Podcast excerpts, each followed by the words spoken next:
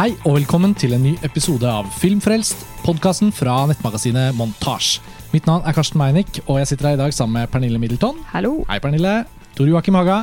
Hallo, ja. Hei, Tor Joakim. Og Lars Ole Kristiansen. Hallo. Hei, Lars Ole. Dette er jo den eh, årstradisjonelle podkasten om de beste filmene fra året som gikk. Og eh, året som gikk er jo selvfølgelig 2018, og dette panelet var jo samlet til denne podkasten i fjor også, eksakt det samme. Og lyttere, faste lyttere, dere vet jo hva som kommer nå. Vi har vært gjennom Alt vi har sett av film fra 2018. Noe er sett i 2017, men hadde norsk kinolansering i 2018. Reglene ligger jo ute på montasje, de fleste vet hvordan det gjelder. Og vi skal altså snakke om våre topp ti-lister. Lars Ole, um, vi bestemte oss jo i fjor for å ikke ta den derre hva slags filmår var dette? Hvilke trender og mønstre? Og Det har vi også bestemt oss for å droppe i år. Eh, vil du Ja. komme kort med den forklaringen på hvorfor vi dropper det? Nei, men altså Vi har vel også ha, delt de tankene tidligere. At uh, det er nå engang sånn at hvert eneste filmår er et stort filmår. Det viser seg jo igjen og igjen og igjen og igjen. Og det føles litt prematurt å eh, avlese på en måte eh, At det liksom skal avtegne seg noen sånn veldig tydelige trender og sånn fra akkurat liksom 2018, som vi nettopp har lagt eh, bak oss. Mm. Det føles på en måte litt sånn ikke sånn fake news, men, men som en sånn eh, det, jeg, jeg klarer i hvert fall ikke helt å mobilisere eh, noe sånn, noen inspirerte tanker om det. Og når vi tok en runde rundt bordet med det før vi skrudde på opptakeren, så lot det til at det var en gjengs oppfatning. Ja, og uh, jeg husker fra i fjor uh, at da jeg hørte gjennom podkasten etter at vi hadde laget den, så slo det meg at gjennom å snakke om filmene, så får man jo også på en eller annen måte snakket om ganske mange ting som virker som hadde noe med 2018 å gjøre. Da. Så det vil nok skje denne gangen også. Vi har vi har den modellen vi pleier å ha. at Vi starter på tiendeplassene, og så beveger vi oss oppover. Og Vi tar runden, og det vil jo være flere filmer sånn som det pleier, som flere av oss har på listene. Og da har vi bestemt oss for å måte, fokusere samtalen på filmen når vi kommer til den høyeste plassen den får. Derfor kommer det til å være noen tilfeller hvor vi sier eh, den venter vi litt med. Tor Joakim, vi har blitt enige med å starte med din liste. Fordi du hadde liksom mest originale tiendeplassen. ja, eh, litt spesielt valg til tiendeplassen. Eh, det er rett og slett Per Fugellis siste resept. Eh, den eneste norske filmen på min liste, og, i hvert fall, som jeg vet om. Eh, og, eller andres liste vet jeg ikke helt, men, eh, men det, var, det var en spesiell film å gå inn i for meg, for jeg har alltid vært sånn stor tilhenger av Per Fugelli. Alt, alt han har stått for, måten han kommuniserer det på. Så jeg var jo litt bekymret for at, eh, at det skulle overskygge mine vurderinger av filmen, da. Men eh, det skjedde da altså heldigvis ikke. Og det Er litt sånn der, åh, er det enda en Erik Poppe-film vi nå skal liksom hausse opp? Men, men denne var virkelig eh, virkelig en, eh, en stor opplevelse for meg. Eh, og det er rett og slett fordi han bruker steder og omgivelser eh, til å speile personligheten til Per Fugli. Eh, det jeg vet ikke om du Lars Ole, har en gang sagt at hvis man er stor fan av noen, så kan det være en liksom fare ved å gå inn i sånne dokumentarfilmer, sånne portrettfilmer. Mm, jeg syns jeg har ofte eh, vært plaget av, Ja, men det syns jeg er et godt argument, og jeg hadde den bekymringen både i forhold til Per Fugelli og den som for så vidt havnet på 11. plass, disse to knivet om 10. plassen min. Som, den 11. plassen var da Quincy, Netflix-dokumentaren om Quincy Jones. Men altså eh, Jeg var så glad for at Erik Poppe da tok det valget om å gjøre såpass mye filmatisk ut av eh, det prosjektet, da. At den, eh, den gikk ganske rett i hjertet på meg, i hvert fall. Jeg så aldri den filmen, men du, Karsten, så den på Ja. TIFF. Så den på Filmfestivalen i Tromsø, hvor den var åpningsfilm. Hadde gleden av å snakke med Erik Poppe om den etterpå. Det var jo en film som jeg tror han hadde lagt også veldig mye Han legger jo alltid sjelen i filmene sine fordi han er en sånn sjelfull person. Det føler jeg liksom er tilfellet. Det kan man si uansett hva man syns om Erik Poppes enkeltfilmer gang for gang. Så kan man si om at han som filmskaper han har et brennende hjerte, og det, slår jo av og til veldig heldig ut. Og det jeg likte godt med den dokumentaren, var jo mange av de samme tingene du trekker fram, Tor Joakim, men også det at når man først skal gjøre en sånn film, så syns jeg det, det, det slår heldig ut hvis man merker at kommunikasjonen mellom filmskaper, altså fortelleren, og, og su- subjektet, eller hva skal jeg si at liksom, Uten sammenligning, Margaret Olins eh, 'Mannen fra Snåsa', der følte man også at hun hadde hjertet på rett sted i forhold til å fortelle eh, om han. Eh, eh, og det er kanskje mer tilforlatelig oppgave, eller lettere oppgave å fortelle om Per Fugli fordi han er så unisont elsket. Snåsamannen var mer en debatt, kanskje, mellom Også mer verbal type enn det Snåsamannen var. ja, ja, ja, det, ja, ja, det kan man si. Men de filmene har det til felles hvert fall, at jeg synes de, de står veldig sterkt begge to på hver sin måte, som portrettfilmer, norske portrettfilmer. Da. Og Erik Poppe har jo ikke laget så mye kinodokumentar, så det var litt Nei, og jeg veldig glad for at han tok de grepene med seg inn delvis i denne dokumentaren. Jeg syns dette var en, en, for meg en sterkere filmopplevelse det høres kanskje fælt ut å si, enn en 22. juli-filmen. Ja, for Det blir umulig å ikke nevne Utøya Ja, 22. Utøya, juli, ja. som Erik Poppe også regisserte. Um, Som er ujevn, etter min mening. Uh, men det er en annen diskusjon. Ja. Men jeg vi har jo diskutert den. og den har også vært diskutert opp og ned, så, men denne her var, eh, gjorde sterkere inntrykk på meg sånn rent personlig. Da. ja. Spennende. Det var morsomt å se den på tiendeplassen. Men det er en film som jeg tror ganske mange egentlig ville ha utbytte av å se. Jeg tror ikke for meg den ville vært en sånn toppfilm på sånn se den fordi den er så sykt bra film, men den har jo, det er noen av hans tanker og blikk på livet og blikk på det norske samfunnet som føles ganske verdifullt å få kondensert i en film, da, i og med at han eh, gikk bort. Ja. Så er det jo liksom også en slags manifest over hans liv. Så ja. Jeg hadde, aldri, si, jeg hadde aldri trodd at den skulle komme på min topp ti, faktisk, når jeg, når jeg så den. For det? Men, men den endte faktisk opp der når året skal oppsummeres. Det er morsomt. Da er det min tur. ja. Uh, min eh, tiendeplass er eh, et av de mest omtalte og i og for seg hyllede amerikanske filmene i år, nemlig Hereditary, som hadde premiere på Sundance-festivalen helt i begynnelsen av 2018, og mottok stående ovasjoner der. Og så hadde filmen en innmari vellykket promokampanje. Eh, god markedsføring, rett og slett. Som var såpass iøynefallende, både altså plakater og trailere, og sånn at eh, det, det ble jo faktisk sånn at mange gikk også Hereditary. Mm. Det er jo kanskje en av årets plakater. Det må det jo være. Helt klart. Eh, Og jeg, som, jeg har ikke sett filmen, men jeg føler alt, hele designet til filmen altså, uh, Jeg har en følelse om forventning om at også inni filmen så blir det et veldig visuelt gjennomført uttrykk. Og det Altså, er, er det vel? ja, altså at dette er uh, Altså at dette er en debutfilm, det er helt sånn svimlende for meg. Fordi den er altså så visuelt avansert og idérik. Og likevel Altså, jeg hadde et par fordommer i møte med filmen. For det første så føler jeg ofte at det er så Altså sånn at når de amerikanske filmkritikerne finner en sånn på en måte en liten film som de velger å løfte fram, så kan det ofte bli så voldsomt at du må bli skuffet når du ser den faktiske filmen. Eh, og det skjer såpass jevnlig, og særlig i forbindelse med Sundance-festivalen, at jeg bare har sånn har en sånn altså, Det er akkurat som en, en sånn biologisk eh, klokke, holdt jeg på å si, som, som begynner å tikke. Eh, og eh, så var det også noe med at når posteren er så fiks, eh, når traileren forsøkte å aldri se mer enn de første, første minutta av den traileren for å vite minst mulig før jeg satt meg i kinosalen. Så, men så var det også en liten sånn frykt at det liksom kunne være litt sånn for eh, sånn eh, smart og kreativt for å være kreativ. Altså sånn Litt barokk. Litt dandert. Ja, dandert, eller til og med, som du ville sagt, tror jeg, til og med litt quirky. Altså eh, Jo, men det var noe sånn Men da ville det vært horror for deg. Da, Jeg fikk ikke av Selv om jeg syns at markedsføringa som var veldig åpenbart veldig vellykket og veldig stilig, så fikk jeg ikke den følelsen av at jeg skulle se en sånn kvalmende, uhyggelig film.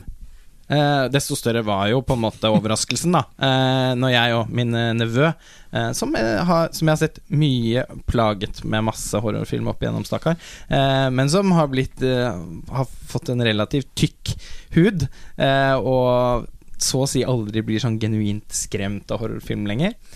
Eh, men det ble vi da altså begge to eh, under den visningen på Var det Vika kino eh, en eller annen gang i sommer. Jeg, altså, jeg kan det, det er virkelig mange år siden jeg har blitt så redd av å se en skrekkfilm som Hereditary. Og for meg er det en kvalitet i seg selv. Mm. Eh, det, vi må snakke litt om en kunstneriske, andre kunstneriske kvaliteter også. Men eh, med tanke på hvor få skrekkfilmer som lykkes med å liksom virkelig røske tak i deg og skal, Altså, jeg ble kvalm av, av skrekk. Og denne typen skryt gjorde jo også at jeg ikke ble å se den. Nei. Eh, Jeg har ikke funnet den mest mulig fredelige omgivelsen hvor det kan bli minst mulig skummelt. Så, men hvordan slo Hereditary an hos dere, Pernille? Jeg Jeg er enig i mye av det du sier, men jeg syns det er fascinerende eh, hvordan vi kanskje verdsetter den på veldig forskjellige måter. Eh, du sier du ble ordentlig ordentlig skremt, mens jeg kanskje syns det var litt mangelvare. Eh, Det kan jeg nesten ikke Nei, men- forstå! ja, men, ok, Greit, sånn visuelt sett så er den veldig ekkel. Og det er jo den, i hvert fall den ene shocker-scenen som kommer relativt tidlig. Da kvapp jeg også ordentlig, ordentlig til. Men jeg føler at jeg har blitt såpass trent de siste årene. Jeg oppsøker ofte skrekk. Jeg liker å bli redd, jeg liker å få høy puls. Og ja, altså Men hvilke filmer er det du har blitt redd Ja, av de siste årene? ja, Liksom? sånn, Hvis man skal tenke i indie-landskapet, da, sånn, i for- se bort ifra sånn Conjuring the Nun, altså de store, de tropete, konvensjonelle skrekkfilmene.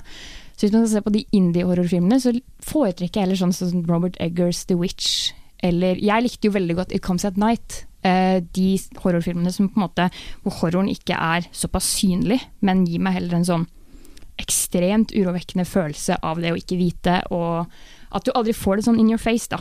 Eh, og det elsket jeg med The Witch. At uh, Ja, den, er holder så mye tilbake. Strålende Ul film. ulmende, på en måte. Ja, Men, men ikke uh, veldig skummel, syns jeg. Altså, den, den det, var så, sånn har jeg blitt redd, mer redd av i det siste. Jeg vet ikke, Ja. men det spiller kanskje mer inn på noe psykologisk hos meg, eller ja. Ja. Jeg er, jo, jeg er jo litt sånn på din side her. Altså, jeg ble, det, det er det som er så rart med, med horror som med komedie. Altså at Det er så subjektivt, selvfølgelig. Mm. Det er noen sånne tangenter som, som, som slår veldig an hos noen og ikke hos andre. Jeg ble heller ikke så veldig skremt av den, med unntak av et par sånne stingerscener. Uh, og jeg har den på 63.-plass. Uh, Nå begynner det! Nå nå begynner. Nei, men altså, jeg, jeg ser jo jeg, jeg, Det jeg godt, liker godt ved filmen, er det danderte du snakker om. Og jeg hadde egentlig sett for meg Er er det i traileren du ser dette dokkehus? Ja, ja. Greien at det skulle bli et slags sånn gjennomgående motiv. Eh, Det er jo ikke det. Eh, Og så var det også noe med den sånn rare bruken av humor i den. For det er, mener jeg, om det er bevisst eller ikke bevisst, det vet jeg ikke, men det er en del humor i Å ja, den har noen humoristiske hun- innslag. Altså ja. Kakemonsteret, for eksempel. Og når hun skal dan dandere ulykken med, med sånne sånn modellaktige ting. Men det, men det er en veldig sånn me, veldig morbid eh, ugrei form for humor, som jeg setter kjempepris på. Det var ikke mye av det, men det fins. Men det er veldig rart når du blir vant til filmens tone, og så kommer det en, en voldsom sånn viseral sekvens da, som kommer helt ut av det blå, og så tenker man Oi, det var nesten sånn på grensen til en litt annen sjanger igjen. Altså, uten at jeg, ja, ikke, ikke splatter direkte, men altså noe litt sånn Nei, men, annet. men den er eh, virkelig en skrekkfilm som jeg syns tar opp i seg ganske mange eh, subsjangere. Eh, min største glede ved filmen, og, størst, og den største overraskelsen, var at den mest av alt minnet meg om den perioden i skrekkhistorien som jeg setter høyest. Rent bortsett fra alle disse italienske horrorfilmene som jeg er veldig opptatt av. Men Eh, som den i og for seg også nikker til. Altså Den har flere, et par eh, Fulci og Argento-nikk, eh, eh, som, som man kan helt tydelig se inni der. Men altså Eksorsisten og Rosemary's Baby og altså, en, Repulsion, altså, Ja, Repulsion. Altså en Mm. type sånn kvalmende, uhyggelig og eh, karakterdrevet eh, horrorfilm. Psykologisk horror, liksom. Ja, Mm, mm. og ekte psykologisk horror, som jeg f.eks. ikke opplever The Witch som, fordi det er for altså det er konsept det, der er det mer sånn Og jeg, jeg syns det er en strålende film, men for meg er ikke den sånn eh, psykologisk på den måten. Jeg tenkte mer at det var sånn stemning som, ja, men det er det. rykket Det i meg. en på en måte. atmosfærehorror, liksom. Mens eh, her er det Altså, Tony Collette sin rolleprestasjon i Hereditary er for meg liksom ved siden av Elsie Fisher i 8th grade, og kanskje et par til. Det Ja. er årets beste rolleprestasjon. hun minner meg litt om sånn Veronica Cartwright. Ja, i, skjønner du hva jeg mener? nettopp. Litt den der litt sånn God sammenligning. Altså Veronica Cartwright i Alien. For eksempel, men også i en del andre filmer. Hun har litt den der anstre... Eller um, eh, frustrert Ikke frustrert, er feil, og enda sterkere ord. Altså eh, Altså Hun er i oppløsning, da. Ja, ja. Hvordan hun er i oppløsning, minner meg veldig om, om hennes Mm. eh, Det er jo ikke den eneste horrorfilmen på våre felles topp ti-lister. Uh, og konseptet om hva som er skummelt og ikke skummelt, er jo Nei, altså det Nei, men, kan nei, men det er jo liksom- spennende. Det er jo alltid Ja. spennende, og for meg er det jo på en måte alltid skummelt. Så det er jo Og for deg er denne Jeg kan jo kjenner også- deg så godt, Karsten, eh, at eh, jeg Og jeg har jo bestemt Ja. Jeg har bestemt Ja, du har at du bestemt. skal se filmen. Ja, ja, du har det. Selv om du Men- kommer til å synes det er grusom. Det jeg skulle kime inn med nå, som en bro, var jo også å si at uh, for min del så Nå gleder jeg meg også veldig til å se Hereditary, fordi jeg opplever at når jeg, til, når jeg først da velger å se en av disse oppgjevede horrorfilmene, så er jo ofte da liksom Muren av bøss er blitt veldig solid. Og jeg føler at jeg kan nesten ikke slå feil hvis jeg går inn og ser denne nå, for nå, nå er jo konsensusen at det er en så bra film. Så får vi bare tåle at den blir skummel. Og, Um, og, og jeg må bare si altså For å få Altså Ari Aster, debutfilm. ja. Det er noe Altså, jeg er så sinnssykt imponert. Mm. Det er noen eh, Altså, det er noen Det er noen tagninger og noen iscenesettelser og bare noen ideer her som jeg syns er så vanvittig bra. Mm. Eh, og eh, Altså, jeg syns virkelig at han klarer å gestalte uroen fra, til rollefigurene i iscenesettelsen sin, i kameraarbeidet, med en sånn mesters hånd. Altså, eh, hva for noen filmer er det han skal lage Ja, i det er- årene som kommer? Jeg ble så yr av liksom filmglede og forventninger eh, til han som filmskaper, og pissredd, altså. Eh, og, kan- og, og, og han Nå husker jeg ikke navnet på han skuespilleren, du er så god på det. Han tenåring, ikke Gabriel Byrne, håper jeg, men Nei, han tenåringsgutten. eh, Alex Wolff. Altså, han òg er så bra i den filmen. Altså, han er er så, dødsbra. Det er en klasseromscene der som Ja. den det var, det, er, altså, det er så bra. Det er Ja. en av årets beste filmscener. Og og veldig sånn uventa. Uh, Både han ja. og Tony Collette skulle vært Og trodde mange en, i månedsvis at skulle bli Oscar-nominert. For uh, Det blir for smalt. både Hereditary og sånne filmer som First Man og sånn har jo nå bare falt helt ut av Oscarsamtalen. Og det er på en måte ikke noe Men prestasjonsmessig ikke til sammenligning Nei da, jeg bare mener at Altså, First Man uh, jo, men sånn, Det var mye sånn, og Gosling Ja, ja. Og, og, og Claire Foy birolle og sånn. Det har bare falt helt ut av samtalen. Hereditary har også falt ut av den samtalen. Men- Men, det er jo et litt annet Men det er liksom underlig syns jeg at Hereditary, som var på en måte Oscar-horrorfilmen i år, Ja. har blitt liksom byttet ut med A Quiet Place. Eh, For meg veldig underlig, fordi at Hereditary har flere sånne klassiske i gåsetegn Oscar-akademikvaliteter. Altså Den ligger jo nærmere filmer som Sjette sansen og Exor- eh, Eksorsisten. Altså filmer som har blitt skrekkfilmer som har blitt Oscar-nominert for beste filmregi osv. And A Quiet Place, som jo er mye mer en sånn blockbuster-film. Men ja. Vi får bevege oss videre. Uh, Tiendeplassen min blir det vel da. Uh, det er en delt plassering mellom to filmer. Um, Tamara Jenkins' 'Private Life' og uh, Jennifer Fox' 'The Tale'. Eh, begge to også fra Sundance, eh, januar 2018. eh, og den Class of 2008 i Sundance Den har jo vist seg å egentlig bli ganske bra, for det er jo ganske mye variert. Og 8th grade, som vi kommer til å komme tilbake til. Jeg fikk en delt plassering på tiendeplass her, litt fordi at jeg, jeg, jeg så begge disse filmene ganske sent på året. Jeg, jeg visste at det var ganske god buzz på, på Private Life, og så husker jeg liksom bare at The Tale, som ikke endte med å gå på kino fordi den ble kjøpt opp av HBO, og som ble vist på liksom, HBO-kabelkanal i Amerika i mai, var det vel. Og så fikk den noe festivalløp, bl.a. i Oslo på Oslo Pix, hvor også regissøren kom, og den vant jo den hovedprisen, eller en av de prisene. Eh, og og så liksom gikk den litt under radaren fordi den da ble tilgjengelig på HBO Nordic. Og jeg vet jo at du jobber der, Pernille, men eh, det, det er nå den en veldig. Det er en gang en, en, en, en film som jeg har notert at er veldig bra, men som definitivt gikk helt under radaren. Inntil jeg var litt sånn ah, Hva er det jeg skal se nå helt til slutt, da, hvis jeg skal prøve å gjøre noen oppdagelser?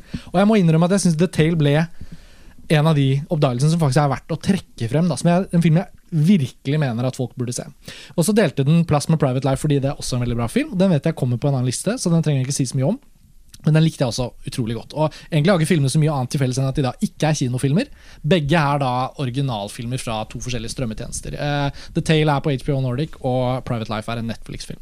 Så det, det som er så spennende med The Tale, og det gjelder for så vidt som en sånn parallell mellom filmene, er at de begge er filmer som er skrevet og regissert av uh, samme person, og at det er personlige opplevelser som er utgangspunktet for et uh, drama som blir veldig engasjerende. Og så er Private Life et humoristisk drama. Eh, noen vil si at det er en ren komedie, men jeg syns den hadde veldig mye sårt drama i seg. For mye til å kalle den en komedie rent, selv om den er veldig morsom. når den er morsom. Men det er på sitt beste, det skal vi komme tilbake til. Ja. Mens The Tale er jo da en sånn type eh, Et slag i magen. ja, det er et slag i magen, fordi, men det som er så veldig spennende med den filmen, er at øh, ok, hvis man vet at Jennifer Fox er basert på sin egen opplevelse, så har man det med seg fra starten av. Men uansett, så ha, hovedpersonen er en dokumentarfilmskaper som uh, får en telefon av moren som sier sånn Du har funnet en stil du skrev da du var 13, liksom. Det er helt sjokkerende innhold. Ja, mamma, jeg har ikke tid til å Nei, men jeg har sendt den til deg med bud, du må lese det.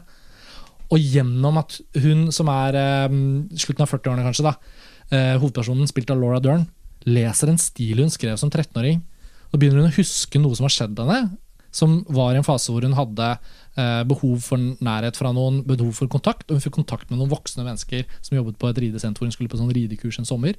Og så gjennom at hun begynner å tenke tilbake på det og leser sin egen stil, så skjønner hun at hun hadde Hun husker jo at hun hadde et forhold med han Og så liksom gjennom at hun kommer nærere og nærere i kontakt med minnene sine, så endrer også flashbackene seg. Altså Først så har hun spilt av en litt sånn halvvoksen tenåringsjente med liksom litt utviklede former og sånn, og så skjønner hun at nei, vent, jeg var jo litt yngre, og noen forteller deg, men du så ut som et barn, og så skifter rollefigur altså Så er det en ny skuespiller som spiller henne i de neste minnene. Hun viser seg at hun var yngre, og så skjønner er de etter hvert at det er jo en historie om et overgrep som hovedpersonen har plassert i minnet sitt som noe annet. Og det å se en vellykket på en måte personlig film om noe som egentlig er grusomt, og som hele veien bruker filmspråket til å fortelle oss hvordan minnene våre fungerer. Hvordan undertrykker vi noe? Hvilken form tar det?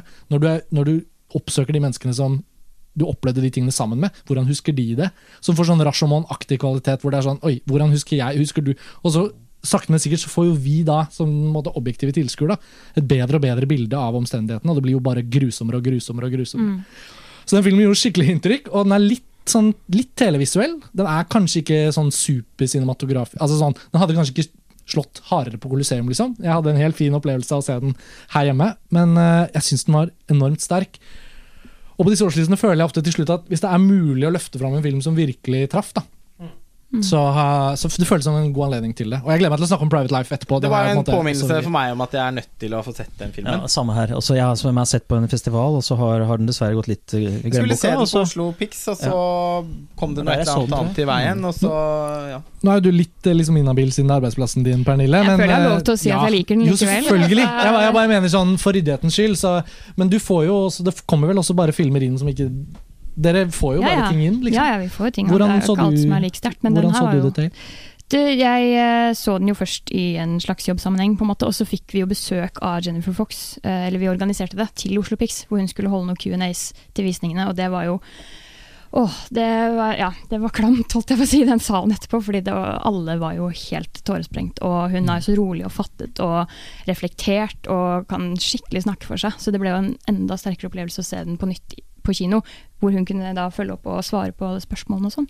Hun har jo erfaring som dokumentarfilmskaper, og jeg Mhm. hørte en podkast med henne hos eh, Film eh, Lincoln Society i New York, som hun hadde gjort i forbindelse med en spesialvisning da, i mai rundt lanseringen. Så forteller hun litt om liksom, hvordan filmen ble til, og sånn. Og en av hennes gode venner, da, Brian De Palma, hadde lest manuset hennes, eh, og var utrolig opptatt av at Jennifer Fox hadde skrevet et, sinnssykt bra manus. Og han hadde da plukket opp telefonen og drevet og ringt agenten sin, fått nummeret til Laura Dern. Han mente Hun hadde hatt en liste av sånn 15-20 skuespillere som hun så på, men hun skulle liksom få noen til å spille seg selv og var litt usikker. Brian De Palma var It's gotta be Laura, Laura Dern, she's the only one she could do it. Og han hadde satt himmel og jord i bevegelse for å få etablert kontakt med Laura Dern. Filmen hadde ingen finansiering på plass. Og hun Fox sånn Hadde ikke vært for Brian De Palmas innsats, så hadde kanskje ikke den filmen blitt noe av. Og det er så fint å høre sånne små anekdoter om det. Greit nok at Brian De Palma er en helt for alle rundt bordet her, men sånn, det er gøy å høre at små filmer som dette ikke nødvendigvis hadde klart å bli lagd hvis ikke det var for at noen trodde på det. Og han er jo opptatt av å, av å backe unge, talentfulle filmskapere. Han følger med, Ja. eh, og veldig morsomt å høre. Bare en lol anekdote om Laura Dern. Eh, som, og hun har jo virkelig vært min sånn inngangsbillett til å se den filmen. Men Mm. fordi at jeg gikk liksom anledningen til å se den på kino glapp, så er jeg utsatt det. Også. Nå, jeg skal få sett nå før uh, vi ferdigstiller topp uh, 20. Top 20. Top 20. Men, uh, men jeg hadde en forelesning i filmvitenskap her for et par dager siden om overgangen fra 1980-tallet til 1990-tallet, og da viste jeg klipp eh, fra tre filmer. Det, det var bare helt tilfeldig, jeg hadde ikke tenkt på det. Men jeg viste klipp fra Blue Velvet, eh, med den monologen til Laura Dern i bilen foran kirken. Mm. Og så visste viste jeg klipp fra Wild at Heart, og så klipp fra Jurassic Park med Laura Dern. Og jeg bare Nå ble det litt sånn ufrivillig Laura Dern-fokus her, men eh, Laura Dern bingo. Ja, men eh, Men fy faen, altså, hun hun, er jo så en av de skuespiller. beste skuespillerne i hele Ja. verden. Og hun trakterer så mange sjangere på en så Bare, bare i år, det spennet hun har fra den og for eksempel som solo eller, altså, Hun har, hun har Ja, ja. sånn kjempe Definitivt. Hun er veldig bra i solo. Men ja, det var en litt sånn stor Den tok tiendeplassen min litt stor plass, men, men jeg følte at uh, det er sånne filmer som liksom kanskje har gått litt under radaren. Noen har kanskje hørt med et halvt øre at den kanskje var litt god, men når ikke ting får en ordentlig kinolansering, så er det noe med at Paradokset er at strømmetjenestefilmer kan bli sett av 50 000 samme helg i Norge. Eh, hvis bare nok folk vet at det er den de bør se. Eh, sånn som ting har vært tilfellet med andre. Vi kommer sikkert inn på det etter hvert. eller Sånn Det har nesten fått sånne som oss, da, som Ja. er kinogjeng, kino- og festivalgjengere, at de filmene glipper. ja, ikke sant? Når, Eh, når det fortsatt er kinolansering som er Life. kompasset, festival etc. Private Life er også en sånn film Ja. som eh, heldigvis nå så har vi jo satt i gang Jungeltelegrafen, så Ja. flest mulig da får sett den før man ferdigstiller listene. Men det var min tiendeplass, så da, da var Ja. det sagt. Eh, min tiendeplass skal vi vel tilbake til senere, for det er Florida Project. Mm, Sean Sean Baker. Baker. Mhm. Så bare hoppe glatt over den. Ja, ok, vil du ikke du, Ja, nei. Nei, men kommer vi ikke tilbake til den, da? jo, jo. Ja, men da er det vel uh, min Nå kom det brått på, Tore Joakim. Ja, da er det din niendeplass. Ja, nå kom jeg på hva det var. Det er Min niendeplass er en litt overraskende øh, Overraskende valg, egentlig. Det er 'Annihilation' til Alex Garland. Og øh, jeg hadde aldri trodd at, at den skulle komme på min topp 10-liste, egentlig, når jeg så den. Men det, det gjør den altså. Og jeg, øh, som kanskje noen vet, så er jeg en superfan av hans forrige film 'Eksmakene'. Det jeg er så stor fan at jeg nesten ser på det som 2010-tallets beste film. Oi, Ja, det var var Ja, i hvert- i hvert fall- i hvert fall i nærheten av det. Eh, Så det er klart at det går jo ikke an å, å nesten følge det. Og det gjør den jo heller ikke. Den er ikke i nærheten av. Eh, Men det er Jo mer jeg har tenkt på det, eh, jo mindre har mine innsigelser Jo mindre betyr egentlig de innsigelsene jeg hadde opprinnelig mot filmen. Mm. Som var liksom karakterportrett og gruppedynamikk og sånn, som jeg ikke alltid syns funka helt i den filmen. Men eh, jeg, er, jeg elsker eh, Garlands verk fordi han er så flink til å bruke visuelle markører da, for, for den underliggende tematikken. Og han presenterer alltid sånn vektig tankegods, science fiction. ikke sant? Altså det, er, det, er, det er livsfilosofi, men, men han gjør det på en litt sånn diskré måte, da, hvor han hele tiden speiler ting i visuelle. Og det er sånn som, ting som jeg faller for. At ikke du blir slått over hodet med ting eh, gjennom dialog eller eh, men, men at det kommer liksom snikende inn gjennom, gjennom uttrykket. Og Kan jeg bare spørre hvordan er det du så den? Så du den på TV, eller så du den stort? jeg så den faktisk på Netflix, så, Ja. tror jeg. Vent, da. Eller, nei, nei da, jeg så den på en, en visning først. En, var det en pressevisning, eller gikk den på kino? det Den ble satt opp på en sånn spesial eh, pressevisning, men så gikk den jo ikke på kino pga. den eh, avtalen. Paramount eh, solgte jo unna Ja. alle rettighetene til Annihilation til hele verden da de var litt usikre på om den kom til å tjene nok penger. Stemmer. Og så gikk den på kino i USA, der er den utgitt på Blu-ray og kino. Og så har den vært på Netflix, men Netflix hadde jo en sånn pressegreie i Norge. Men, Det tror jeg det var jeg var på. Noe Ja. sånt. Jeg husker, nå husker jeg at jeg så den på, på kino. og og jeg var- skjøt jo inn rett før vi begynte, Tor Joakim, at uh, dette er jo en av de filmene jeg ikke har sett. Litt fordi mange ikke syns den var så god, og så har på en måte bussen blitt litt kjølig. Og så har jeg ventet og ventet. Jeg har jo kjempelyst til å se den, jeg kommer til å se den jeg har den på Blu-ray Men jeg måtte be deg om å ikke spoile noe. og jeg vet Ja, ja. jo at noe av diskusjonen rundt filmen har jo vært uh, ting Ja, som skjer i den siste er det kjedelig å spoile. Ja, så jeg, Men det er jo litt kjedelig. Og vi kan jo ha spoilere hvis alle fire har sett filmen, så får heller lytterne skru av. Men ja, Ikke nødvendig for Nei, men Jeg trenger ikke å si noe spoiler egentlig om den. Okay. Ja, jeg har også sett den. Jeg så den på TV, da, men, og jeg føler at det ødela en del, altså. Ja. Dessverre. Ja. Kanskje ikke helt perfekt svartnivå og sånn på TV-en jeg så. Og jeg bare følte det spilte vel inn, for man ser at det er en sånn visuell film, og jeg skulle egentlig gjerne ha sett den på Imax hvis jeg kunne valgt. Mm. Og kanskje da gitt den en hel ekstra stjerne bare for det, på en måte. Det er jo Netflix-filmen 'Paradokset'. Ja, Ja, jeg syns den så litt Netflix-film ut òg, ja, da skal jeg være helt ærlig. Jeg var ikke verken Altså, dataeffektene har åpenbart eh, ikke De er det åpenbart ikke lagt mye penger i. Unnskyld, det var så Eh. lenge siden noen har sagt dataeffekter. Altså, vi har blitt så lærde at vi sier sånn VFX, CGI. Men det var jo dataeffekter det het i gamle Film, dager. filmtriksene eh, Ja. var, eh, var eh, på, på lavt budsjett ikke et problem i seg selv, det, altså, men jeg har men jeg har noen innsigelser mot design og sånn mot slutten her, og jeg syns det ser ut som noe sånn New Age-helvete. men eh, den er jo veldig digital, en sånn aggressivt digitalt skutt, eh, på en måte som som jeg som, Det skal mye den, den, Det er en lang vei for den filmen eh, å, å gå. Men er Til jo... mitt eh, sånn eh, Mine visuelle, estetiske filmpreferanser eh, matcher veldig dårlig med Annihilation. men er du overrasket over at Tor Joakim har den på lista si? Nei, fordi at jeg tror at de tingene filmen handler om, er veldig viktig for Tor Joakim. Og jeg tror at filmens eh, dialogknapphet og eh, atmosfære eh, appellerer veldig. Men, men altså sånn, den, den er jo det, det, en, det Det kler i og for seg filmen å være skutt på video. Altså, altså sånn Og det var jo Ex Machina, og det så eh, og, og det kledde også den filmen, det er ikke det. Men i seg selv, da, så var det ikke sånn Jeg, jeg klarer ikke å sitte og tenke Jeg, jeg syns ikke foto i Annihilation var liksom fantastisk. Altfor lite tekstur og eh, Ja, for meg. Ja, du hadde noe du Nei, jeg bare var spent ja, på nei, altså, jeg, jeg, jeg er enig i det- i den litt sånn eh, som du kaller sånn screensaver Screensaver-estetikk. Screensaver screensaver Ja, jeg skjønner- jeg skjønner hva du mener. presis.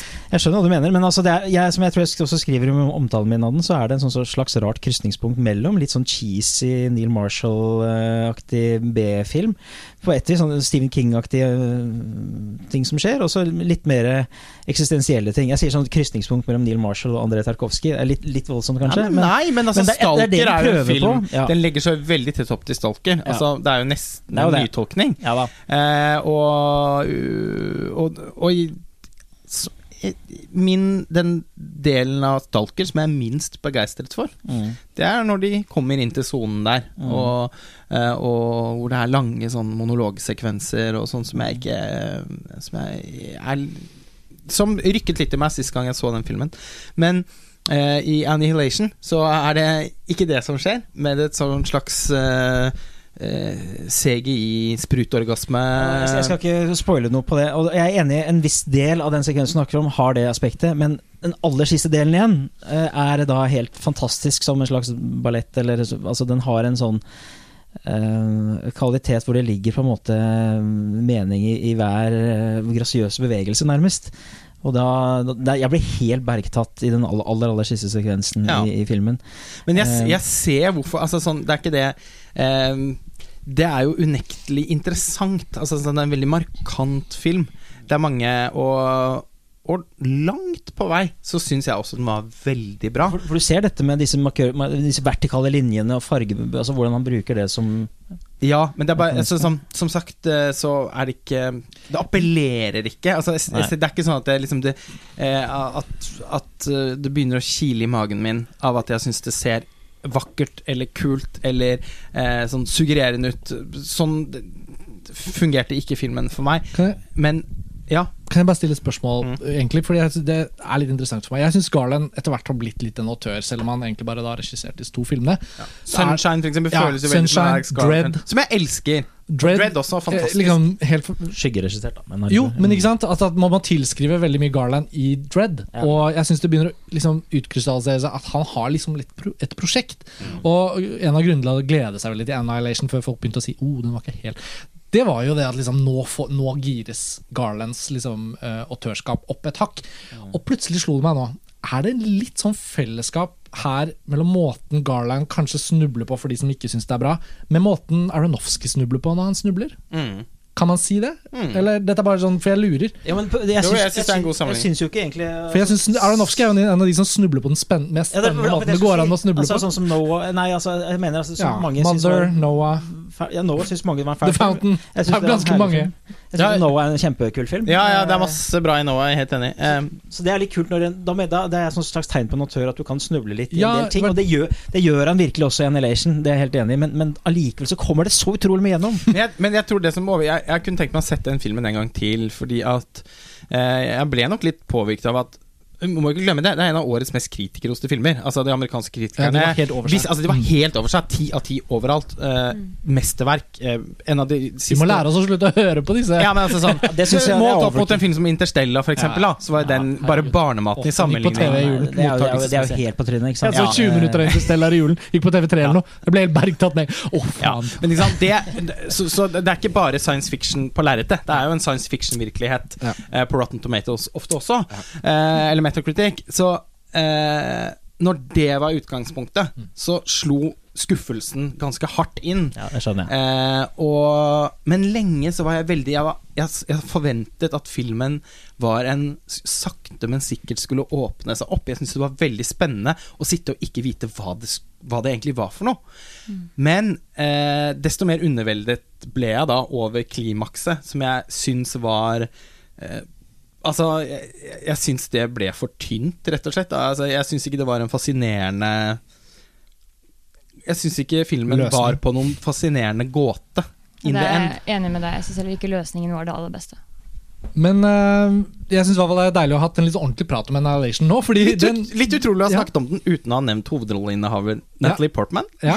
Nei, men vi har jo ikke nevnt Som Tuva er, Novotny som heller. er Nei, og uh, hun Ja, hun Ja, er helt sorry. ok i den filmen, Mm. men Natalie Portman Sedvanlig meget god, Mm. eh, og var også på en måte Jeg føler jo at du Hun Altså sånn Det er veldig viktig for engasjementet mitt i ganske langt ut i filmen at hun er hovedperson, og at, at hun spiller så bra som hun gjør. Mm. Så det, det må nevnes. Bra. Vi er på niendeplass. Um, Lars Ole, da er det vel eh, deg? Private Life av Tamara Jenkins. Ja, Vi Eh, snakker litt mer om den, da. Ja, altså Som du var inne på i stad, den er jo en eh, Netflix-produsert film som kanskje nettopp Som nok da er sett av egentlig veldig mange, men som ikke helt har fått den oppmerksomheten som den fortjener likevel, fordi at det er en strømmetjenestefilm. Og jeg var veldig begeistret for Tamara Jenkins sin forrige film for mange Altså nå er det vel Ti år siden, i hvert fall. 2007, tror jeg den er fra. Savages, eller hva heter Ja. den på norsk? Det var noe med familien på Ja, norsk. innen familien. Innen familien. Ja. Underlig norsk tittel. DVD-en Eh, DVD-en ligger her et eller annet sted. Med Philip Um, Seymour Hoffman og Laura Linney, begge i liksom to av sine i, Begge i noen av, en av sine beste roller. Alexander Payne? Nei, nei. Nei. Jo, står her. Ok, jeg så at han spilte Ja, anyway. Nei, men altså han Han, han bare produserte den, sorry. Ja, altså, ja sorry, for han sorry, og Tamara Jenkins eh, kjenner hverandre. Ja. Og hun lager jo filmer som eh, Som ikke nødvendigvis da oppleves som som så vidt forskjellige fra eh, Alexander Payne sine. Altså Mm. Samtidig som eh, i Private Life eh, så var det helt andre filmskapere jeg begynte å tenke på ganske raskt. Jeg begynte å tenke på Greta Gerwig og Noah Baumbach. Mm. Eh, Greta Gerwig er jo også representert på listen i år, da så vi Mm. kommer tilbake til henne. Eh, og jeg tenkte på Woody Allen. Eh, og å lage Altså Det er eh, noe av det sjeldneste jeg ser, er jo voksenfilm eh, som oppleves sånn genuint klok, innsiktsfull, morsom på en sånn måte som morsomme mennesker er morsomme på i virkeligheten. Mm. Eh, Ikke filmmorsom. Nei. Sånn som for eksempel Gervig og Baumbach også er så utrolig gode på i Frances Ha eller Mistress America. Golden Exits og sånn da, kanskje? Eller? Ja, jeg, åh, den synes jeg er kjempe Jeg, jeg er veldig begeistret for Alex Ross Perry. Ja. Eh, og selvfølgelig Woody Allen. Så, eh, og samtidig altså, Filmen er så skarpt eh, og, og liksom ov- Skarpt skrevet eh, og, og så vanvittig bra spilt av alle. Mm. Altså Catherine Hahn i hovedrollen helt eh, Altså Altså Hun er brått en av de beste, hun. Altså, så bra! Hadde ikke denne filmen vært på Netflix, hadde den vært distribuert i USA av en kinodistributør som hadde håp om å få noe Oscar på den, så hadde de lagt inn en kampanje, og da hadde dette vært en av vinterens største Men det er helt ubegripelig. Denne filmen skulle hatt liksom sju nominasjoner. Ja, ja, ja. Hva, eh, Pernille igjen, hva er det hun heter, hun som spiller niesen deres til Det vet jeg ikke, faktisk. Å, hun er så bra! Ja, hun er altså, er helt garan- helt så fantastisk rolleprestasjon. Paul Giamatti, en av hans beste roller. Molly Shannon er bra. Altså, det Ja. er Mm. eh, Og den Vi må jo snart eh, snakke litt om hva filmen handler om, men det kan, da kan jeg gi ordet videre. Jeg må også bare si en ting til som, eh, som gjorde meg så ly overlykkelig ved å se Private Life. At det er en, altså det er en skikkelig film. Altså Den er visuelt veldig gjennomarbeidet. Det er så mange fine ting i produksjonsdesign, i bildekomposisjon, i kamerabruk, og ikke minst så er den veldig, veldig, veldig bra klippet. Eh, helt eh, Altså Sørgelig å tenke på at den ikke er aktuell, eh, tror jeg, i det hele tatt. For eh, ikke bare manus- og skuespillernominasjoner, men faktisk også en klippenominasjon syns jeg den hadde fortjent. Ja, absolutt. Og jeg må bare også skyte inn her at jeg, jeg ble så engasjert i liksom, åpenbart filmens innhold, men jeg ble veldig nysgjerrig på hvordan er det Tamara Jenkins liksom, For det første, hvorfor tok det ti år mellom filmene hennes? For den forrige var jo kjempesuksess, Oscar-nominasjoner etc. Kanskje hun har vært i denne problemstillingen Yeah. i mellomtiden. Personlig opplevelse, nå skal vi snart komme inn på hva den handler om. Men jeg måtte også bare Og hun hadde gjort en podkast. Eh, som eh, eh, hos Directors Guild of America i Los Angeles, eh, som ligger ute. En utrolig bra samtale med Mike White av alle. Men det er jo alltid en annen regissør som intervjuer.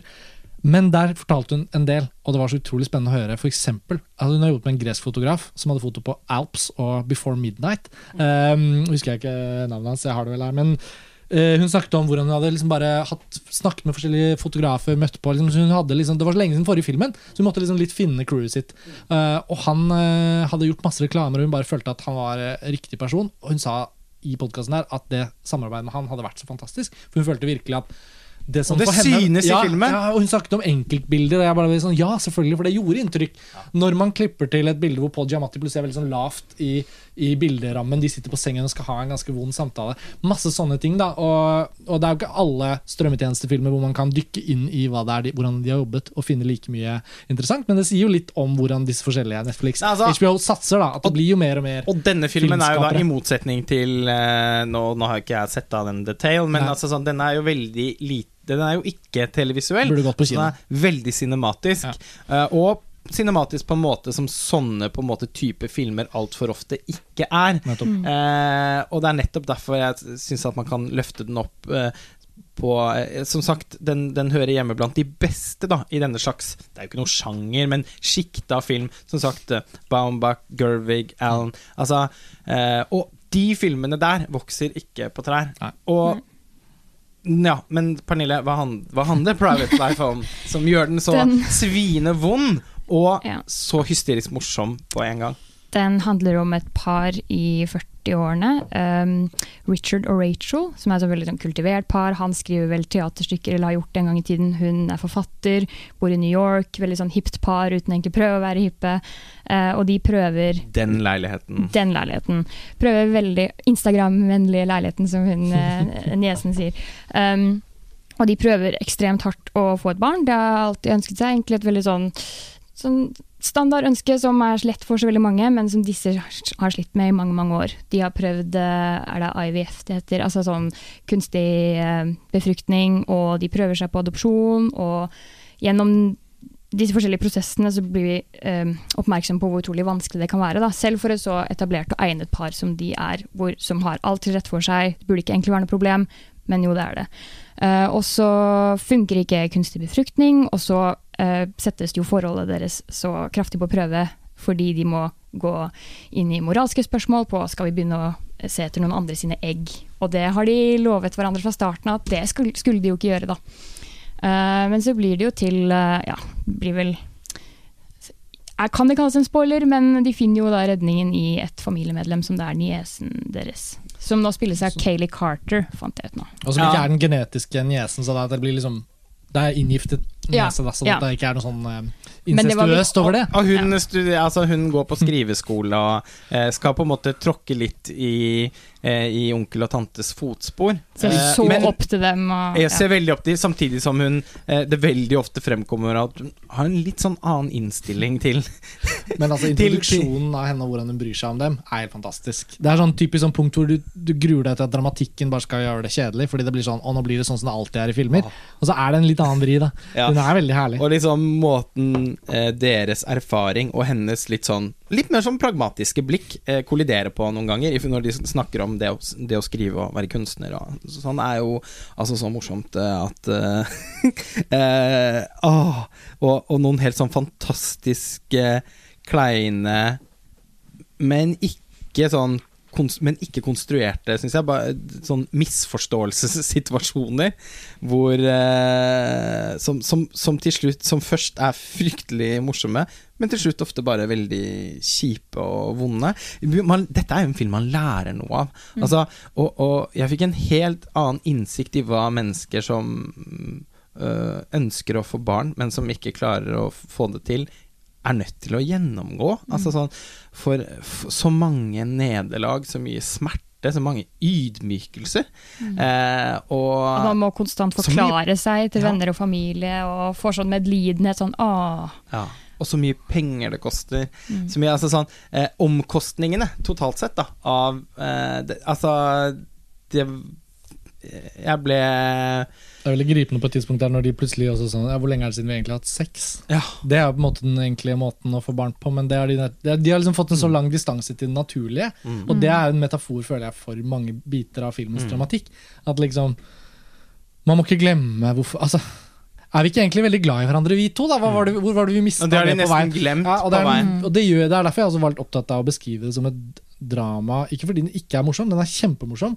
Og den kan liksom misforstås litt som en komedie. Men den er- traileren Men den er morsom sånn morsom for på samme være måte som Hannah and Her Sisters er morsomt. Ja. Det er sånn dyp, trist film. Ja. Eh, som eh, men, altså, sånn, Det er den kombinasjonen altså, som Som jo amerikanerne eh, på Altså Som noen av dem i hvert fall er så innmari gode på, da. Ja. Tor Tror jeg vet ikke om dette er på en måte filmen for deg, fordi vi alltid ler av hvordan vi kjenner hverandre og sånn og sånn, og det er jo ganske mye dialog her, men eh, har du, hva er ditt inntrykk av den filmen fra, Du, jeg har ikke sett fra den. utsiden? Ja, nei, jeg visste det. Slett, så, men eh, det høres jo litt jeg- Det er jo noen Du snakket om Greta Gerwig her i stad. Hun har jo en film som er på min topp 20 i år. Som, som vi er, ikke er på topp 10, men på topp 20. Så av og til så glimrer den sjangeren til også for meg. Men i utgangspunktet Den er litt liksom Woody Allenske Er det ikke den, den tradisjonen? Jo da, definitivt. Eh, og, men eh, som sagt, de filmene vokser jo virkelig ikke på trær, da. Og, Tony, Tony Erdman likte jeg også veldig godt for øvrig, hvis det kan sammenlignes. Jeg vet ikke. Nei, kanskje ikke. Altså, De er helt forskjellige som filmer, ja, men, Men det- de, men- de balanserer noe av den samme kvaliteten. ja, for den er også dypt trist Mm, og veldig. utrolig morsom på en og samme tid. Jeg må Så- kanskje si Den morsomste i Tony Erdmann er for meg enda morsommere enn det morsomste i Private Life. Men det er bare fordi at Tony Herdman har noen sånne frittstående sekvenser som liksom Private Ja. Life er en mye mer sånn dynamisk film som beveger seg, Ja. og masse ting som foregår. Men i Tony Erdmann så stopper jo filmen av og til opp og bare har sånne sekvenser som er sånn helt Ja. hysteriske. Private Life er jo en mer realistisk film, på sett og vis. For Ja. det er på en måte den, den fremstiller jo problemstillinger som på en måte vil være en realitet for mange flere enn det man møter i Tony Herman, kanskje. Ja. Bortsett fra far-datter-greia. Ja. da, Nei, men altså, Tonje Tony Herman er på en måte også litt en sånn gjøglete film, Ja, og som lykkes utrolig bra med det. Da. Men den, her er, den, den er jo på en måte eh, veldig sånn fundert i realisme. Og, men jeg likte ikke Golden Exits, bare så det, vi nevnte den eneste. til Alex Ross Perry Ja, den er jeg ikke så glad i, så hvis- hvis den er-. Men tonen i Golden Exits, Exits er noe helt annet enn Private Life. Okay. Så Ja, men, men, flott, flott. men. Alex Ross Perry er også en av disse filmskaperne er her som jeg kunne løftet fram i samme fordi, Og det som skildrer Fordi de laget så mange dialogdrevne filmer med både humor og Holdt på å si med både humor og drama for et voksent publikum. Eh, og man kan jo finne flust av dem på Sundance eh, hvert Ja. eneste år. Mm. Men innmari mange av de er nettopp ofte litt sånn televisuelle, eh, filmatisk sett helt uinspirerte og eh, og, og, og morsomme på sånn og umorsomme, eh, fordi de prøver altfor hardt uten å ha en genuin innsikt i hva de snakker om. Og eh, i Private Life så er det virkelig sånn at jeg føler at Tamara Jenkins øser ut av sin livserfaring. Mm, Det er situasjoner blir- hun har vært i, eller Mm. blitt Og jeg blir klokere av å se det, samtidig som jeg eh, er genuint underholdt eh, hele tiden. Da. Mm. Og, og, og, og bare si, altså, får lyst til å sitte og notere ned replikkene, for jeg syns de er så bra. Jeg må bare gi en liten shout-out også til en av mine favorittbiroller i den filmen. For det er så mange av de som er veldig morsomme òg. Men han fertilitetslegen som spilles av Dennis O'Hare, jeg syns han har noen av de absolutt morsomste scenene. Så som da han skal for, for, forklare om eh, sædlederen til Paul Giamatti sånn Du vet når du skal ha Mountain Dew på kino, og så kommer det ikke sirup, det er bare kullsyrevann. Det er litt sånn. Og når han setter på sånn prog-rock da han skal You like prog rock? Ja, let's get pregnant! Og skal inseminere henne.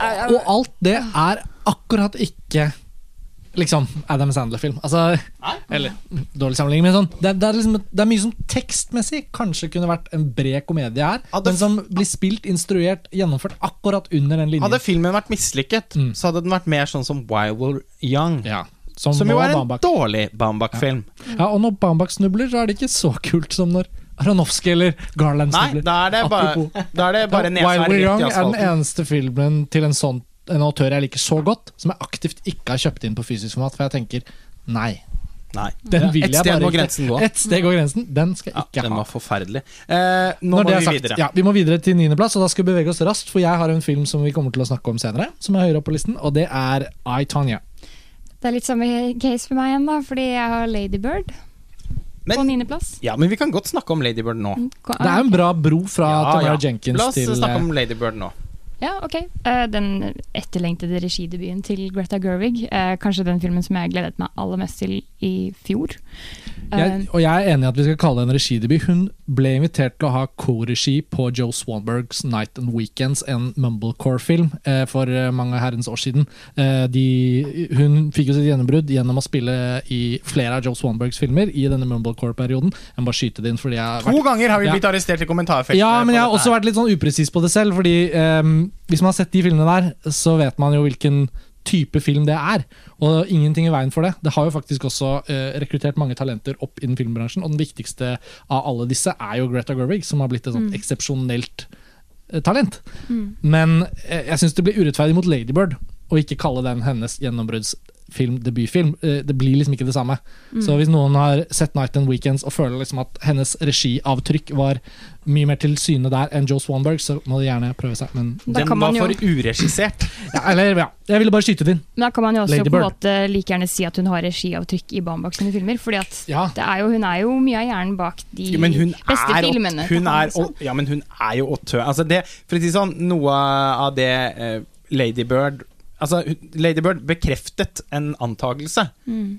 At Frances Ha og Mistress America er eh, Greta Gerwig Det var var filmer. veldig lett å vite hva man skulle forvente seg. Ja. Jo, men altså sånn, det er jo hennes, det er hennes stemme Ja. som gjør de filmene så fantastisk bra. Og så bidrar jo selvfølgelig Noah Baumbach med sin strål... Altså, han er en kjempegod skuespillerinstruktør. Altså, og, og, og sikkert Altså, eh, de har sikkert sammen Altså sånn, Mange av de visuelt fantastiske tingene i Frances A. Mistress America må jo selvfølgelig også tilskrives Noah Baumbach, men nerven, stemmen, eh, komikken eh, føles jo så genuint ut som Greta Gerwig. Og det ble jo, når man da Ladybird føles jo som på en måte den tredje filmen i Ja. en, Ja. Om ikke en trilogi, men i, sånn, i en serie med Gerwig-filmer. Så når vi da har liksom fått det praktiske på plass, med Gerwig og hennes eh, gradvise gjennombrudd her, da. Um, Ladybird er på din niendeplass.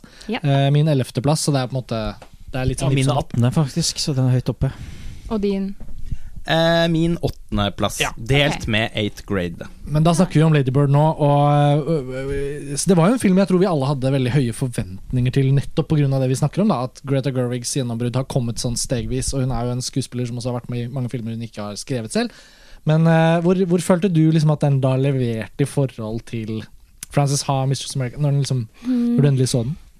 Det er vanskelig å på en måte rangere de nå, syns jeg. For Ja. jeg liker alle tre veldig, veldig godt. Um, men jeg syns det er et, en særdeles god debut. Og uh, den er jo også veldig personlig. Vi vet vel at hun kommer fra Kommer hun ikke fra Sacramento? da? Jo, og, Jo. jo, uh, nå vet ikke jeg så mye om bakgrunnen hennes, om hun har vokst opp så kristent. Det har hun kanskje. Uh, så det er jo åpenbart at hun har lagt mye av seg selv inn i denne filmen. Det føles som et personlig verk, på en måte. Og jeg ser også for meg at det var nok um, sånn Greta Gerwig var som ung. Sånn hun pratet til foreldrene sine. Sånn, sånn, sånt ambisjonsnivå hadde hun. Komme seg vekk fra det lille primitive Sacramento, byforstaden hun levde i. Ville til storbyen, bli kultivert. eh, kunst. Alt handler om det. Vekk fra familie. Og, Nå handler alt om kunst! ja, ikke sant. Kan dere ikke være litt kule, da? Og liksom bare skjønne at det må på Ja. denne skolen. Og så bare sånn, Ja. Så nei, det var Ja. Og så kan man jo litt føle at hvis uh, Saoirse Ronans Ladybird i Ladybird har, Hvis den rollefiguren følges opp i en neste film, så er det antageligvis Frances Ha. Mm. Eh, for det matcher litt med matcher litt. følelsen av å være god på mye, men også ikke helt god nok på en del. Ja, men- Og så Mistress America, hvor da Greta Gerwigs rollefigur, som er jo en birollefigur der, eh, er liksom Hun har landa litt mer og har blitt en litt annen type igjen. Og det kunne litt vært en fortsettelse. Ja, men altså, jeg føler jo virkelig at Saoirse Ronan sin Altså hovedpersonen i Ladybird er, er jo Greta Gerwig-rollen. Mm, Altså, det er det. Greta Gerwig spiller jo stort sett varianter av den samme Akkurat som hos Woody Allen, hvor man snakker om at nå er det Jesse Eisenberg som spiller Woody Allen. Ikke sant? Og, og veldig sånn føles det. Eh, og det er jo en utrolig eh, Altså morsom og, og, og ganske sånn skarp coming of age-film. Som er innmari god på å skildre relasjonen mellom tenåringer og foreldre. Den er jo på en eller annen måte også liksom Greta Gerwigs Late Spring. Eh, altså Nå tenker jeg på Yasu- Yasuhiro Oz sin Ja. film fra 1949. eh, eller 35 Shuts of Rum til Claire Denis. Altså det vanskelige med å For, de, for foreldre å akseptere at barna deres eh, skal bli selvstendige individer med sine egne liv. eh, og barnas, eh, eller ungdom, tenåringenes gjerne først litt sånn i overkant selvsikre eh, exit. og de, de, de ganske sånn vonde følelsene som plutselig oppstår i etterkant fordi man innser at man egentlig har hatt det veldig fint, og at man egentlig er så sterkt tilknyttet eh, moren og faren sin at, at, eh, at overgangen egentlig ikke kan være så brå. Eh, og det er jo en historie man har hørt mange ganger tidligere. Altså, det, så, det finnes jo mange filmer som, eh, som tar for seg dette her, men samtidig så er det jo noe som angår alle, da. Så man blir jo heller ikke mett på filmer som handler om så liksom grunnleggende menneskelige erfaringer. Ja. Og som jeg har nevnt i omtalen min, så føler jeg at det er på en måte en slags sånn all inclusive opplevelse eh, som en film om å bli voksen. Fordi hun I, i eh, eh, porsjoner så får du på en måte være med på mange sånne firsts uh, i overgangen til voksen. Du får eh, eh, god uh, Eller hun reflekterer mye over forhold til foreldre, og det der med den første forelskelsen, og debut debuteringer som hører til det, og forhold til venner på skolen, og, og, ja, og i kirken, egentlig. Det er Mm. noen, ja. Det, noen, så- altså, sånn, det er noen fantastiske sånne Gerwig-frekkheter eh, inne. Ja. Altså, det er jo en utrolig fascinerende eh, rollefigur. Saoirse Ronan, en av sin generasjons absolutt beste skuespillere, eh, som he, eh, hun, Som da heldigvis ble Oscar-nominert for tredje gang Mm. for Lady Bird. Altså, hun begynner jo Hun har kommet godt i gang sånn. Ja, altså, Det er jo bare helt utrolig å tenke på. Hvor gammel er hun nå? 20 24 4 eller noe sånt. Ja. Uh, wow. Uh, men, men altså Og her spiller hun jo da faktisk en god del yngre enn hun er. Men det er litt sånn Litt sånn fuglete, androgyne utseendet til Saoirse Ronan er altså sånn, Det blir veldig troverdig. Ja, det, det siste ordet der er litt viktig, fordi at eh, Jeg må bare innrømme, det er lenge siden jeg har sett den, og husker veldig lite av selve historien. Men det som sitter igjen, er, er Det er litt sånn sånn matter of fact måte å presentere dialog på. eh, som er, det er ikke liksom de store sånne melodramatiske krumspringene i hvordan hun interagerer med sine skolekamerater eller sin mor. Men det er, det er altså bare en litt sånn Sånn er det, og det er veldig lett å identifisere seg med. da Og, veld, og veldig uimprovisert dialog. Altså Det er dialogestetikk på høyt plan. Riktig. eh, Og det, det kan også være en sånn vakker ting i seg selv, mener ja, jeg. ja, ja, og de er jo alltid så jævlig bra klippet, disse Gerwig-filmene. Nå snakker jeg da Frances Ha, Mistress America, Lady Bird. Altså, det er noe sånn Det er en musikalitet i alle disse tre filmene som er et ekte autørtrekk. Som er bare virkelig sånn wow. Eh, kombinasjonen mellom at dialogen virker veldig spesifikk, tipper nesten ingenting er improvisert, eh, og liksom Hun jobber jo for å ikke eh, være lat med kamera, på tross av at hun er veldig språklig orientert. Og jeg føler liksom at hun klarer å visualisere mye. Eh, og jeg elsket Ladybird, jeg òg. Jeg tror hun kommer til å lage enda bedre filmer, fordi jeg føler at den har Den har akkurat satt seg litt lave ambisjoner for å kunne bli en skikkelig bra film. Og jeg tror uh, Greta Gerwig er så klok og smart, og også sånn på en måte karrieresmart, at hun skjønner at det holder. Jeg skriver en oppvekstfortelling som jeg vet noe om, og jeg begrenser den til å være akkurat det den kan være. Og så gjør jeg den, og så gjør jeg den bra. Og så skal jeg lage mange flere filmer. Ja, for det er en film uten noe dårlig. Eh, Ja, ja, ja. Jeg, jeg det er bare det at jeg føler at den liksom ja, jeg setter også altså Jeg setter Frances av Mistress America enda høyere enn Ja, eh, Lady Bird. setter også høyere. Ja, og, og altså, de, begge de to filmene var vel på henholdsvis sånn topp tre, i hvert fall. Ja, og det slår jo ikke tilbake på Det er, bare, det er tre men, dritbra filmer. men liksom. likevel mer enn bra nok! Ja.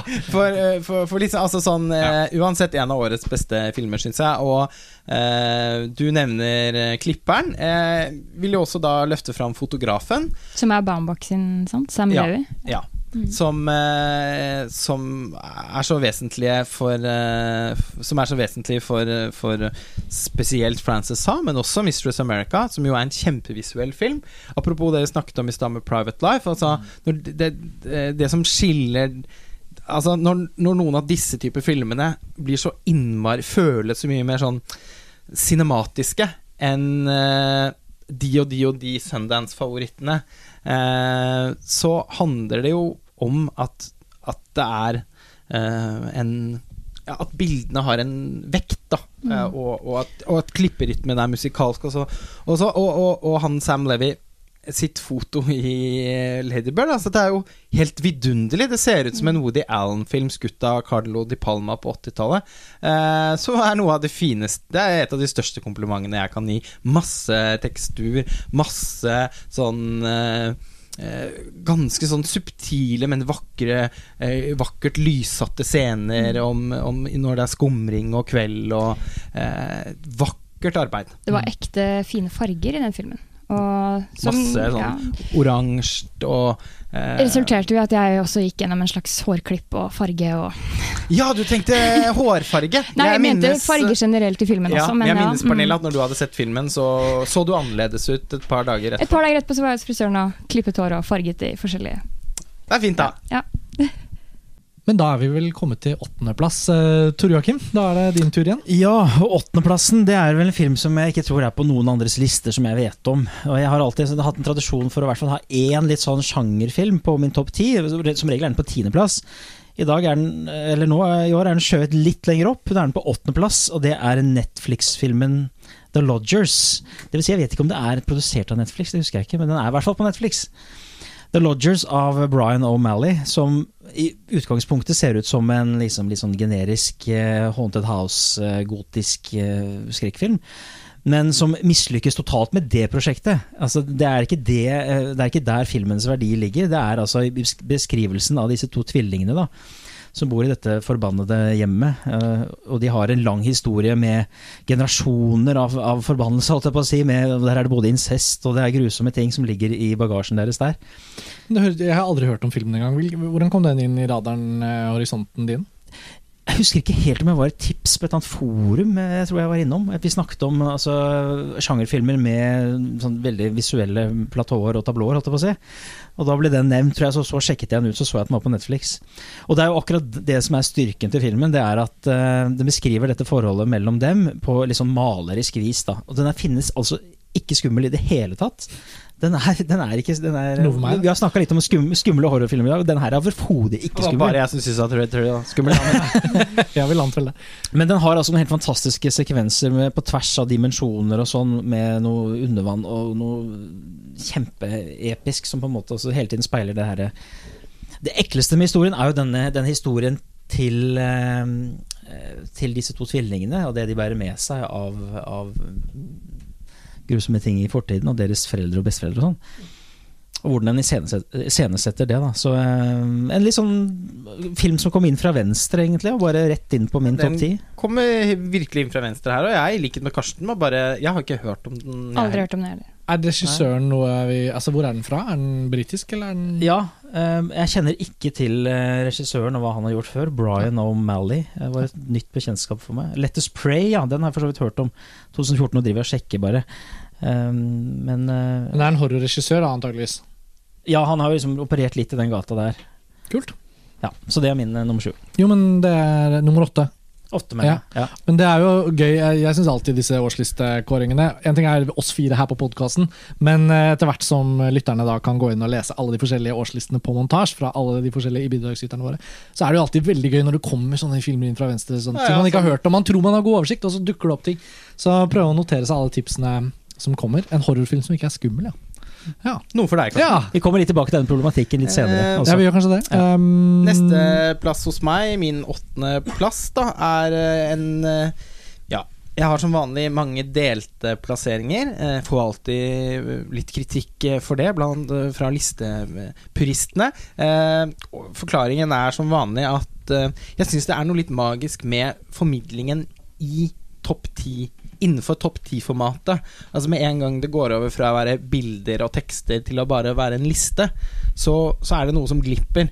Så de filmene som jeg klemmer inn på topp ti, er på en måte de filmene som jeg enten syns det er veldig viktig å fortelle verden at jeg elsket, eh, og de filmene som jeg kanskje også da føler at at jeg virkelig ønsker å formidle, eh, som jeg syns går tapt på en sånn 13.-plass eh, på listen under, f.eks. Så det er årsaken til at jeg gjør som jeg gjør, men det er jo da i praksis selvfølgelig en topp 14, for det er fire delte plasseringer i år. Og den første av dem er da Lady Bird og Eighth Grade. Du nevnte det jo så vidt i stad da vi Ja. snakket om Lady Bird, at du hadde Eighth grade på samme plass. Det er jo ikke en veldig sånn eh, Det er en relativt logisk paring, fordi eh, begge er jo da coming of age-filmer. Men Lady Bird er jo en film det har vært snakket mye om, og bussen rundt Greta Gerwig har jo ikke vært eh, gjemt bak en eh, stol. Nei. Men 8th grade det er jo en sånn genuin oppdagelsesfilm. Og nå må du bare for lytternes del, da. Eh, vi har alle sett den, men fortell. Bo Durham sin eh, regi... Hæ? Bo Burnham. Burnham sin eh, regidebut.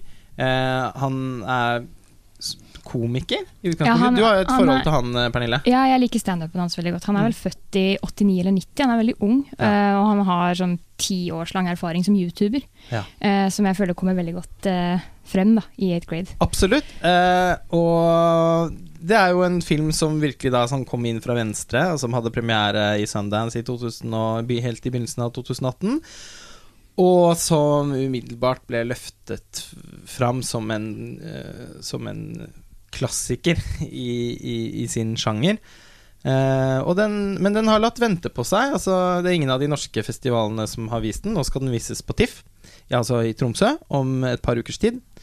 Eh, men eh, det er jo da heller ingen norsk distributør som i utgangspunktet uh, har valgt seg filmen. Så viste det seg rett før jul at uh, UiP uh, satt, på, satt på filmen og bes besluttet å vise den i én uke på Ringen kino i Oslo. Mm. Og det var det. var så anonym annonsering. Jeg Det en fant ved en tilfeldighet på Filmweb, og det var ikke noe plakat, det var ikke noe synopsis, det var, sånn, det var Ingenting. som skulle trekke folk mot den filmen. Det var en antilansering. Og på det tidspunktet hadde jo noen av oss eh, sett filmen, for du hadde jo, den hadde jo blitt sluppet på Blu-ray eh, i USA. Og eh, vi ble veldig sjokkert over at den plutselig fikk kinooppsetning i Oslo, men at det nærmest ble oppdaget ved en tilfeldighet.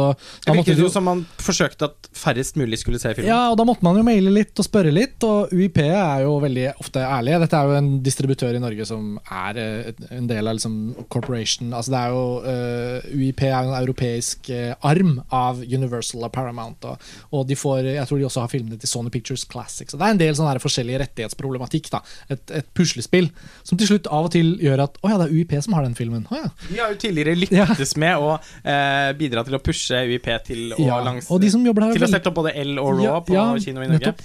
Men de er veldig åpne og veldig sånn Ja, ja. tydelige på hvordan det er. Og jeg svarte på fem minutter. Ja, 8th grade den har vi rettigheten på, men den skal ikke opp på vanlig kino. Så viser det seg at programsjefen i eh, tidligere Oslo kino, nå Nordisk Filmkino, Kristin Berg, har altså så stort hjerte for 8th grade at hun følte den bare måtte opp. Og på en eller annen måte så ble den smelt inn med en liten ukeslansering rett før nyttår i Oslo. Som igjen gjorde filmen til en 2018-film, rent listeteknisk.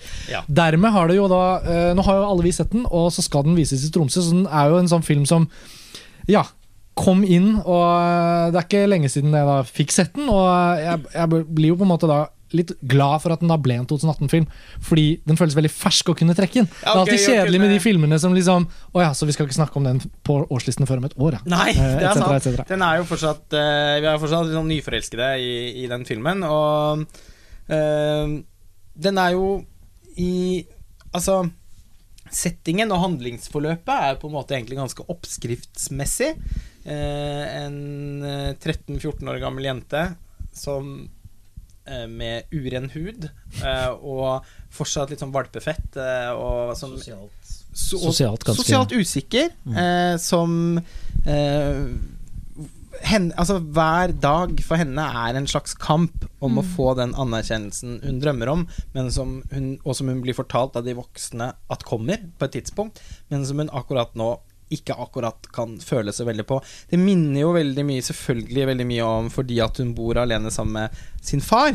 Eh, det er for, for øvrig ikke tilfellet da i, med Agnes i eh, Fucking Åmål, men eh, relasjonen mellom faren eh, og Agnes i Fucking Åmål eh, ble i hvert fall noe jeg tenkte på mange ganger underveis eh, her. Han forsøker jo også, som best han kan, å overbevise datteren sin om at ja, altså, det er ikke så mange årene til nå, så skal alt bli så innmari mye enklere og bedre for deg, og folk kommer snart til å oppdage hvor Mm. vakker du er, hvor Mm. klok du er, hvor mye fine tanker du har om ting, men akkurat nå så er ja, Det var sånn for meg også. Og det, vi ser den samme situasjonen i 8th grade, men hvor hun da eh, har jo, i motsetning til Agnes i fucking Åmål, eh, valgt å virkelig ta saken litt i egne hender ved å bli eh, forsøke å bli en sosiale medier-personlighet med et selvrealiserings Med et uttalt selvrealiseringsprosjekt. At eh, hun Hun eh, skal liksom forsøke å eh, Å tenke positivt. Eh, bygge selvtillit, ha tro på seg selv, sånn som alle disse videoene på YouTube forteller deg. Just begin to think about yourself as every, uh, Bla, bla, bla. Uh, og, og, men Som hun- også er så svært vanskelig å leve opp til selv. Hun ja, får det jo men hun til. tror jo ikke noe på det! Det er det som er så fælt, når hun begynner å lage de inspirasjonsvideoene som eh, to To til tre mennesker ser Mm. eh, på YouTube, så, så formidler hun også på en måte et budskap som hun selv ikke tror på. En ting som jeg føler er viktig å si om 8th grade, er jo at det er en sånn hypermoderne øh, film. Altså Den er kontemporær på den aller beste måten. Eh, Jeg føler den er kontemporær på en måte som gjør at den er en nedskrivning.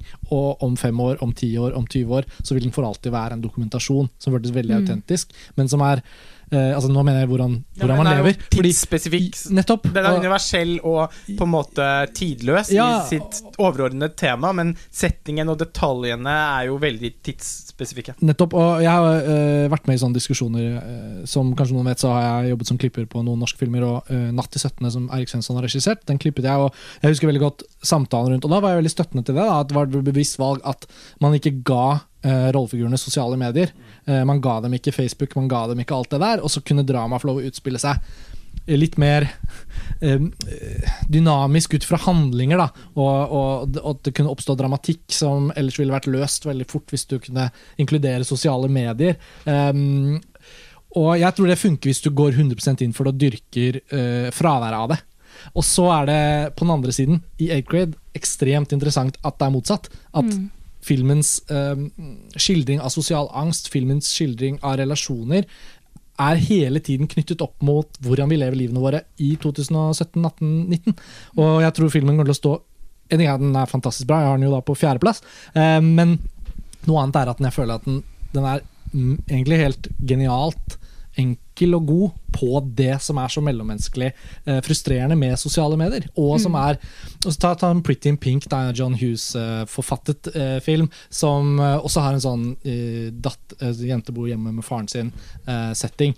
Eh, det grunnleggende i alle disse relasjonene vil være likt i alle filmene, men det er så fint å få et verk som portretterer den tiden vi lever i, og som vi alltid kan bruke. Det som liksom. tipper den over fra liksom, Det som gjør at den overskrider oppskriften, føler jeg, er at den eh, Og som gjør at den føles som en milepæl, Mm. er at den Virkelig. er eh, rystende autentisk. Mm.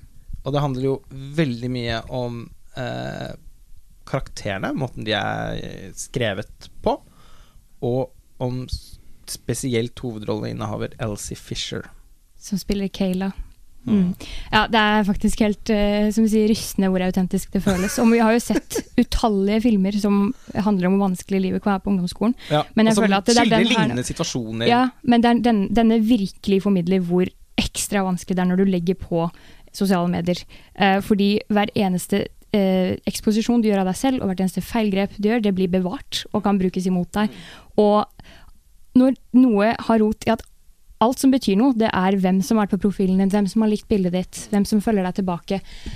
Det er så urovekkende og grusomt Hvor at s- ytterligere selvbildenedbrytende det er for for henne i filmen. I hvert fall når man ser på hvem som er moderne influensere, hvordan de ser ut, og at man skal se ut som en General en Kardashian osv., som ikke man ja, er i nærheten av når man går på ungdomsskolen. Og at hun fortsatt er også, og, og det er jo også noe som er Det det blir jo verre og verre for hvert tiår som går. At hun er jo fortsatt et barn. Mm. Altså Du, du får jo ikke lov til å være barn eh, mer enn til du er liksom typ ni år i dag. Mm. Du begynner jo med Altså, man kastes så brutalt inn i et voksenunivers innmari tidlig fordi noen er modne eh, Mm. for det, men innmari mange er det ikke. Og det syns også denne filmen her skildrer så fint, da. Hvordan hun Altså, hun har så utrolig lite til felles med noen av de andre jentene som står rundt det bassenget. Mm. Eh, og, og det er ingenting unaturlig med at hun fortsatt Altså sånn at, at hun har en, en fot ganske sånn godt plantet i barndommen ennå. Men det skammer hun seg sånn over. At det kan hun, og det kan hun ikke vise fram. Og det, Og- ja, og det er veldig det er sårt å se på, utrolig vondt. Men eh, en annen ting som også eh, gjør det ekstra sårt, syns jeg er å se hvordan eh, hele det her telefon, eh, telefonavhengigheten og sånn også bryter ned familien. Eh, som helt enkelt eh, kan ses på en middagsscene hvor hun sitter med faren sin og spiser, og han prøver å ha en samtale med henne. Han stiller seg veldig sånn på hennes nivå, han prøver å være kul, han, han blander seg ikke inn for mye, han gjør egentlig alt som er riktig. Og hun er bare sånn Dad, can you stop, please? Og hun sitter med én ørepropp i øret og, og har 10 eh, oppmerksomhet rettet mot han, på en måte. Og alt hun vil, er bare tilbake denne telefonen. Og Men det er også hennes måte å slippe å snakke med andre om de tingene som hun altså sånn, hun er, Det hun er redd for, er jo også at han skal stille noen spørsmål som eh, som hun ikke har lyst til å svare på. Det er, ja, og det, Ha- det, altså, det sjokkerende For er henne er spørsmålet 'Hvordan har du hatt det i dag?' et så komplekst spørsmål å svare på at, at hun bare vil slippe. Det sjokkerende autentiske drar jo filmen også over i et horrorterritorium. Eh, her, oh, ja. eh, altså Den er sånn- jo tidvis nesten unwatchable. Ja, altså det- Og eh, vi får trekke inn eh, deg også, Tor Joakim, her. Men jeg, for jeg føler jo liksom at dette er jo en film som uh, i alle sine kvaliteter også er unwatchable og unbearable. Altså, Den høres ut som vi omtaler en veldig søt og koselig film, og den blir det når man føler for henne. Og det gjør man jo hele filmen. Det er ikke det. Og den Den blir det heldigvis, for jeg syns dette er litt viktig helt til slutt. Altså, dette er jo en film som kommer i havn sånn emosjonelt. Altså, den, det, på et tidspunkt her så er den så ubehagelig at uh, referansene mine blir uh, en sånn miks av Katrin Brei-Jatt og Ruben Østlund. Mm. Så det er klart at uh, Ja, for, hvis man har sett de filmene du refererer til, så skjønner man at dette er jo ikke da Den, den bikker mot det, det, det litt sånn Nattsvarte på et eller Ja, annet tidspunkt. Ulrich Seidel Mm, ja, melder nettopp, seg på her. Nettopp. Ja. Men uh, Tore Joakim, du har jo også sett Jeg har også sett den. Ja eh, Jeg er jo ikke så Ja, jeg, jeg likte den ikke så godt som dere. Eh, jeg har noen eh, innsigelser mot, mot filmen, fordi den er jo utgangspunktet Altså, jeg, jeg, jeg, hører alt dere sier, og den er en viktig film og alt dette her. Eh, for øvrig en enda morsommere film som tematiserer litt av det samme, er jo eh, Cam. Som også Den har jeg ennå ikke fått sett. Nei, det, er- det, er, det er en annen, annen diskusjon. Men jeg har en bitte liten innsigelse, på en måte. Og det er at den, eh, I utgangspunktet så er den jo ganske statisk, sånn rent plottmessig. For det er jo ikke, det er jo ikke et plott, altså det er jo, det er jo et portrett eh, på en måte av hennes situasjon. Men da, da gjør den jo også noen grep underveis ved å Som selvfølgelig er ment som subjektive grep, da, hvor, det, hvor det er liksom slow motion og kjempehøy syntemusikk og, og sånne ting som er ganske kult i seg selv. Men jeg, jeg følte at det var ikke helt organisk med den stilen de hadde valgt. Og det, jeg, ble, jeg ble litt sånn tatt ut av, av hele innlevelsen på grunn av det. Um, noen vil si at det er en positiv del ved denne filmen. Jeg er ikke helt med på det. Jeg har også snakket med et par andre faktisk som syns at eh, de litt sånn prangende stilgrepene og musikkvalgene i den første halvtimen av filmen dro de litt ut. Uh, og kanskje det, altså Jeg skal innrømme at det, det tok nok også en sånn 20 minutter før jeg virkelig tenkte at jeg syntes at filmen var Oi, ok, nå blir det sånn helt fantastisk bra. Fordi den, den har Altså sånn den, de, Helt til å begynne med, så, så kan den kanskje virke litt sånn Altså, det er et par ting som jeg husker også jeg tenkte at det kan, nesten kan bli litt sånn påtatt. Jeg syns den er litt uhåndterlig noen ganger. Eh, Det er det Men, jeg eneste jeg, men jeg, når det er sagt, da, så syns jeg jo at uh, man, når filmen fikk lov til å bare eh, fortsette å brette seg ut, så opplevde jeg ikke det sånn i det hele tatt. Men soundtracket, for eksempel, da, er jo Jeg syns det er årets aller beste soundtrack. Eh, Anne Meredith, eh, en for meg helt ukjent eh, synt eh, elektroniske artist, som har levert et soundtrack som på sitt eh, mest eh, høylytte er bare egentlig helt eget, egenartet, og som på, i sine mer sånn sobre partier minner ganske mye om en komponist som jeg var innmari glad i, og som på et eller annet tidspunkt liksom bare forsvant. Michael Andrews, som laget musikken til Me and You and Everyone We Know og Donnie Darko. Ja. Uh, Hvor ble det av han? hvor ble det han? Han savner jeg òg. Tor Joakim, du er jo jeg- jeg- spesialisten. Ja, jeg er jo egentlig det, men jeg vet ikke hvor han har endt opp, rett og slett. Kanskje han, kanskje han, lager sånn dødsbra musikk til noen sånne spill som ikke vi spiller. Ja, det det vi Michael Andrews, hvor du enn er, vi ja. håper at du har det bra. Vi savner deg. Ja. Vi savner deg. Men jeg er helt, selvfølgelig helt enig med deg, Lars Olav. Men når musikken bare Så er det veldig sånn altså Det er et sånn auditivt sjokk nesten, i filmen, mm. som jeg kan forstå at det tar litt tid å på en måte venne seg til. Ja, På sitt beste så grenser det også mot, hvis vi skal bruke ikke ikke ungdomsrela... Altså sånn, det blir noe veldig voksent over noen av sammenligningene. Men sånn Thomas Bangalter. Eh, altså sånn, jo men sånn Når han drar på oh, ja. ned i Klubb Rektum, eller hva den heter, i, i reversibel altså, sånn, Det er noen sånne Ja, sånne ja, sånn, sånn, sånn, Jo, men sånn repetitive og litt sånn Spasmisk. Ja, og litt sånn uh, dyrisk uh, driv. Og det syns jeg musikken gir til filmen. Altså, den Den filmen blir mindre sukkersøt og mindre litt sånn dansende, og mer sånn Oi, det, det, det, er litt sånn Det som er vanskelig å sette ord på i oss mennesker, som er en sånn driv som kan bli til angst, som kan bli til sinne, som kan bli til Det har filmen, og det gjør, gjør den godt. Jeg, jeg, jeg, jeg også likte musikken sjukt godt, og den symboliserer hele veien underveis hva hun føler. da. Fordi at det er så mye av det som skjer inni hodet hennes og inni kroppen hennes, uh, som ikke blir sagt. Du ser det bare at hun står der i stillhet og føler på det, og da hjelper musikken utrolig godt til å dra oss med i det. Og i, liksom, i samspill med utstrakt eh, Ja, bokstavelig talt utstrakt bruk av slow motion.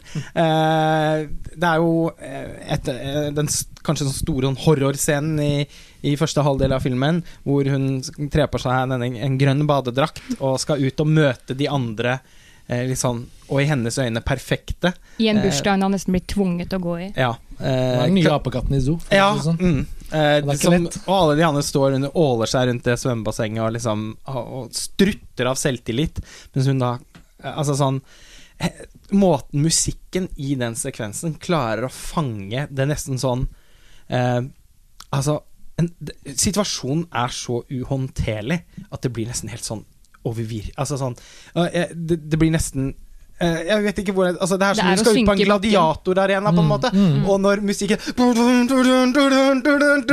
så, så, så blir det Det blir både veldig morsomt og ganske sånn treffende, fordi jeg tror det er akkurat den musikken hun hører inni seg. Ja, og det gjør filmen veldig ekspressiv. da altså, jeg, har veldig, jeg har ikke noe problem med å stille meg ved siden av dine innsigelser, Tor Joakim, og så se på dem og se. Ja, der er de. Og, og, og det er ikke noe Det er ikke en film som nødvendigvis har et sånt stort forsvarsverk, hvis man begynner å liksom men, men, men det gjør også at jeg føler at noe av det som jeg likte med den så godt, var at den, den inviterte meg litt til å liksom ta den på sånn emosjonelt premiss. da Og så er det sånn Hvis du rives tilstrekkelig inn her, og hvis det puteflaue ikke blir så ille at du må gå Det tror jeg nesten det kan være for noen. Uh, Ja, ja Um, det er et sær- særlig et par scener Ja, som nesten sånn- ikke er til å se. En sånn scene hvor hun tar en telefon, f.eks., hvor jeg måtte holde Altså, den, da måtte jeg holde hånden foran øynene mine i Ja. noen sekunder. det å se Kayla prøve å passe inn i sosiale grupperinger oh. på mange tidspunkt i filmen, det er lidelsesfullt, men fordi det er ekte, da.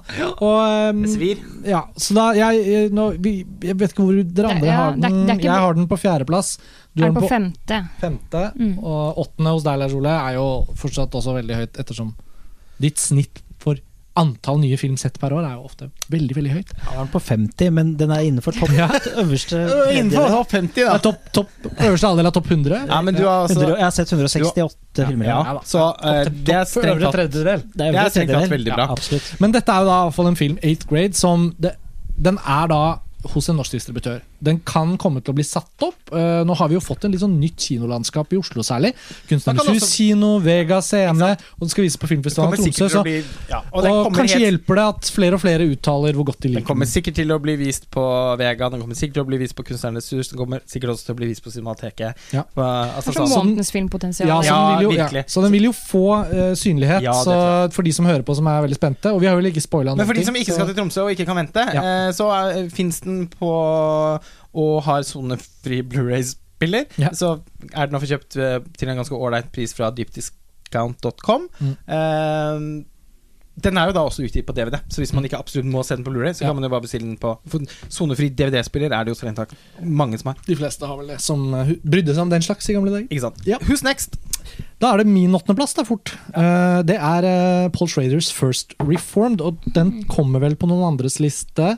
Vi kan bare ta den nå, for vi har jo allerede hatt Kan den. det. Jeg har den høyere opp, men det kan Ja, nei, men Vi kan ta den nå. Jeg har den på, neste, altså jeg har den på syvendeplass. Eh, Og hvilken plass er den på hos deg? Fjerde. Fjerde? Ja, Ja, men- jeg, jeg har den på 16, så det er jo kjempehøyt. Ja. det er veldig. Veldig høyt. Uh, absolutt. Jeg, vil, jeg vil begynne da med å si, siden det på en måte er min tur, da. At uh, faste lyttere vil jo huske at uh, du og jeg, Lars Ole, vi gjorde en podkast på denne filmen under øh, filmfestivalen i Bergen. hvor den ble vist i all sin glory på det store lerretet. Filmen er jo ikke sluppet på vanlig kino, men dette er heller ikke en strømmetjenestefilm. Dette er en gode gamle sånn Ingen tror på den, slipp den rett på video. Ethan Hawke han er passe kjent, han kan vi sette på coveret. Og så viser det seg jo at det er et eh, ekstremt rikt og spennende og diskusjonsvennlig filmverk. Eh, og jeg husker vi begge var etter podcasten var sånn, Dette var en gøy film å snakke om. Ja, så den episoden eksisterer jo, og derfor kan vi jo på en måte prøve å uh, uh, fatte oss i korthet nå. Ja, altså- det betyr ikke at ikke det er masse å snakke om, Nei. men jeg tenker, jeg tenker eh, at Du og jeg har sagt hva vi mener Ja. om den filmen. Jeg er litt overrasket faktisk over at den havnet så høyt hos deg. For jeg husker at du hadde jo sett den før meg. jeg hadde det. Mm. og Mm. din bust da var på en måte sånn Den er veldig god, men altså, på en måte en lit, relativt liten film. Og så følte jeg liksom når når vi, altså sånn Da, da hadde du sett noe, jeg bare ikke snakket med noen om filmen. Mm. Det var bare jeg som hadde sett den. Jeg så den i London. Ja, du så den lenge Ja, før alle andre, og alle så den på Biff. Liksom. Men i løpet av den Ja, men liksom den kvelden på Mm. Biff, da. Hvor liksom, så det er jo også til de som eventuelt også bare har sett den én gang, og Mm. kanskje vært litt underveldet, og kan potensielt bli inspirert av å se den igjen. Det er en film som har Som, som det er veldig herlig å snakke om. Altså tenke på, snakke om, dra opp i ulike typer situasjoner. Altså Den sitter skikkelig igjen. Den gjør det, og det var derfor den også kom på min topp ti. Den har bare rykket opp og rykket opp. og rykket opp Det var en veldig fin visning jeg hadde første gangen, og nå ligger den her på Blue klar for den neste visningen. Og da vi diskuterte den i Bergen i høst, Lars Ole, så følte jeg virkelig at dette er også den typen film som kan vokse fordi den er så intellektuelt stimulerende. Den er vokser gjennom ren samtale. Mm. Ja, jeg skal det. se den igjen, men det er også bare spennende Ja, å lese ja. om den. Det er veldig mye spennende tekster som er skrevet om den allerede. Det er spennende å høre Paul Schrader snakke om den. Men du har den høyest, Pernille. Pernille. Så fjerdeplass. eh, fortell oss litt uh, om ditt perspektiv på den filmen. Altså, Ja, jeg har jo ikke sånn kjempestort forhold til Paul Schrader. da. Uh, Jeg liker Cat People, jeg har sett Blue Color, og, men det stopper vel egentlig der, egentlig. Um, og så først bare posteren. Jeg ramla over den her på Blockbuster, altså en strømmetjeneste. Og, Morsomt. ja, ikke sant? Og uh, posteren var sånn Å, denne, det ser spennende ut. Hva er dette for noe? Å, religion. Å, det er mørkt. Mm. Og Ethan Hawke. Ja, Ethan Hawke liker kjempegodt Amanda Seyfried. Det- Så mye lå til rette for at dette skulle bli en sånn ordentlig uh, spennende film, og det var det jo. Og den tar opp så sykt mange spørsmål. Den rommer så mye. Uh, og jeg elsker hvordan han på en måte har satt forskjellige motsetninger opp mot hverandre. Han prater om håp versus fortvilelse. At eh, for at man skal kunne komme gjennom livet, så må man kunne ha en balanse mellom de, fordi det fins ikke håp uten fortvilelse og vice versa og alt det der. Eh, og det, handlingen er jo på en måte relativt enkel. Det handler om en pastor som styrer en kirke som skal ha 250-årsjubileum, vel. Også, um, ja, som da har- gestaltet seg Ethan Hawke. Som har mistet sønnen sin og kona si som følge av det. eh, lever eh, veldig ensomt og ja, det, det, han har det kanskje ikke egentlig så bra, men han gjør det beste ut. Og er ut syk. ja, han er syk, men det får vi vite etter hvert. da. Men han gjør det beste ut av situasjonen sin. og Han er en sånn veldig god mann, og en rådgiver, og folk bruker han og liker han veldig godt. Og han er en kjempebra fyr. eh, som blir møtt av ja, men det er Seyfried, som er gravid og har et problem fordi mannen hennes vil ikke at hun skal sette barn til verden fordi han er ekte klimadeprimert til det suicidale. eh, og han er sånn ordentlig, ordentlig nedfor. Så eh, ja, film Altså, det er allerede i den første tredjedelen så kommer det sånn rystende øyeblikk hvor han har en sånn samtale han skal eh, rådgive. Han, Michael, da, som spilles av en fyr som jeg ikke hadde Philip Ettinger, som var helt ny for meg, men som bare gjorde en sånn kjempeprestasjon som en han, birolle. han var ny for meg òg, og jeg Ja. husker veldig godt hvordan jeg måtte rette inn og IMDb han etter å ha sett filmen. Så tenkte Hvem er du? Hvem var det? Han Ja. håper jeg å se mer til. Ja, fordi han, han lirer av seg en sånn ordentlig, sånn mørk eh, monolog om hvordan verden ser ut, hvordan verden vil se ut i 2050. Og argumentet hans for at han ikke skal sette barn til verden, er la oss si at jeg får en datter som kommer til å være eh, 26 år eller et eller annet når vi kommer til dette, dette punktet hvor, verden, eh, hvor det er irreversibelt, på en måte. Hvordan skal jeg se henne i øynene og kunne for, eh, si at vi ikke vil gjorde mer? Og jeg bare sånn åh, Bare den samtalen i seg selv den inviterer til så mye ettertanke, og den har sittet igjen i meg. Og jeg kjenner at jeg ble sånn ordentlig fortvila da jeg så den filmen. Og det, dette setter selvfølgelig også sitt preg, preg på den dypt religiøse pastoren, som sakte, men sikkert begynner å miste sin tro og blir en liksom miljøaktivist selv. Og, Åh. og, og Det er veldig original og kontemporær side Og så liksom så mange Så tidsriktig. Ja, og så den springer jo åpenbart ut av tiden den er laget i, men den er også så overraskende. Altså Den bretter seg virkelig ut eh, kvadratcentimeter for Ja. Mm. Ja, jeg syns jo dette er kanskje Shraders beste film siden American Gigolo, som jeg er veldig glad i. Det er en Eh, fantastisk Ja, eh, Uten sammenligning for øvrig, men, men altså Men, ja, men ikke, ikke glemme Cat People, da. Nei da, men jeg, synes, oh. jeg setter American Gigolo høyere. Men det Ja, ja, sånn. men det er lov. Eh, men altså, dette er liksom denne filmen er på en måte årets eh, Manchester by the Sea, tenker jeg. da altså, Mm. du, Og det er litt som hvordan Ethan Hawke gestalter den rollen også, som et slags sånn, sånn en- tilsynelatende helt sånn blankt lerret, men du vet at det er masse ting som koker bak fasaden. Og han møter da disse folkene som har hver masse problemer, men, eh, men gjør ikke så mye nummer ut av det selv. Altså, du ser Han tar noe glass whisky, og så- du, du aner at noe er der. Går vel en flaske med det på et tidspunkt? Ja, jo da, det er noen sånne små Flaske Plumbo eller noe på et tidspunkt der òg. ja, ja, men det er liksom først mot slutten at det, ikke sant, at det, det koker over. Men ja, eh, hvor nattverdsgjestene møter Taxi Driver. Da, Ja, det kan du si. da begynner det å da begynner det å krakelere. litt. Jeg tror denne filmen kommer til å være med oss i mange år fremover. Altså, man føler at den bare er sånn Den er så støpt i noe sånn Sjokkerende sterkt comeback eh, Ja. fra Paul Schrader. Altså, som Ja, jo, Ja, altså, virkelig. Dette er mannen som vi snakket lagde så mye om det i The Canyons for noen år siden. ja, ikke sant? Det, sjelden har opp... Altså, Ja, bakken har sjelden vært brattere enn opp fra The Canyons til First Reformed. Ja, og den er altså sånn Den gikk jo da altså ikke på Så, så tungpustet som Paul Schrader er. Hvordan har det latt seg Nei, så det, så det er bare Det, det er jo da en film som, som ganske mange sånn super-übercineaster har nå fått sett og sånn. Det er jo ikke sånn at den er helt øh, Men det, jeg tror det er ganske mange som fortsatt har jo- har til gode vært å få sett den. Oscar-buzz på den også. Nå Ja. er jo Oscarsesongen i ferd med å bli helt spinnvill, med hvor det på en måte er filmer som uh, A Star Is Born, Crazy Rich Asians og Black Panther som på en måte Altså Men for Det kommer vi tilbake til. Det kommer vi tilbake Ja. til. Men inntil for bare liksom en måned siden så var jo First Reformed eh, en av frontrunnerne i, eh, Mange i mange kategorier. Inkludert altså, virkelig eh, Altså, det er mange som har tenkt at Ethan Hawke har sin At Åpenbart Paul Schrader på manus, det, han tror jeg fortsatt er frontrunner, faktisk. Ja. Eh, men eh, at Ethan Hawke eh, hadde sin store sjanse til å få en Oscar.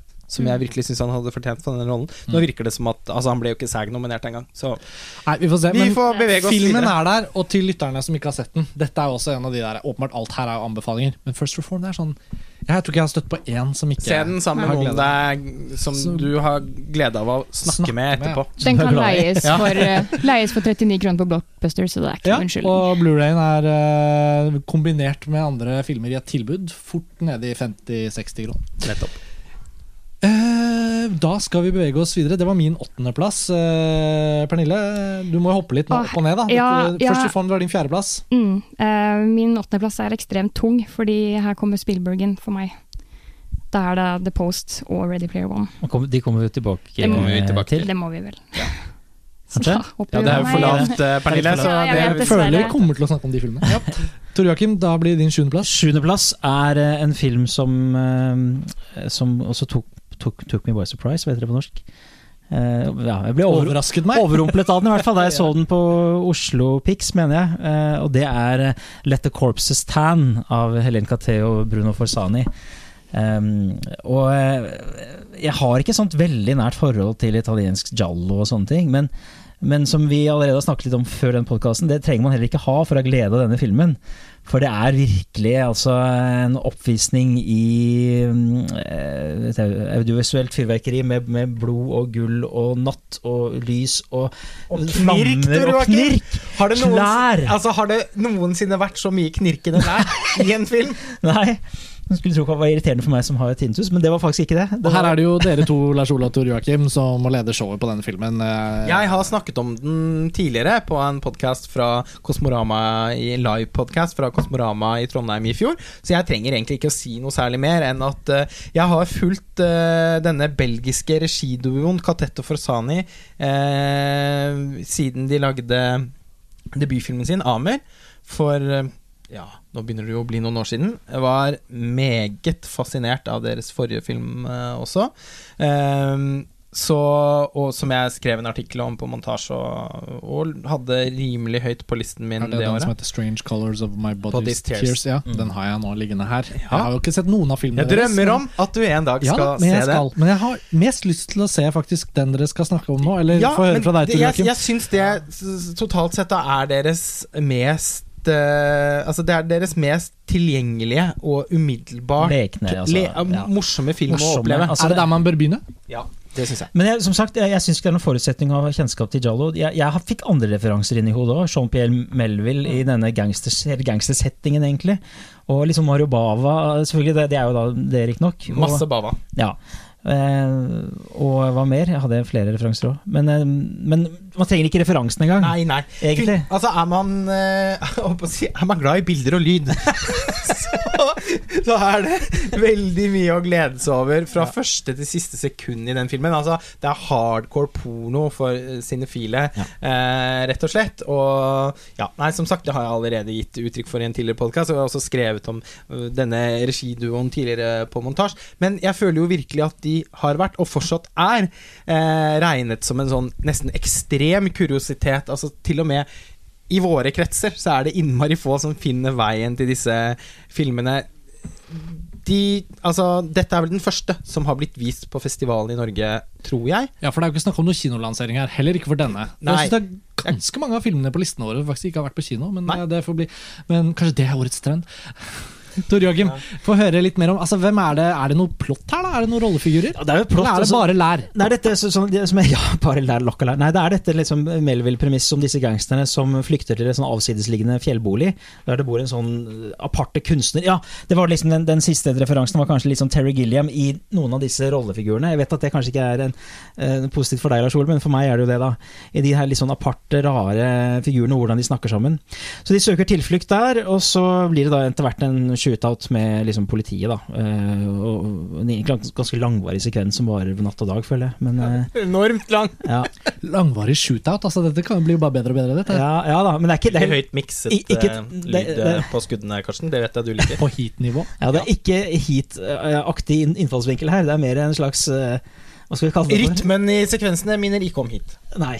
Eh, Den tar gjerne pauser midtveis Det minner bare mer om en spagettivestern, Ja. eh, som jo også bringer oss til Italia og 60-tallet. Eh, men det, er- det, er jo egentlig et kjærlighetsbrev til en viss sånn type kult- og B-film fra Italia på 60-70-tallet. Dette er jo eh, Men selv, veldig selvbevisst. ja, mens de to forrige filmene til Catetto Forsani nærmest er sånne der laboratorieutforskninger av motiver i giallo-sjangeren helt spesifikt, eh, og til en viss grad eh, psykedelisk horror i, i The Strange Color of My Body's Tears, så er dette her uh, mer en sånn allment uh, pass, Altså sånn det, det, det føles som en hyllest eller pastisj til uh, italiensk Ja, som sagt, kult og B-film i den perioden generelt. Altså sånn Ja, premisset på en måte er, er jo det, og det er jo enkelt, men det er jo Rabbi Dogs av Mario Ja, Bava, eksempel, var en film ja, jeg tenkte mye på. Det er jo ikke en Gialdo-film. Nei. Men jeg mener jo at det handler mye om enkeltøyeblikk her. Altså man bare må, må, man må ta med i, det, i dette enkle premisset. Litt sånn sukkertøyfilm, da. Litt sukkertøyfilm, ja. Godt, uh, altså, Ja, det er for å si sånn, Den er ikke skutt digitalt. eh,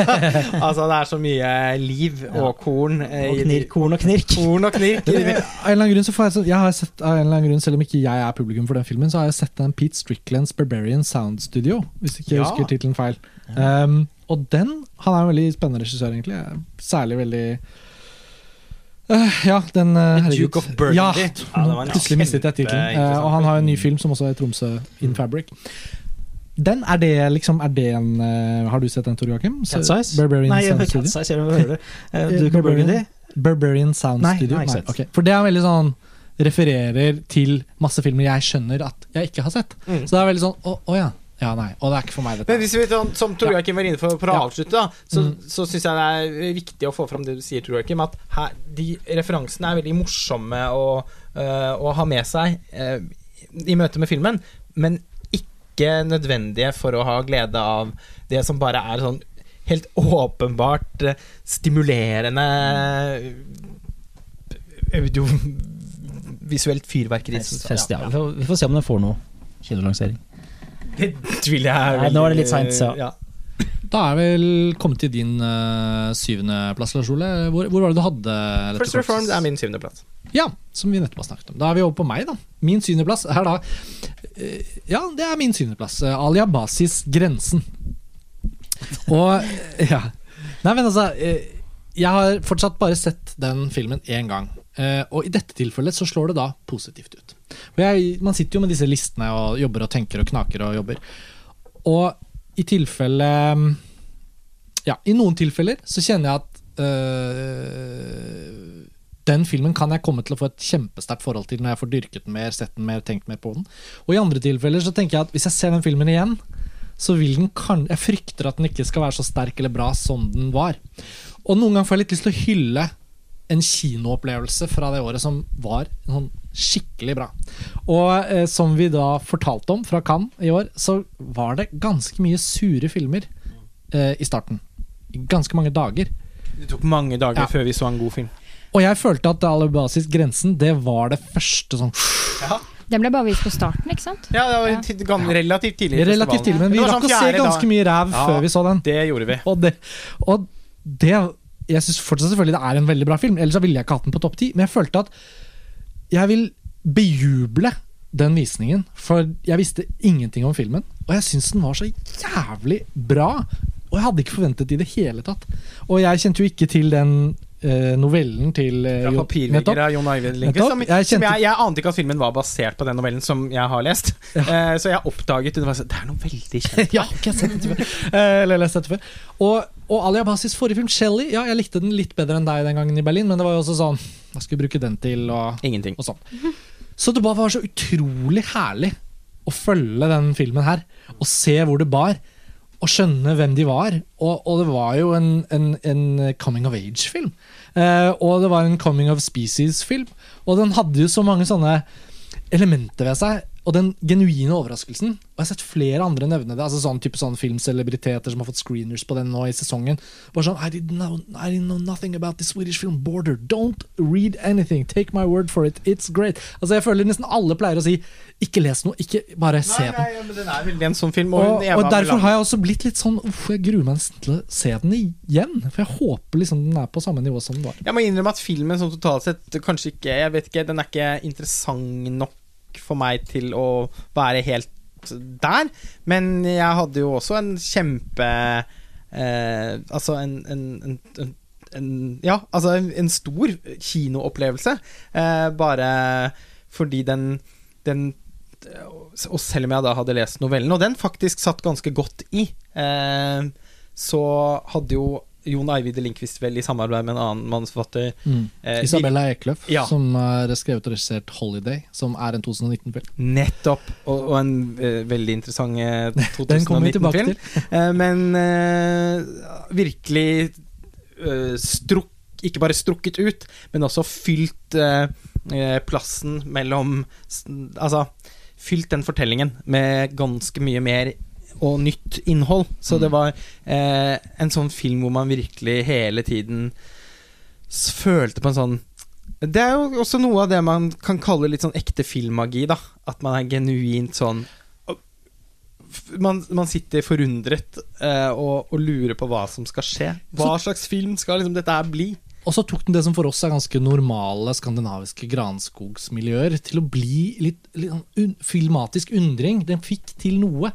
Å bade i et tjern ble litt filmmagisk. Og, og selv om den nå ikke kom på shortlisten til beste ikke-engelskspråklige film til Oscar-utdelingen, som den egentlig lå an til å være, Det var en god veldig kandidat, overrasket over. så har den kommet på shortlisten til beste, beste sminke. Og Selvfølgelig, hårdesign. men svenskene Ja, de har jo gjort seg gjeldende der før, og Ja. det er faktisk ekstremt bra eh, filmtriks Det er det. i grensen. Og, Eh, og en ekstremt bra kvinnelig hovedrolle, ja, da. Eva Melander. Hun burde jo vært aktuell for en Oscar-nominasjon, Faktisk. faktisk. Med tanke på at filmen har fått så mye Hun er nominert til. Gullbagen, da. Men ja, jeg vet ikke om vi skal gjøre noe mer ut av grensen. Um, Jeg trenger kanskje ikke skyte inn så mye. Jeg har den på mest overvurderte, jeg, da. ja, nei, men det er Ja, fair. men da må du si litt om det. Nei, men det er egentlig bare Det, det, er, det er såpass enkelt som at jeg tror kanskje Bøssen drepte det litt for meg. Fordi i motsetning til deg, så visste Mm. jeg alt om den, Mm, på en mm. måte. Og fikk ikke kinomuligheten til å se den. Jeg måtte se den på en screener fordi jeg skulle anmelde den, og litt sånn er forskjellig før premiere. Um, vet ikke om det hadde redda det så mye at jeg så det på stort lerret, men det hadde nok vært fordelaktig å ikke vite så mye om mysteriet og alt det der. Ja. Uh, og jeg tror kanskje at Jeg liker jo når ting kan være veldig ekkelt, uh, og den er ekkel, men kanskje ikke på akkurat min måte. Uh, og så vet jeg ikke helt om jeg likte hvordan den avsluttet, og det vil jeg ikke si hvorfor. Men, men jeg bare, ja, resultatet Du skulle kanskje ønske at det var liksom to hakk mer Cronenberg. Kanskje det. Ja, Ja, det, det hadde jeg vært, det hadde vært interessant. Ja, jeg, vært jeg føler at filmen ikke går helt all the way. Da. Det er en av mine innsigelser mot den. At Mm. jeg syns den er uh, veldig fascinerende og vakker, ikke Mm. minst. Altså Mm. sånn Virkelig en kinoopplevelse. Et av årets beste soundtracks. Uh, et synt-soundtrack. Som alltid når det er Nei da. Men jeg, ser, jeg ser Tor Joakim holder leppene lukket sånn. Liksom, Ja. jeg vil egentlig gjerne si noe, men Nei, nei, nei. Jeg, jeg har eh, jeg vil tro du var begeistret for musikken i den filmen. Ja, musikken eh, Jeg husker ikke så mye av den, for å være helt Er ærlig. det sant? Den er ganske sånn euforisk. Eh, Men Det kan være, jeg må sikkert sjekke opp det. men, men, jeg, men men, jeg har i så mange men jeg følte liksom at den ikke gikk all the way, da. Altså, jeg, jeg skulle ønsket meg at det ble enda det- mer det- morbid det er- og, og, og enda litt mer interessant òg. Altså sånn at den kunne ta opp noen vanskelige sider ved oss som mennesker i enda større grad enn det den endte opp med å gjøre. Ja, men det er akkurat det jeg mener. Er Derfor jeg har den uh, lavt, men uh, 107. Men, eh, det var lavt. men, eh, men det, var, det var noe grøtete med den. Altså, hvis jeg kan bruke det adjektivet. Jeg har den på hederlig omtale, altså. Jeg syns det er en veldig god film. Litt sånn bestialsk og grøtete 'se hvor rare vi er'. eh, aktig Tensing-aktig. Sånn 'se hvor eh, crazy vi er nå'. Men denne, det var bare en sånn følelse jeg fikk mens jeg så den. Men eh, Ja, din, eh, Tensing! din opplevelse matcher ikke min, for Nå å si går vi sånn. crazy tensing her. For Men det var bare Ja. Ja. Jeg, jeg, Jeg har ofte opplevd at jeg har vært den som har likt denne filmen best, i ganske mange samtaler. så. Jeg opplever at alle liker den enda, Jeg opplever at jeg liker filmen veldig godt, men at alle andre liker den enda bedre enn meg. Ja. Nei, Nei, men altså, I Norge fikk den jo en yatzy med seksere og årets beste Ja. film i Aftenposten. Gjorde den står Ja. seg i hvert fall som den beste skandinaviske filmen eh, i år, for meg. Um, så det. Men vi trenger ikke snakke mer om den, egentlig. Jeg har sagt det jeg eh, føler for. Da er vi vel over på din Ja, syvendeplass. Jeg føler at jeg har liksom tendens til at vi skal tilbake igjen senere, og det blir vel det igjen da, når jeg har Suspiria på syvendeplass. Ja, men vi kan eh, Men vi Nei, også- vi må ha samtalen om Guadagnino, tror jeg, når vi nærmer oss slutten. Litt sånn av blanding, fordi Ja. vi har jo snakket mye om Suspiria Vi kommer tilbake tilbake til den. Og vi har laget en podkast om den allerede. Jeg føler at i den grad vi skal snakke mer om den filmen, så er det i lys av eh, Luca Guadagnino-året 2018.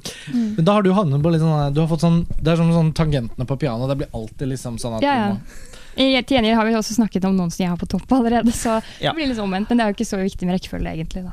Tror jeg ikke.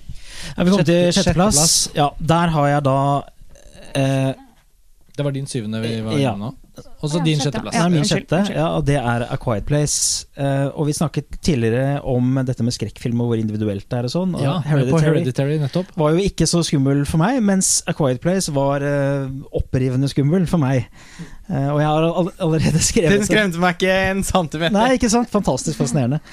Men jeg har allerede skrevet en, en omtale om den, da. Så mm. der står det jo, da kan du lese den hvis man lurer på sånn i detalj.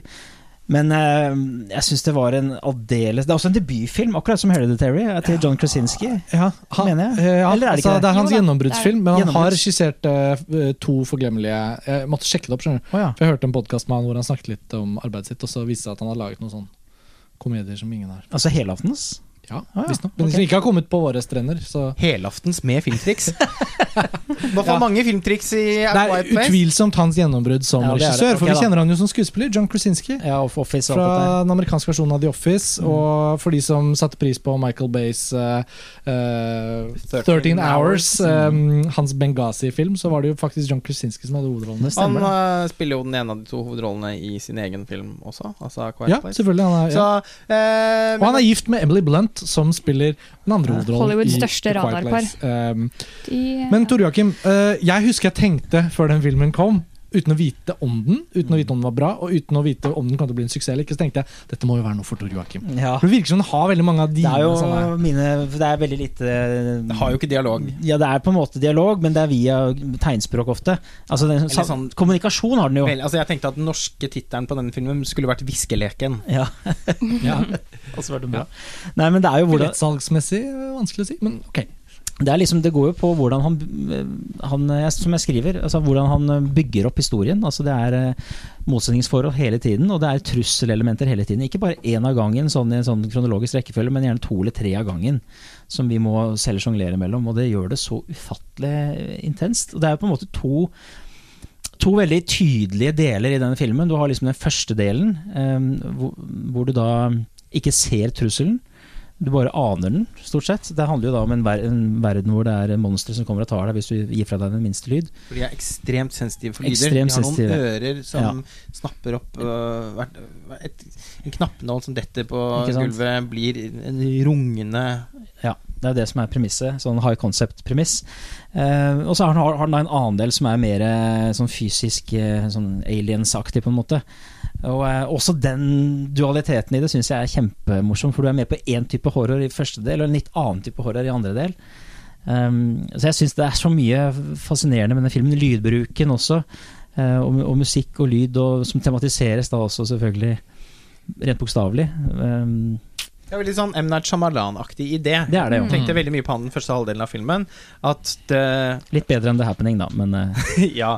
Men, øh, men altså, den minner jo også masse om science. mm. Uh, og i det hele tatt bare ideen er veldig sånn Alle må være stille hele tiden. Litt sånn Mm. The Village. Altså sånn Jeg tenker også Jeg hadde nok likt den enda bedre hvis det var en Shyamalan-film. For da kunne jeg knyttet til noen sånn til, den til noe sånn autørtrekk. Nei, men altså den som du sier, eh, Tor Joakim, så endrer den jo litt karakter Mm. eh, underveis. Den er innmari Altså, den er jo veldig godt laget. eh, og, og på en måte veldig underholdende. Og Jeg skjønner jo at den er hakket mer eh, kommersiell enn Hereditary, det er det ingen tvil om. Nei, altså det er en mye enklere film, syns jeg. da På mange må Også visuelt, syns jeg. At eh, altså sånn Ja, det er veldig bildefortelling, men det er ikke noe sånn veldig spesielt med bildene. Det er eh, på en måte åpenbart at han har sett masse Spielberg-filmer fra 70-80-tallet og Ja, 90-tallet. han ligger veldig tett på for eksempel, hele tiden, som selvfølgelig også lager en ekstra klaustrofobi. da. Absolutt. Og, og, og altså film, Jeg syns filmen var meget bra og vellykket, men, men heller ikke noe mer. Altså, Ja, ja. Sånn, litt en sånn der og da-type En bruksfilm. Bruksfilm. God Jeg er ganske enig med deg. Jeg har den på 19.-plass. Altså, jeg er jo fan, og mye fordi jeg Det er høyt. Ja, ja, ja, og jeg liker Emily Blunt og John Krasinski veldig veldig godt. Uh, jeg tror at den havnet skal man si, såpass langt ned fordi jeg hadde et par problemer med den, uh, som faktisk blir spoiler å si, så jeg har ikke tenkt å si det. Uh, men det er eh, noen grep her som jeg syns er utrolig kreative og spennende. Altså, spesielt da i første halvdel, når han etablerer hvordan eh, livstilværelsen deres er. Eh, hvordan man må være kreativ og bytte ut eh, ting i, i hverdagen for å ikke lage lyd. De har sånne små ullbiter eh, når de spiller ludo, brettspill f.eks. Har sånne sand... sand eh, Stien er liksom Sandstier. sandlagt. ja, sånn her kan du tråkke, her kan du ikke Det tråkke. er jo Det, helt pass på, der er det fantastiske ting rundt en baby som blir født. ja. Altså, da, da følte jeg Oi, skal det virkelig bli med det? Tenkte jeg da, Mm. og så ble det ikke helt det. Men eh, filmen har noen ideer som er sånn som man får helt sånn gåsehud av hvor god er. Jeg hadde litt problemer med at jeg syntes det var noe sånn takt og en sentimentalitet der. Sånn, på en sånn dårlig norsk kortfilmaktig måte. Uh, Ja, med sånn, ja, med sånn uh, Altså den Far og sønn med fossen og sånn. Ja, Ja, og, og far og datter der med den tilgivelsen for, Altså, det kjøpte jeg ikke. Uh, Men det er kanskje forskjellen på 40 millioner dollar til Hereditary og 160 millioner dollar til A Quiet Ja, Place. For nå har jeg satt inn Ja, sånn pris på med filmen, var sånn eller denne, denne går, altså Dette manuset har liksom konsentrert seg om dypt gjenkjennelige menneskelige følelser som er dratt opp på et litt sånn sentimentalt nivå. på sånn sjanger Men som inviterer oss da til å nyte horror. Men å, du som ikke er så glad i horror, her har vi også litt sånn ekte mellommenneskelige følelser til det. Og veldig bra spill, særlig av Emily Blunt, da, eh, Ja, som jeg syns virkelig leverer varene. Så, så jeg var overrasket over hvor godt jeg likte Quiet Place som bruksfilm. Og det er ikke Altså, det er egentlig et kompliment. Eh, Det høres ut som en slags sånn nedgraderende beskrivelse, men det er egentlig ikke det. Jeg syns nesten det lages litt for lite bruksfilm. Jeg. Og når du sier sånn det er litt sånn Shyamalan-aktig Hvorfor er det ikke flere B-Shyamalan-filmer vi bys på hvert år? Helt sant. Uh, Ja, men Det er jo sånne ideer som det her man ønsker seg mye mer av. Ja. Sånn, sånn, eh, når man snakker hele tiden om at blockbusteren er blitt så de, Ja. er så dårlig og sånn, så er det jo nettopp som regel fordi at man savner sånn type ideer. ja, og i, i hele super... Det skal filmen ha masse å. Ja, og i hele superheltfilmfloraen, som nå er på vei til å bli et hav av ugress, så er det jo liksom ikke plass til mange nok filmer av dette slaget. Uh, og Nå skal jeg ikke snakke om det her på podkasten, men på listesaken, når vi publiserer listene på montasje. Så jeg har prøvd å trekke fram et par filmer som uh, begge nærmest forsøker å kopiere uh, Michael Manns Heat. Altså sånn B-videofilmer. Som, ja, det er ikke store filmverk, men som begge elsker Heat, Og liksom er sånn Eller ligner, da. Sånn purk-skurk-filmer i Los Angeles med noe heist og noe vold og noe biljakter og skytescener. Men ikke superhelt, ikke Fast and Furious, men bare sånn vanlig B. Lytterne Bruks. våre skulle Eh. sett uh, Karsten uh, on location i downtown Los Angeles for Angel, Los Angeles for tre uker siden. Mm. hvor, hvor vi da Vi besøkte locationen for innspillingen av det store ranet og skytescenen i Det var Ja. sterke Det scener, var. Karsten. Da var du, bare å tenke på det, si. ja, da Nei, var du det- åtte år igjen. Ja, og, for, og jeg tror at også Quiet Place, da, bare for å trekke tilbake til den, er en sånn film for veldig mange av oss. Og 90-tallet var jo spekket med en type amerikansk underholdningsfilm som hadde litt high concept i det, men som også var litt emosjonell. Altså sånn Speed er jo til og med en kjærlighetshistorie mellom Keanu Reeves og Sandra Bullock. Fordi de skjønte den gangen at hvis vi gir dem en high concept, og så gir vi dem følelser og superstjerner, for det trenger folk. Men altså ja, unnskyld, men jeg måtte bare, Men jeg bare- Så jeg syns Quiet Place representerer litt av det i år, da. Jeg har den på 19. Men Pernille, altså, du, men du syns da denne filmen er bedre enn Hereditary? På en måte. Ja. Wow. Men, men ja, wow. Ja, men altså Wow. det, Nei, jeg, jeg tror det er ikke meg greit, fordi den filmen altså, ja, men Vi er så ofte uenig uenige, og, og den hand, altså, den, jo, men altså, Quiet Place er så spesifikt en Tor Joakim-film. Jeg husker at du var så utrolig opptatt av Hereditary Det før du så den. Det handler så mye om forventninger her. Det er veldig viktig å si det. Uh, og at uh, jeg kanskje var litt mer avmålt etter å ha sett Hereditary kontra A Quiet Place, som da altså jeg tenker sånn gjensynsverdi og Helt sikkert annerledes, hvis jeg får sett Hereditary. Altså, det er sikkert en voksefilm mer enn A Quiet Place her. Ja, det vil jeg tro, for den er jo mye mer innholdsrik. innholdsrik. Jeg skal prøve å få sett Hereditary snart, Lars Ole. Så skal jeg kanskje bli Team Hereditary Ja, sammen med deg. Jeg ble bare så skuffet over liksom, at de det er tett. bare er jeg i montasjen som syns at den er så jevn. Uh, jeg- har jo snikkikket på en del av de andre listene som vi Mhm. skal publisere, og den glimrer med sitt fravær. Altså. Men jeg må også si at det er kun to eller tre plasser som skiller dem. Så det er jo egentlig ikke en så stor reell forskjell hva det gjelder rangering. Neida, Fordi nei. Hereditary er jo like Altså, de oppunder der. er egentlig, det, er egentlig, det er dumt av meg å komme med det, fordi filmene er så forskjellige at det er helt poengløst å sammenligne dem. Men det er på en måte de to store amerikanske utgangspunkt- horror ja. liksom, i år, Det var bare utgangspunktet Vi begynte å snakke om hva, hva, hva som skremmer en og sånn. At det kan være forskjellige tangenter og forskjellige Ja. følelser. Så det, det var jo det som var Noen oppsummerende ord Tor Joakim, om Quiet Place? Nei, jeg bare, man får lese omtalen min. Jeg, bare refererer til det. Jeg vil bare gi honnør til hun som spiller datteren, Mm. eh, Millicent Simons, som mange så i Wonderstruck. Eller ingen så, for den filmen har jo ikke vært vist noe sted nesten. Mange- Det var der jeg hadde sett henne Ja, men hun er hun, jo døv. hun er jo døv, På ordentlig. Ja. ordentlig. Og jeg bare følte at da det ga en sånn ekstra autentisitet da, til henne som rollefigur. Absolutt, eh, det er sant. Det tenkte jeg ikke Jeg, jeg, visste, altså, jeg, hadde bare, jeg, jeg visste at jeg hadde sett henne et sted før, og så endte jeg ikke opp med å google det. Men det som eh, ja, Wonderstruck, en av, uff, en av de største skuffelsene Ja, I ikke at det var det store, jeg ville bare ja, peke på henne. Eller i forfjor. Ja. Skal vi bevege oss videre, da? Elegant Ja. til deg, Lars Ole. Din sjetteplass. Eh, Lette corpses tan, Der var den, ja. Karsten. Nettopp. Ja. er din Ja, min sjetteplass. Det er, eh, det er en del plassering. Eh, Det var ikke egentlig meningen, eh, men jeg så 8th grade såpass sent at den måtte liksom det måtte skvises inn en ekstra film på topp ti.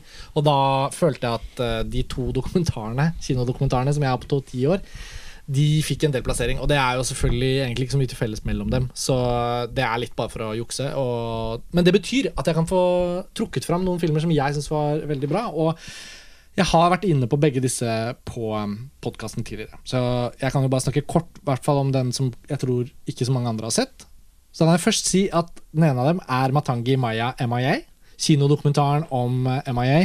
Og den har vi nå i korte åndedrag snakket litt om flere ganger. Så, Ja. ja, så jeg vet ikke hvor mye mer som skal sies om det, men da vil jeg bare egentlig gjenta at dersom lytterne våre fortsatt har til gode å se den glimrende kinodokumentaren om MIA, så bør dere se den. Jeg har den, jeg har den på 20.-plass. Ja, okay. På 13.-plass. Ja, og den er min sjetteplass, sammen med en dokumentarfilm som heter Minding the Gap. Og den så jeg på filmfestivalen i Bergen i høst. Og da vi hadde en podkast der, livepodkast i Bergen, så fikk jeg sagt litt om hvor bra jeg syns den filmen var. Men den filmen har også vokst veldig på meg. Og um, Minding the Gap er en sånn type dokumentar som som liksom ikke egentlig, Den handler ikke om en kjent superstjerne, den handler ikke om politikk, den handler ikke om miljø, den handler ikke om en eller annen form for sånn case. Det som jeg på en måte tenker ofte er sånn high concept for dokumentar. At du har en sånn veldig tydelig krok, og så er det en film, og så en annen kinodokumentar jeg så i Bergen, RBG, handler om hun Ruth Bather Ginsburg, høyesterettsdommeren som er så liberal, og som har så høy status for amerikanere. De er så stolte, Alle liberale amerikanere er så stolte av henne. Mens denne Minding the Gap den handler om tre kamerater som vokste opp sammen, og som uh, uh, skata sammen.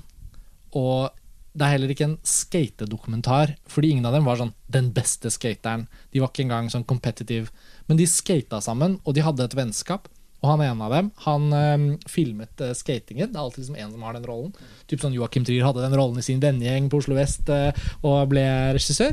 Og jeg følte at den uh, dokumentaren Den hadde noe av den samme kvaliteten som Boyhood, da, eller Brødre. Fordi materialet i filmen er filmet over så mange år. Og regissøren, han ene av dem, da, som heter Bing Liu, han har på en måte han har en slags tålmodighet overfor det materialet som gjør at man føler at denne fortellingen kunne aldri blitt fortalt før nå. Fordi de årene som har gått mens det vennskapet har kommet altså sånn, De er tre gutter som har god kontakt, dårligere kontakt, god kontakt igjen. Og så oppsøker han på en måte eh, de to andre eh, gjennom å forsøke å finne ut hva var det, Hvorfor gikk det sånn med deg, hvorfor gikk det sånn med meg? Og så begynner de å grave, og litt sånn som The Tale, så er det sånn bak det der jeg hadde det litt vanskelig, så plutselig ligger det skikkelig tragiske historier. Eh, omsorgssvikt. Eh, men aldri sånn at det er så ille at det blir sånn rumensk film. Det er bare helt sånn Sånn som jeg tror mange av oss har hatt. Eller sånn, faen, jeg kan kjenne meg igjen i akkurat det der, eller åh, den der. Og så Scene for scene så er altså filmen bare så jævlig sterk. Og så er det et sånt et veldig autentisk dokumentarmateriale som aldri blir sånn uh, dagbokaktig. For han uh, som har regissert filmen, har liksom blitt Uh, han er sånn kameraassistent. Han har jobbet på hvis du går inn på IMDb, han har jobbet på et par sånne Hollywood-filmer. Han har liksom blitt filmarbeider. Og så har han denne historien om seg og vennene sine. Og han er en av skaterne? Ja. ja. Og han har, da, han har da issues med moren sin. Og han stiller opp kamera i det nye materialet, da, altså sånn i nåtid. Stiller opp kamera og spør moren sin til slutt. Han som du var sammen med, som var stefaren min. Hvorfor var han så slem? Hvorfor likte han meg ikke? Og hun er jo da, Han er, jo er amerikansk-kinesisk, da og hun moren er ikke så god i engelsk. og Hun biter i seg, biter i seg. Den ene scenen etter den andre. Og alle tre får man veldig sånn gripende forhold til. Så Ikke bare syns jeg filmen var veldig bra der og da, men så når man kommer til slutten av året, da, så kan man oppsummere, så tenker jeg bare sånn Ja, men den filmen Det var noe av det sterkeste og mest ekte jeg så. Og den er så den, Jeg husker du ja. var jo Du snakket jo masse om den i løpet av Ja, den er kanskje ikke mer spesiell enn den kan være. Men når sånne filmer er bra, så er det liksom Det er bare så fint å se. Og tre gutter som har blitt voksne menn som Jeg kjenner meg på en måte ikke igjen i noen av dem, men jeg kjenner meg igjen i bitte litt i hver av dem. Og jeg ser, jeg tenker på folk jeg har gått på skole med. Faen, de folka man ikke har kommet Hvor ble det av Hvor ble det av alle gutta? Som Lars Saabye Christensen ville ha sagt. Så nei, jeg bare syns den var veldig, ja, men den, spesiell. Må man jo bare ja. Og den er shortlista da til uh, Dokumentar-Oscaren nå, så jeg håper jo veldig at den blir nominert. For det er sånn det er så ja. fint å se en sånn film ja. få lov å være blant de fem. Det er vel en del buzz eh, rundt den? Ja, det, men den har jo ikke hatt noe distribusjon utenfor USA. Den uh, er en Hulu, en strømmetjenesten Hulu i USA. Mm. Dokumentar, Så den er jo tilgjengelig, og jeg tror den har fått et stort publikum der. Og veldig bra buss og sånn. Den har jo da, Heldigvis ble den vist i Bergen, da. Mm. Fordi den festivalen er jo en av de i Norge som virkelig satser på kinodokumentarer. Og når det først kommer noe bra der, så er det veldig bra. Så, nei, så det, var, det var det samme. MIA, så ble det den, da. Som det er så hyggelig at det er ofte noen kinodokumentarer som popper inn. I hvert fall føler jeg på min liste at det ofte blir sånn. det ene året her så var det jo Amy som var førsteplassen min. Og... Så det, det var min sjetteplass. Min sjetteplass? Da, eller? Ja. Mm. Eh, det føles egentlig veldig rart å ha den her på årets liste, for det føles ikke ut som en 2018-film i det hele tatt. Men nå er det jo min tur til å ha med Team Hurricane, da. Ja! Ja, Team Hurricane, som vi, dere pratet veldig mye om på fjorårets årsoppsummering. Uh, og som vi har laget en podkast om. Som vi også har en Tromsø-podkast om. Ja. Så, uh, men, men uh, veldig kort, da. Altså den, du fikk jo da endelig sett den da i Tromsø, i Tromsø for mm. ca. et år siden. Ja. Og da hadde jo vi sittet her og hatt denne samtalen. Så hvordan følte du liksom at Team Hurricane Hvis mange av lytterne våre som ennå ikke har sett den, har liksom glemt litt at vi snakket om den den gangen, mm. hva er det du liksom ville sagt nå til noen som liksom ennå ikke har sett den? Og, det er så trygt å se den filmen, fordi noe av det diggeste jeg vet om, det er når en buss kan levere så kolossalt. Og det gjorde den jo. Og jeg så den på TIFF, og så fikk jeg sett den igjen eh, i sommerferien under et sånt eh, filmseminarkurs eh, fra Universitetet i Oslo. Da benytta jeg sjansen til å gå og se den igjen. Og den sitter i, altså. Den, eh, den har virkelig vært med meg i ettertiden. Jeg har hørt masse på soundtracket. Altså, den ene låta der er jo min mest spilte på Spotify. Min også, Fade Away. Fade Away. Vi har jo hatt en intern-lol eh, rundt hvor mye Ja. alle, både Karsten og jeg og du, har spilt Fade Away. Little Mm. Fady. Ja, Little. Fady. Jeg bare elsker, jeg elsker denne filmen. Den er et eh, feministisk fyrverkeri av en film. Og det er så fint og progressivt å se at det er en film med utelukk, nesten utelukkende bare unge jenter, og eh, av jenter. Det er jo jenter i Så nesten både foran og alle bak kamera, funksjoner. Ja. bare kvinner Så jeg måtte jo bare eh, ja, undersøke litt i det her, så jeg sjekket jo nesten alle funksjoner bare for å se er det faktisk bare jenter, og det er det jo omtrent. Det er par uttak, så er det det. Ja, og en, Det er, ifølge regissøren så er det Jeg har jo blitt kjent med henne fordi vi har turnert eh, rundt med Den kulturelle skolesekken Mm. eh, med Team Hurricane eh, tidligere i høst. eh, og, og morsomt nok så forteller hun Nei, men altså, det var bare liksom tilfeldig. Fordi Mm.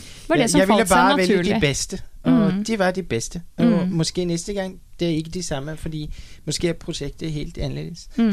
Men en sånn liten fun trivia som jeg fant ut da jeg sjekket hvem som sto bak de forskjellige fagfunksjonene, så så jeg at hun som har hatt lyd, hun heter Sigrid Aalbæk Jensen. Det var litt morsomt. Ja. Og så sjek- sjekket jeg inn på henne igjen, og hun er jo en etablert lydperson i, i dansk film. Og da, ja, Den som er i slekt med Petter Olbecken. Det er datteren. Det er datteren. Ja. Ja, nei, men altså men, men, Du fa! men, men, er Det det er sant, men det er i seg selv på en måte eh, trist at det skal være så kult og så punk.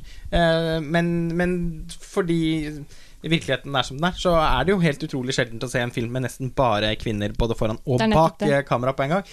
Eh, enda kulere da, selvfølgelig, at, uh, bare, at, at det bare ble sånn. Altså, Mm. eh, det er bare fordi alle de som jo Uansett fagfunksjon, så var det bare de, de aller beste som Mm. passet aller best til å jobbe på det prosjektet. Og Og, det merkes i filmen, det gjør den altså så unik. ja, fordi alle lever altså sånn Klipperen, eh, de forskjellige fotografene Altså er Alle ledd i den filmen er så inspirert og preget av så mange ideer og så mye overskudd at man blir jo helt sånn og, Og jeg, må, jeg må bare si da at eh, jeg hadde jo den også på sjetteplass eh, i fjor. Eh, jeg er jo veldig opptatt av å se filmer flere ganger og sånn, og at jeg skal få liksom et må få liksom en ordentlig relasjon til de filmene som jeg velger å løfte fram høyest på listene mine. Fordi at jeg bare hadde anledning til å se den én gang på, i Venezia. Eh, så, så ble det umulig for meg Den måtte være med på listen, men det ble umulig for meg å sette den høyere. Etter å ha sett den tre ganger til, så kan jeg jo varsle at den ville havnet på topp tre på, i fjor. Mm. Eh, og hadde jeg, hadde jeg hatt med filmen i år, så hadde vi også snakket en plassering helt oppi det sjiktet der. Ja, og det er jo sånn gøy nå som vi først er der, da, kanskje blir det lenge til neste gang. Så er det litt gøy å se tilbake på også den reisen, for Team Hurricane ble jo da ikke plukket opp av noen norsk distributør etter Venezia. Eh, vi hadde jo et par andre norske òg. Det var jo noen av oss som var i Venezia, som, som så den, og bare alle Vi var jo så enige òg. Dette var et stort verk. Vi så det med en gang. Vi kjente det i kroppen. Det var et helt originalt, spesielt møte.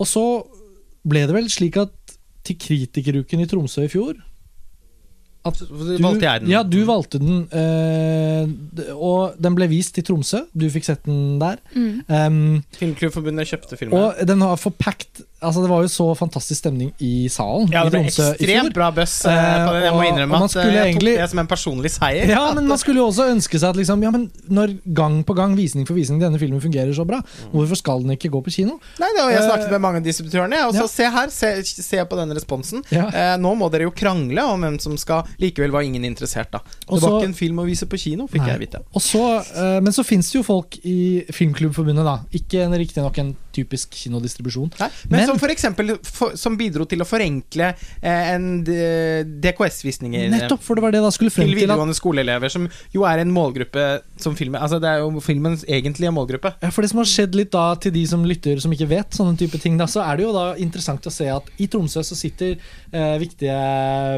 beslutningstagere i filmklubbbevegelsen sikrer rettighetene for filmklubben i Norge. Og de er det ganske mange av, og det er sikkert mange som driver med filmklubb som hører på Filmfrelst og leser montasje. Og så er Team Hurricane plutselig tilgjengelig for alle dem. da Og fortsatt for alle dere som hører på som kanskje ikke ennå har sett den. Altså, det er mulig å Og du kan se den ut i via filmen sin nettside hvis du bruker VPN. Så Koster det 20 kroner? koster 20 kroner. Ja, og det Den finnes også på. Blockbuster nå. Er det sånn? Tilgjengelig i. Norge. Ja, men alle må Det er Så Team Hurricane Blockbuster får sin plass i solen i denne episoden. Men eh, de Bjørn. har Men jeg utrolig følte mye anledningen nå bød seg litt til å liksom bare opp, eh, ta status på hvor den befinner Ja, seg. Og alle at må fortsatt se den. se den filmen. Ja, på- Så veldig bra jeg, du har den på Jeg er veldig spent på hvor den havner på felleslisten vår i år. Fordi den Mm. hadde jo ikke nok stemmer der i fjor. Nei. Men det er jo systemet vårt fungerer sånn at de Ettersom det noen ganger blir sånn at filmer fordeler seg på to forskjellige år, så får jo den med fjorårets stemmer eh, i år. Men er det Så nok den, mennesker i år som har sett den til dette året? jeg, Det får vi det, håpe. det vet vi ikke ennå, men jeg håper det. For det er tre av dere hadde den i fjor. Jeg, syns, jeg håper at den kan havne på felles topp ti-listen. Fantastisk bra film, i hvert fall. Og det blir jo så spennende å se hva Annika Berg skal gjøre i fremtiden. Um, skal vi bevege oss videre da til uh, Tor Joakims femteplass? Det kan vi godt, men jeg tror kanskje noen har den høyere. Det er da altså The Florida Project. Jeg har den på femteplass.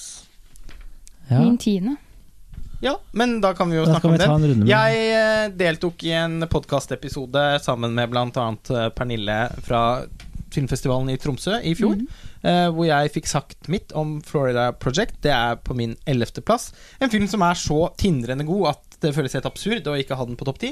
Men uh, sånn eh, blir det når året er så bra som i år. Og så var det da kanskje et par andre filmer som jeg uh, hadde mer lyst til å løfte fram, fordi jeg Mm. Føler at den filmen allerede har fått så mye oppmerksomhet. Ja, det er litt det jeg føler. Den er litt sånn utsnakket, så jeg vet ikke helt om jeg har så mye fornuftig å si lenger. Men for Men, å si litt, Tor Joakim. The Florida Project. Ja, altså jeg, jeg, Det er ikke en film som jeg tenker at umiddelbart, helt garantert, kommer til å treffe hos deg. Nei, tror du ikke det? Nei, altså, Nei, altså, jeg, jeg- jeg- nå snakker vi så mye om dine preferanser, men det har noe med å gjøre at jo, men av og til kan du ha noen sånne veldig klare sånn Ja. Det er greia. Ja, Og det blir liksom ikke Men, det noen ganger. men uh, hva, hva, hva følte du før du så Altså, Hva følte du på bussen versus hva du trodde du skulle se? Ja, Bøssen Bussen er jo interessant i seg selv. Jeg, jo, jeg var jo i Cannes og sto i kø og kom ikke inn for Nei. å se den. Det var jo en historie i seg selv. Men Du har jo alltid så uflaks. ja, ja, jeg er kjent for det. Men så du den i Tromsø da? jeg så den vel da i Tromsø, tror jeg. Ja.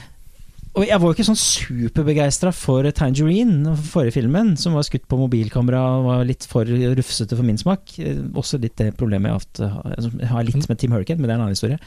Eh, Det er ganske mye sånn ropete dialog i den Tangerine. Ja, det er det også. Det gjorde ikke meg noe, men jeg tenker Ja, det var mye tinnitus og hyperakusis. Nei, men, men dette er et ganske annet prosjekt. eh, project. Altså med mm, jeg husker, Nå husker jeg ikke om det er brevformat eller ei, men det er, Det det, er Cinemascope. det er Cinemascope, ja. ja. Og, og, Skutt på 35 mm. Mm. ja. Og, og det gjør jo noe helt annet med, i hvert fall i forhold til mine preferanser, og hvordan han bruker da uh, arkitektur versus uh, den faktiske sosiale situasjonen disse beboerne i dette eh, boligkomplekset utenfor Walt Disney World i Florida eh, bor i. Og eh, Nei, altså det er en sånn fantastisk blanding av sommeridyll på den ene siden, mm, mot dette liksom sånn skikkelig ekle kapitalistiske rammen rundt det, som, som syns jeg er kjempespennende. Og hvordan disse små barna, som jo er hovedrollen her, bruker og liksom tar til seg disse omgivelsene til sin egen fordel. da.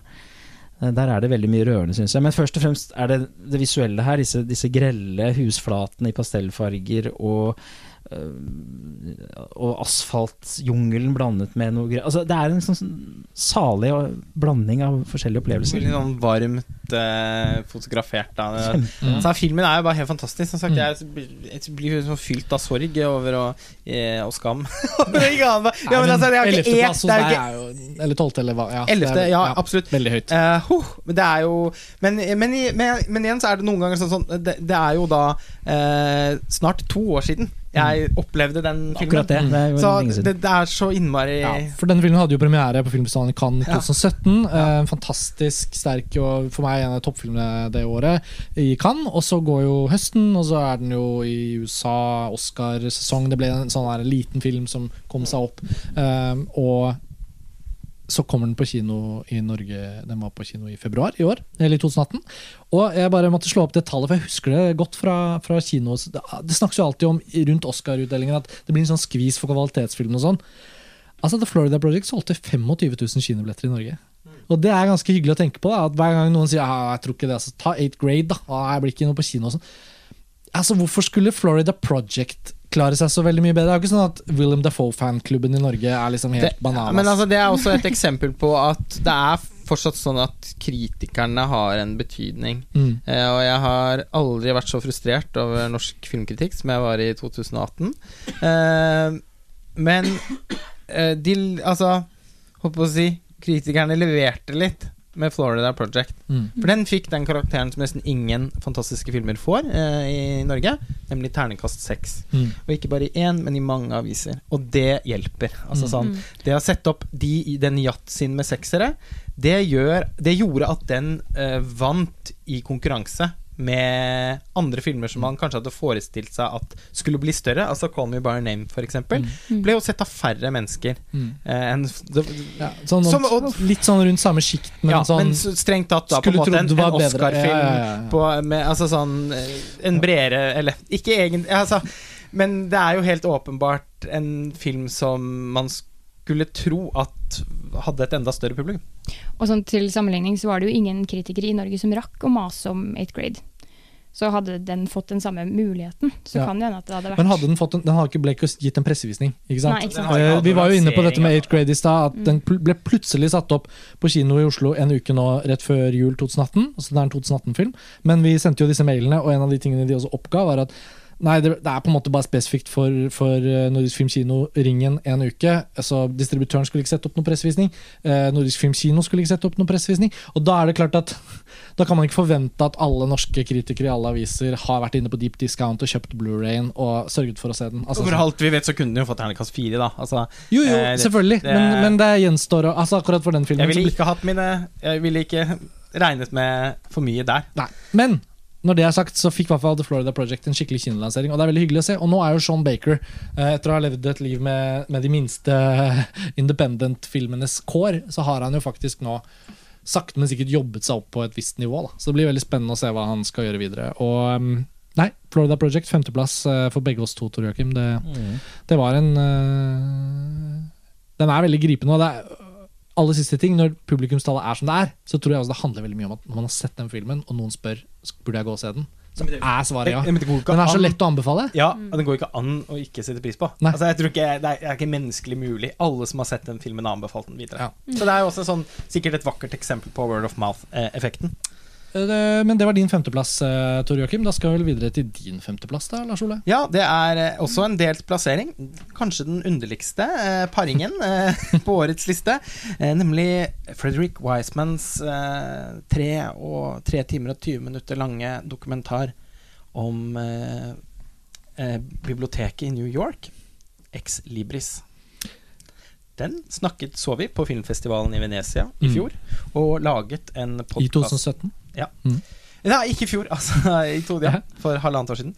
Eh, og vi laget en ganske lang podkast om den og to andre dokumentarer som ble vist i Venezia, som vi også var veldig fascinert av. Mm. Eh, for meg står den fortsatt igjen som altså, noe av det beste jeg har sett eh, de par siste årene. Eh, en, og, og vi snakket så grundig om den i den podkasten at Mm. jeg eh, skal ikke si så mye mer eh, og, og jeg skal ikke si så mye mer om Unsane heller, for den laget vi, laget vi også en egen podkastepisode om. Fra Berlin i fjor, Femteplass er Ex Libris og Unsane. av Steven Soderberg. Ja, Så kan du si litt om møtet. Ja, altså begge to begge, altså, Filmene kunne jo av åpenbare årsaker ikke vært mer forskjellige. Men begge to tar for seg to amerikanske institusjoner. Henholdsvis eh, det demokratiske biblioteket og eh, det kyniske privatiserte helsevesenet. Og begge filmene er på hver sin eh, måte en kommentar til Trumps eh, Amerika, føler jeg. Eh, Ex Libris er det ved å på ikke et eneste tidspunkt nevne hans navn, eller noe av det han står for, men demonstrere på en veldig gripende måte, syns jeg, hvordan USA også fortsatt er multi... Altså eh, hjertet for, eh, for eh, diversity. Mm. Eh, for eh, at, at eh, New York, som er den original, verdens originale melting pot, fortsatt lever i beste velgående. Mm. Eh, og hvor de viktigste prinsippene i et moderne demokrati fortsatt står veldig sterkt.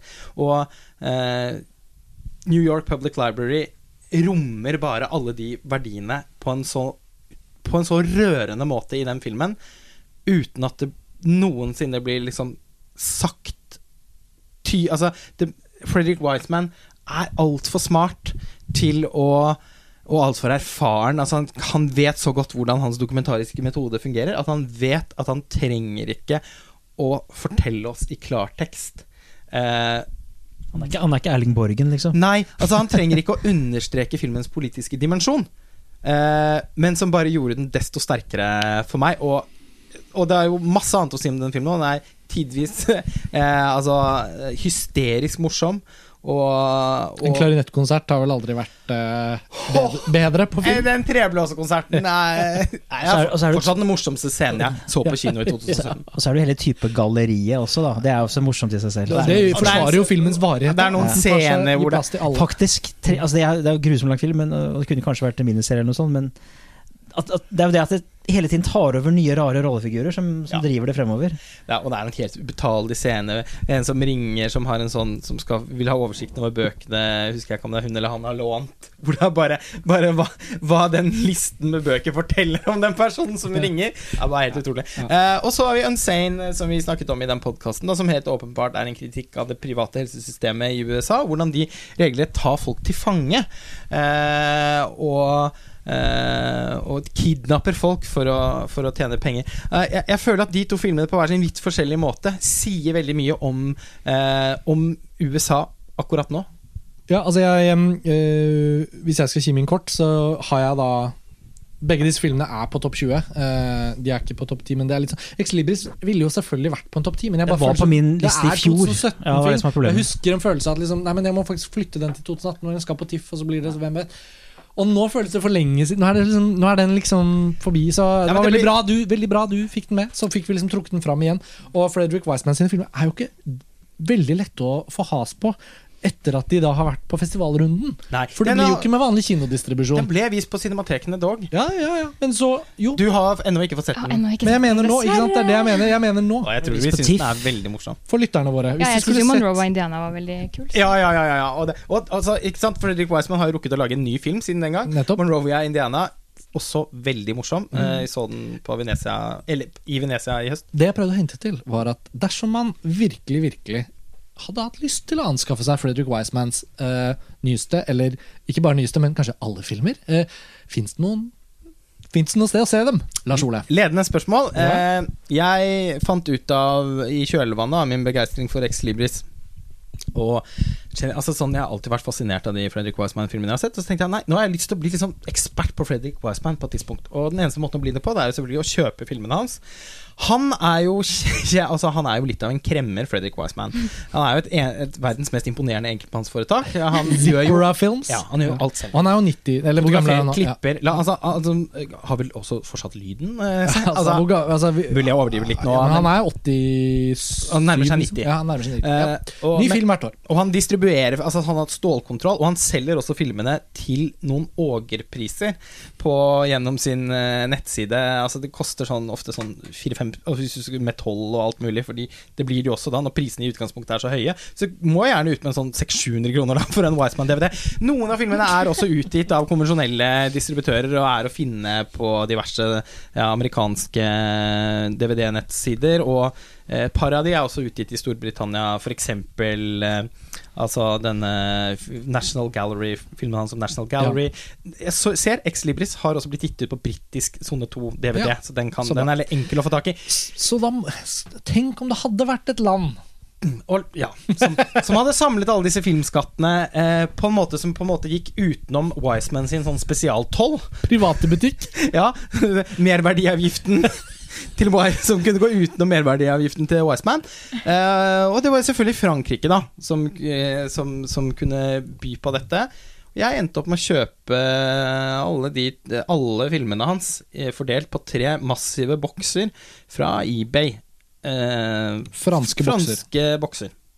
Men eh, det er jo ikke noe problem, fordi filmene har jo, er jo Det er jo ofte sånn at franske DVD-er bare har franske undertekster, men det er jo ikke noe problem når filmene foregår stort sett på engelsk. Kanskje bortsett fra La Danse.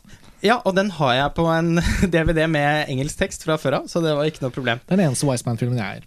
Ja. Så, så Jeg synes det var morsomt at du fortalte det i denne sammenhengen. Ja, men fordi vi kommer jo inn på disse. Wiseman-filmene gang på gang, Ja. og de som leter, må jo undre seg over at de liksom ikke er til salgs. Ja, så, men det er Jeg tror fortsatt eh, Jeg tror jeg, var, jeg hadde litt, eh, litt sånn flaks eh, med, med prisen. Eh, Jeg har, jeg har ikke klart å spore det opp igjen til samme gunstige pris etterpå. Jeg tror ikke jeg betalte mer enn en 600-700 kroner boksen.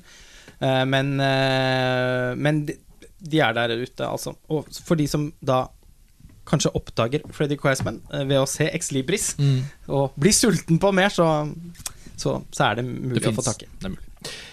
Eh, Unsane skal vi Vi har jo allerede ja, laget en podcast om den. podkast om den. Vi så den Jeg i håper- Berlin. altså, Filmen sånn- ble ikke satt opp på kino. Den En overraskende kobling, men jeg håper dere ser at det er Det er en Lars Ole-kobling. og det er fint. Det er Ja. gjevt nok, det. Um, skal vi bevege oss men, videre? kobling, men koblingen er der. Koblingen er der. Uh, femteplassen min var altså The Florida Project. Så da kan vi gå videre til femteplassen eh, din. Og vi kan gå videre igjen, for min femteplass er 8th grade. Da er vi det går radig framover. Joakim, da er vi på din fjerdeplass. Fjerdeplass, ja. Det er jo da en uh, stor film. Uh, det er Solo, A Star Wars Story av Ron Howard. Ja. Som uh, jeg altså falt totalt pladask for. Jeg, eh, jeg er veldig glad i Force Awakens. eh, og ikke fullt så glad i eh, The Last Jedi og Rogue One. Jeg syns det er bra filmer, men de er ikke helt på det nivået. Solo er den eh, første filmen nå som er på nivået med The Force Awakens, mener jeg. Men den har fått masse kritikk, og mange anser det som en fiasko og sånn. Jeg, jeg har registrert det. Uh, også Disney og Kathleen Kennedy og alt sammen har, eh, de, har de har tatt dette til seg. Altså Fanmiljøet spesielt har vært veldig kritisk, og kanskje noen kritikere òg. Men uh, Er det ikke sånn helt ok kritikermottakelse? ja, Ok, helt middels, kanskje. Men jeg syns den, den er altså så suverent bra, og det er Det handler litt om det at det er eh, Den er ikke så mytologisk og stor. eh, den er en mye mer fokusert Star Wars-historie. Det er en space western, eller heist uh, space western, eller noe sånt.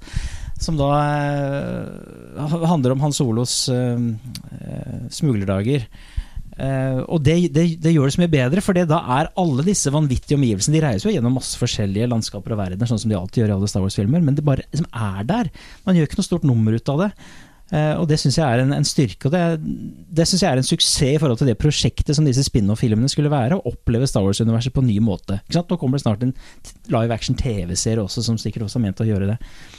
Så jeg, jeg, jeg syns den lykkes veldig sitt prosjekt, og veldig også søtt å se at uh, For det var, jo, det var jo to andre regissører først, som dere vet. Disse to Lego Hva heter de igjen? Jeg glemmer det alltid. Christopher Miller og Philip Lord. Ja, eh, og det er helt tydelig at noen sekvenser er, er leftovers fra deres uh, arbeide. Men eh, så har du da selvfølgelig Ron Howard som den fantastiske håndverkeren han er, som smir dette til et sånn drivende, godt rytmisk verk. Anti-autøren Ron An- Howard. Ja, på en måte Det er var han ikke så vanskelig for han å gå inn i noen andres Nei, prosjekt. men han er jo så grisegod på å lage sånne Ja da, rytmiske han er- filmer. Så, Han har jo laget masse kjempebra. så, Men, eh, så han, han på mange måter riktig, men en autør er han ikke! Autør er han ikke. eh, Han er bare så morsom fordi han har så han litt sånn Richard Donner. Altså litt sånn, ja. den ja, men altså, det er så eh, på en måte så fascinerende eklektisk eh, filmografi. ja.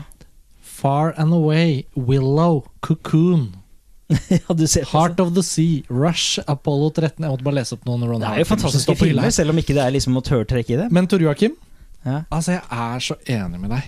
ja så bra. Og jeg har ikke solo på fjerdeplass, men det betyr ikke at jeg ikke er enig med deg. Jeg, det, Vi har nesten lyst til å spille ja. sånn musikk. Ja, for det må jo Kjære Tor Joakim. Dette brevet skriver jeg til deg fra sommerstedet i Danmark. Eh, nei, men sånn. vet du hva? Altså, den filmen holdt jo på å bli totalt ødelagt av bøssen, og jeg var uinteressert.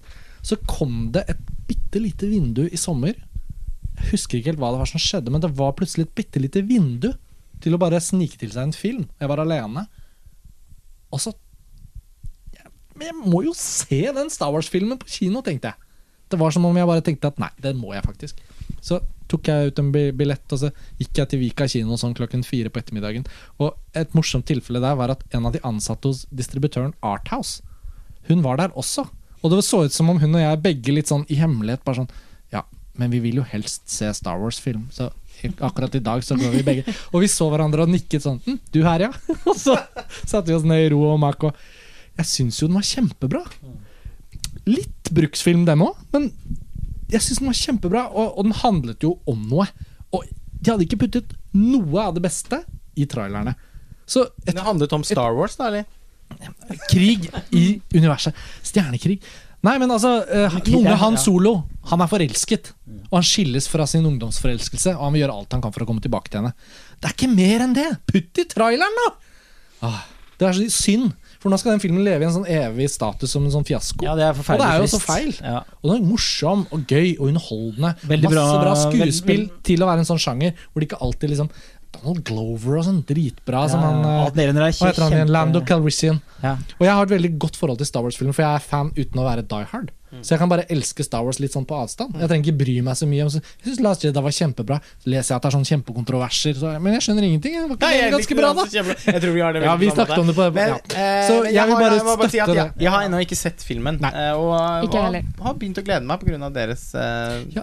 sjenerøse, Lavkok, varme lavkok på den gleden. Altså sånn mm, Ja, ja, det, det trenger ikke bli være- være sånn superforventninger, men, men, men, Nei, Men jeg, det blir nok for det prosjektet her. Nei, Også veldig bra musikk med å skyte en del av John Powell, da, som eh, er en million ganger bedre enn det Giacchino gjorde for eh, Rogue One. Men, ja, eh, eh, som, som jo er en av de tristeste soundtrackene de siste ti årene. mm. Jeg går aldri lei av den spøken. ja, ja, ja. Ja. En morsom ting som skjer i Solo, apropos det temaet det, Jeg tror det er første gang i Star Wars-universet hvor en sånn Åh, hva er ikke diagetisk, diagetisk igjen? Um, er gir innenfra. Ja, ja. Mm. Altså Det er første gangen jeg har hørt at Star Wars-temaet befinner seg liksom inni Star Er Wars-universet. Ja. Ja, for det er en sånn rekrutteringsbod. Imperial March. Ja. Ja. I, de skal liksom litt sånn Starship Troopers-style Ja. rekruttere nye soldater. Og unge Han som bare da er desperat etter å få liksom kommet seg unna. Og sånn, ja, ok uh. Og da har de den på vinyl. og, og så, Nei, så spilles det Så spilles det på en sånn skjerm, en sånn rekrutteringsfilm. Oh, ja. Starship. Troopers-style. Ja. Med uh, Imperial March, så da ble den plutselig vevd inn. Da eksisterer den inni. Fantastisk. Det syns jeg var litt sånn morsomt. Joe William skrev også et nytt tema for Han Solo, Ja. for øvrig. Bare skyt Ja. med det. Men sorry, det var ikke meningen å utvide det så mye. Da. Nei, men ja, eh, Fjerdeplass. vi får Fjerdeplass. Det, ja. Jeg må se den. Pernille Ikke sett. Nei. Din fjerdeplass, Lars Ole. Nei, Tonja. Kult. Den var jo min niendeplass. Kunne vært høyere, eh, men uh, nå kommer vi til et sjikt av listen hvor jeg egentlig mest av alt bare syns at alle filmene er like bra. Altså sånn, alle, alle disse filmene er, er kommer til å være filmer som jeg setter høyt og er oppriktig glad i eh, resten av livet. Sa han med robotstemme. ja, ja, men altså ehm, Vi har jo Dette er jo da også en film som vi har snakket om veldig mye rykk og napp i forbindelse med Oscarsesongen i fjor. Vi kommer jo stadig tilbake til I, Tonja. Eh, jeg gapte ut min begeistring og min store frustrasjon over de norske filmkritikernes terningkast fire, eh, over at filmen ikke fikk enda mange flere Oscar-nominasjoner osv. osv. Det er jo eh, først og fremst bare en helt utrolig god biopic eh, om en person som fortjener å eh, Som verden fortjener å bli kjent med på en ny måte. Mm. Eh, Tonja Harding, som var tigjøn eh, for alle, eh, særlig etter Lillehammer-OL og denne Altså Situasjonen med Nancy Kerrigan og de knuste kneskålene, og, eh, og, hen, og hun ble mobbet eh, både av mediene og av hele liksom, idrettssystemet. Eh, som for å være white trash, for å ikke være fin nok for å drive med den edle kunstarten eh, isdans. Sannheten er jo selvfølgelig at Tony Harding var en stor kunstner eh, og en pioner. Altså hun, var, hun, hun var den som virkelig begynte å bruke populærmusikk til isdans. Hun eh, sørget for å eh, modernisere kostymene som hun sydde selv. Faen så rørende det der. Når hun sier det. Altså, og, som, eh, og hennes liksom eh, den måten hun blir Altså I året hvor man har snakket eh, så mye om trakassering av unge kvinner spesielt, så syns jeg det er utrolig rart egentlig at man ikke i større grad har løftet fram de aspektene ved den filmen her. For den er virkelig en fortelling om en sinnssykt sterk eh, hov, altså, eh, ung jente som har så mye motgang i livet, og som blir så undertrykt av alle! Moren sin, eh, mannen sin, eh, idretten som hun brenner for, publikum, media. Men som likevel står i det. Altså Hun er så sterk at jeg vet sånn gåsehud av å av å se den fortellingen og bli kjent med henne. Og Jeg, så, jeg synes det er så rørende å se Tonja Harding sitte i sånn talkshows og sett masse på YouTube, hvor hun bare sitter og føler virkelig at hun har fått en oppreisning med den filmen. Hun har det Altså Åh, så bra at den er lagd, og så bra at den er så jævlig bra, da, når den først skulle lages! Med liksom Alison Janey i en fantastisk Oscar-vinnende birolle som moren hennes. Uh, uh, Margot Robbie begynner jo nå å liksom bli kanskje en av de fremste skuespillerne i sin generasjon, da, etter alle disse Utvilsomt. Altså, Margot Robbie, som er så god at jeg, jeg fortsatt syns det er et mirakel at hun ikke fikk den Oscar-prisen.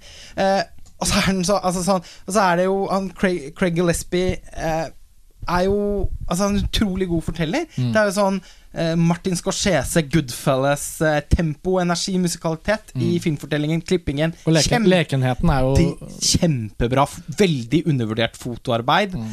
Eh, vellykket grep av, eh, Vellykket eh, bruk av sånne metagrep, hvor eh, rollefigurene sitter og kommenterer seg selv foran kamera.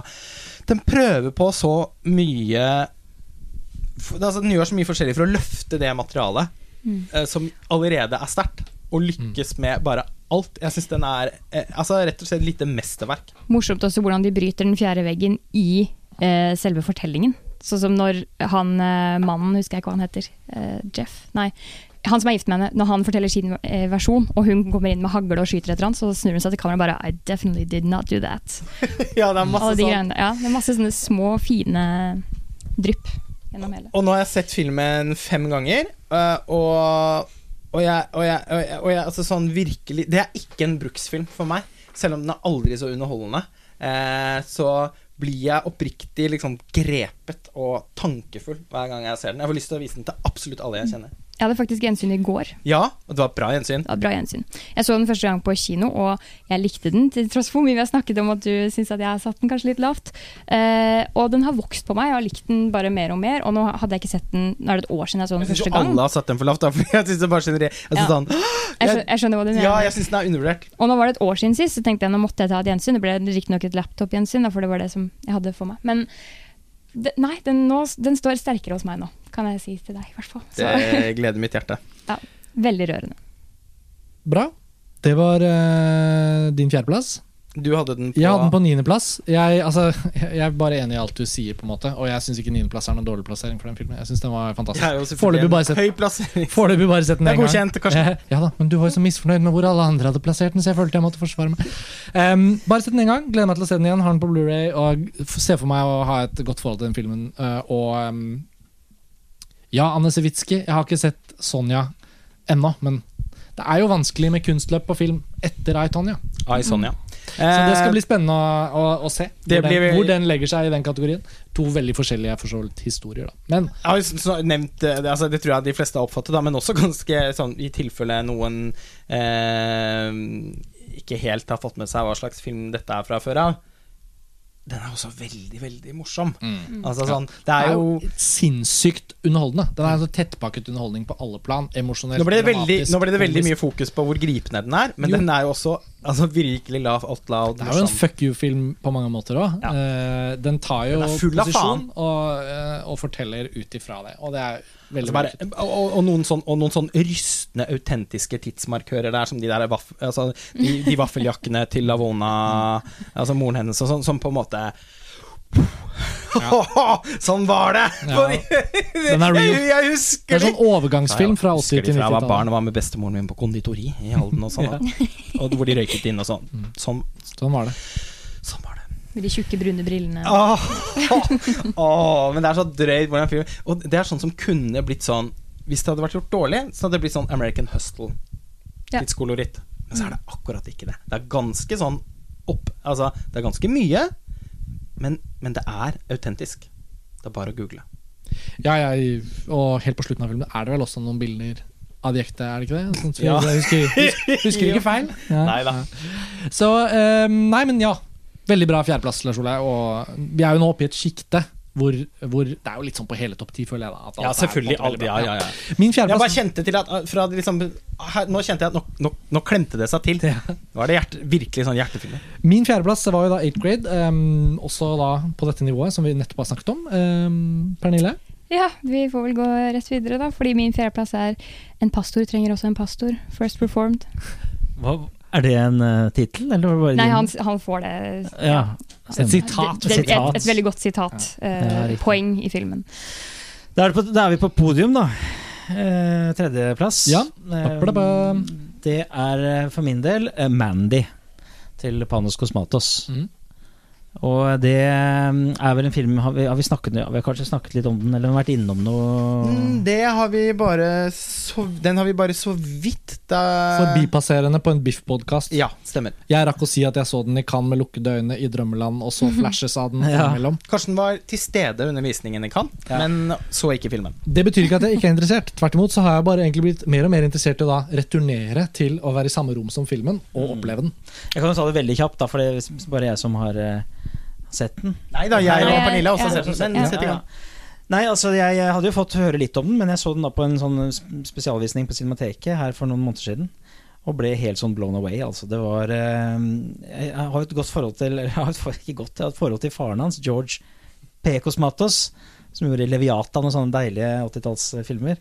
Action-sjangerfilmer. Men, men eh, dette, er, dette er noe ganske annet. Han eh, det er et, eh, et beist av en film, altså, som uh, mesker seg i uh, altså crimson altså, Høyrød og, og, og silhuetter og røyk og et helveteslandskap som han tegner opp, hvor da Nicholas Cage og hans kjæreste blir terrorisert av en kult, uh, og, um, og hun blir bortført, og han blir etterlatt uh, ihjelslått, nesten.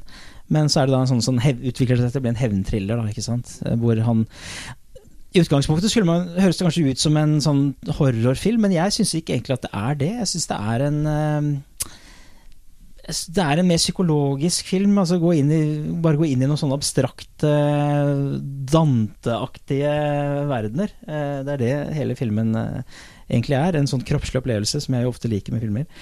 Og mye av grunnen til det er jo også selvfølgelig musikken til Johan Johansson. Som var, eh, Fantastisk soundtrack. Ja, det siste Et av de aller beste i fjor. ja, et, det er på min, jeg tror det er på min femteplass på soundtrack-lista mi for i år. Og det siste dessverre han gjorde før han døde. Um, det er en blanding av elektronika, synthwave, altså heavy metal og bare sånne mørke, majestetiske, dype droner som bare gjør hele dette universet så tredimensjonalt. Også for meg viste en ny side av eh, Altså av, av, av han, da. Altså, Delvis, i hvert fall. Ja, det, det er jeg enig i. Det er jo fremdeles disse her dronete, mørke Litt i Sicario er det vel innom også. Ja. ja, det er noen sånne ting, men ikke så altså, Her står de virkelig ute i full blomst. Det er noen sekvenser der hvor, hvor Nicholas Cage skal, Nesten skal smi et sverd og sånn. Ja, til tider. det er nesten. Mørk Det, det syns jeg var en av årets fjor, eller fjorårets kuleste scener, da han smir den øksa. Ja, fantastisk. Veldig Ja. cinematisk og så rått. Det er også delt med det bildet som er helt sånn eh, blodrødt, eller sånn Tarantino-rødt nesten. Ja, det er jo masse referanser. Altså Clive Barker og eh, Men flere jeg hadde jo flere liste, på lista der. Men hvis man liker sånne ting, da, referanser, så får man nok av det. Men, men for meg så var det Jeg ble i hvert fall ikke trøtt, i motsetning til Karsten. Jeg, jeg ble sittende helt Ja, men fjetret Det var ikke filmen. filmens skyld. Ja. Nei, altså det narrativet har kanskje ikke blitt sagt her i denne Altså, du sovnet på- før filmen eh, hadde begynt. Eh, dette, var, dette var nesten var lang- midnattsvisning, midnattsvisning, nesten ja. midnattsvisning i Cannes, og jeg hadde en ekstremt høy rate på tidligvisninger. Mm. Fikk med meg alt, sovnet ikke på noe. Fire filmer tror jeg hadde sett den dagen. Ja, ja, Jeg skulle ikke gått på Mandy, egentlig, men jeg ville jo det. ja. Muligheten ja, var ja, der. ja, ja. Det blir, noen- bra, det blir så bra å se Mandy, tenker jeg selv For meg. Hvor eh, er du like begeistret som Joakim eh, Pernille? Jeg føler meg så splitta over den filmen. Fordi jeg klarer ikke helt å bestemme meg for om det er noe av det kuleste eller noe av det teiteste jeg har sett. På en måte. Den er, men den er så både og. da. Man får i pose og sekk. Ja, det det, er så rart. det høres nesten ut som noen kunne Men- sagt i traileren for filmen. Men det i seg selv gjør det til en så utrolig spennende film å se. Og jeg blir veldig nysgjerrig, ble veldig nysgjerrig på den. Og likte ekstremt mange deler av den. Veldig mange stilige sånn iscenesettelser og sånn. Men så er det kanskje noe av det med innsiden i den kulten og sånn som jeg syns blir litt kjedelig. Eh, Det er noen sånne lengre sånn pre prekenaktige scener og sånt som jeg bare sånn Da ble jeg litt gjesp. Det er jo helt over the top. Ja, Altså, men jeg syns heller de jaktscenene og det når han bryter seg løs og uh, ja. Mad Max sagt ja. Når man er i, litt sånn i hælene på hverandre, og sånn, da syns jeg, jeg den var veldig up there. Mm. Uh, men ikke nok eh, summert til å være på topp 20. Jeg må forstå at det er en splittende Det film. kan, kunne kanskje vært litt som min plassering X, hvis jeg skulle hatt noe sånt. Ja, Den gjør veldig inntrykk. Jeg, jeg syns også filmen var så kokkelig munke at eh, jeg er nødt til å se den en gang til før jeg kan bestemme meg for hva jeg egentlig syns om den. Det var både ting jeg likte veldig godt, og ting jeg skikkelig kjente at jeg ikke likte også. Så det var, men, uten at, men samtidig så føles jo filmen Altså, man kunne ikke tatt vekk noe fra den filmen. Fordi da ville den jo ikke vært det den er. Altså sånn den, en et svært idiosynkratisk eh, eh, verk på alle måter. Vi nevnte det jo det på den Biff-podkasten i all hast, men er, altså, filmen er jo innmari imponerende fotografert. Og det er en norsk fotograf, Benjamin Loeb, som jeg vet jeg har lest en del montasje og sånn. Så eh, og man Altså jeg tenker at uh, vi, vi, altså, vi burde jo være stolte, uh, Mm. fordi uh, han Det er ingen tvil om at han, kommer, at han allerede har blitt lagt merke til. Uh, via Man, altså sånn, Mandy har jo blitt en umiddelbar kultfilm. Fikk kjempemottagelse i USA. og jeg er veldig spent på hva slags fet amerikansk eh, film fra en eller annen kul filmskaper det viser seg at han veldig snart skal fotografere. Fordi det må være noen Ja. der ute som Det hanker han inn på et eh, Jeg føler på at Ja. han klarer å iscenesette hvordan det ville føltes for meg å være på LSD. Ja. Noen Det- steder i den filmen. Ja, men det, Og det det er er spennende, sånn for da kan jeg få se det på film istedenfor å prøve det selv. Den er jo eks altså, noe mer psykedelisk enn den filmen skal man lete lenge sånn etter. som Barbarella på Syre eller et eller annet Ja, ja. sånt. det er Og fra en som bare var der, så var jo foto noe av det jeg kunne legge merke til. Det Altså, lille jeg var, så. ja, altså, Så sånn, jeg du drømte vel også Ja. For meg er det en drømmefilm.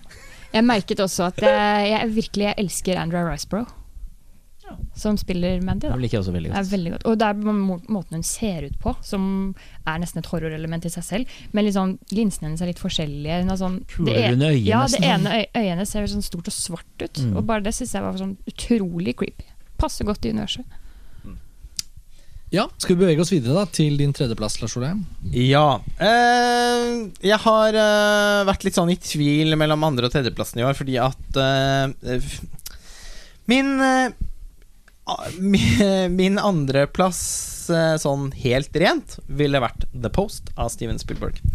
Eh, men jeg elsker også Ready Player One. Den ville også havnet eh, fått en pen plassering på topp ti, men strengt tatt under den filmen som jeg eh, som, som, jeg, eh, som, som nå har havnet på tredjeplass.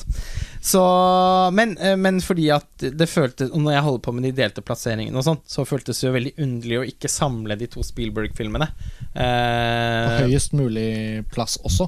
Er Ja. hvis du skulle trekke ned fordi den største filmgleden eh, for meg i fjor var egentlig Altså, det, det, var to, det var to filmskapere som skapte enda mer glede enn noen andre. Altså, bare det å se at Spielberg var tilbake igjen i storform. Eh, ikke siden München, etter min smak, har han laget så gode filmer som med på hver sin vidt forskjellige måte The Post og Ready Player One. Eh, Ingen av dem er likevel tredjeplassen din.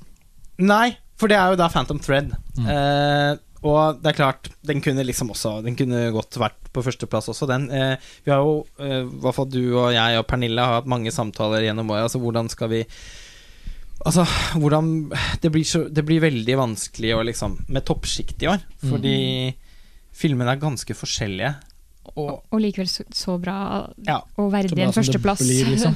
Ja, og Phantom Thread er jo på en måte Altså, det må nok Kanskje hvis man kan snakke om eh, en film som føles sånn ned i hver minste fiber, sånn perfeksjonert, laget av en filmatisk skredder, Mm. eh, så, så er jo det Så er årets film utvilsomt Phantom Thread. Altså Paul Thomas Anderson sin beste film siden There Will Be Blood, uh, syns jeg. Og et, Altså sånn Hvor skal man begynne? Altså sånn åpenbart altså, Umiddelbar klassiker, mesterverk som kommer til å bli studert fra alle mulige eh, vinkler i årene framover. Eh, for meg, som er veldig interessert i Louise Bunuel, eh, så var det masse å ta tak i her. Altså, det føles på mange måter som en av eh, Bunuel var jo veldig fascinert av sadomasochisme, og eh, det er, det er jo et veldig sentralt motiv i Phantom Fred. Filmen begynner jo uh, som en helt annen type fortelling enn hva den ender opp som. Eh, og dynamikken mellom denne unge kvinnen og den aldrende moteskaperen, uh, spilt av Daniel Day-Lewis, Vicky Creeps, fantastisk god. Eh, virkelig et, stor, et av de store gjennombruddene i Hun har spilt i en del filmer i flere år, men helt, hun har vel aldri fått, blitt lagt merke til på den måten som hun ble. Eh, utrolig at hun ikke ble Oscar-nominert. Fordi Akademiet Filmen kom jo akkurat litt for sent, kanskje. Til at Ja, fordi, men, men den ble, endte jo faktisk opp med å få mange nominasjoner. Ja. Da. Da ble jeg veldig positivt overrasket. Mm. Fjor. men, ja, men, eh, men av en eller annen underlig grunn ikke henne. Hun er jo på mange måter hovedkarakteren i filmen, men, eh, men hun og Altså, hun- hun og Daniel Day-Lewis har vel sånn omtrent like mye spilletid, men det er på en måte hennes Altså filmens sympatistrukturer ligger nok til syvende og sist altså sånn, Vi begynner jo med å følge han, men etter hvert så føler jeg i større og større grad at vi følger henne. Uh, og um, de, Filmen begynner som en underlig eh, romanse mellom disse to. Eh, hvor han En uromantisk romanse, men hvor han eh, Han skal, er på en restaurant og skal bestille seg en veldig uh, omfattende frokost. Og tar umiddelbart til å like henne. Altså noe med hennes fremtoning. Uh, han blir umiddelbart begeistret for kroppsformen hennes. Han ser at hun egner seg perfekt til å holdt på å si, henge kjoler på. Det er jo det han eh, også gjør. Men ja, og hun er jo bare servitøren, og jeg syns også det møtet og hvordan det skrider frem i de neste sånn 6-7-8 minuttene av filmen, er så merkelig. For det er sånn Ja, det er romans. Men så er det også litt sånn at han også liksom Det sånn- plutselig begynner å kle henne med kjole. Ja, ja. Inn med knappenåler. Så sånn, ja, Første kveld hjem. Ikke sånn 'Å, nå skal vi, skal vi gå alene'. Nei, å ja. Og så kommer Kan jeg ta målene dine? Ja. Det er sånn nesten det mest erotiske han kan gjøre. ikke sant? Ja. Ja, han gjør det ikke så voldsomt erotisk. Hva er det? 40 sånne centimeter mål han tar til slutt, mens søsteren noterer. ja, hun Hun eh, Alma begynner å lure. Oi, hvem er det jeg egentlig har møtt? Det er fantastisk også. Og og hun søsteren nå, da, som er Leslie bare Manville. Leslie Manville, som spiller så vidunderlig bra. Som eh, den eneste personen eh, som, eh, som på noen som helst måte har autoritet. Mm. Eh, Hun holder i han. Ja.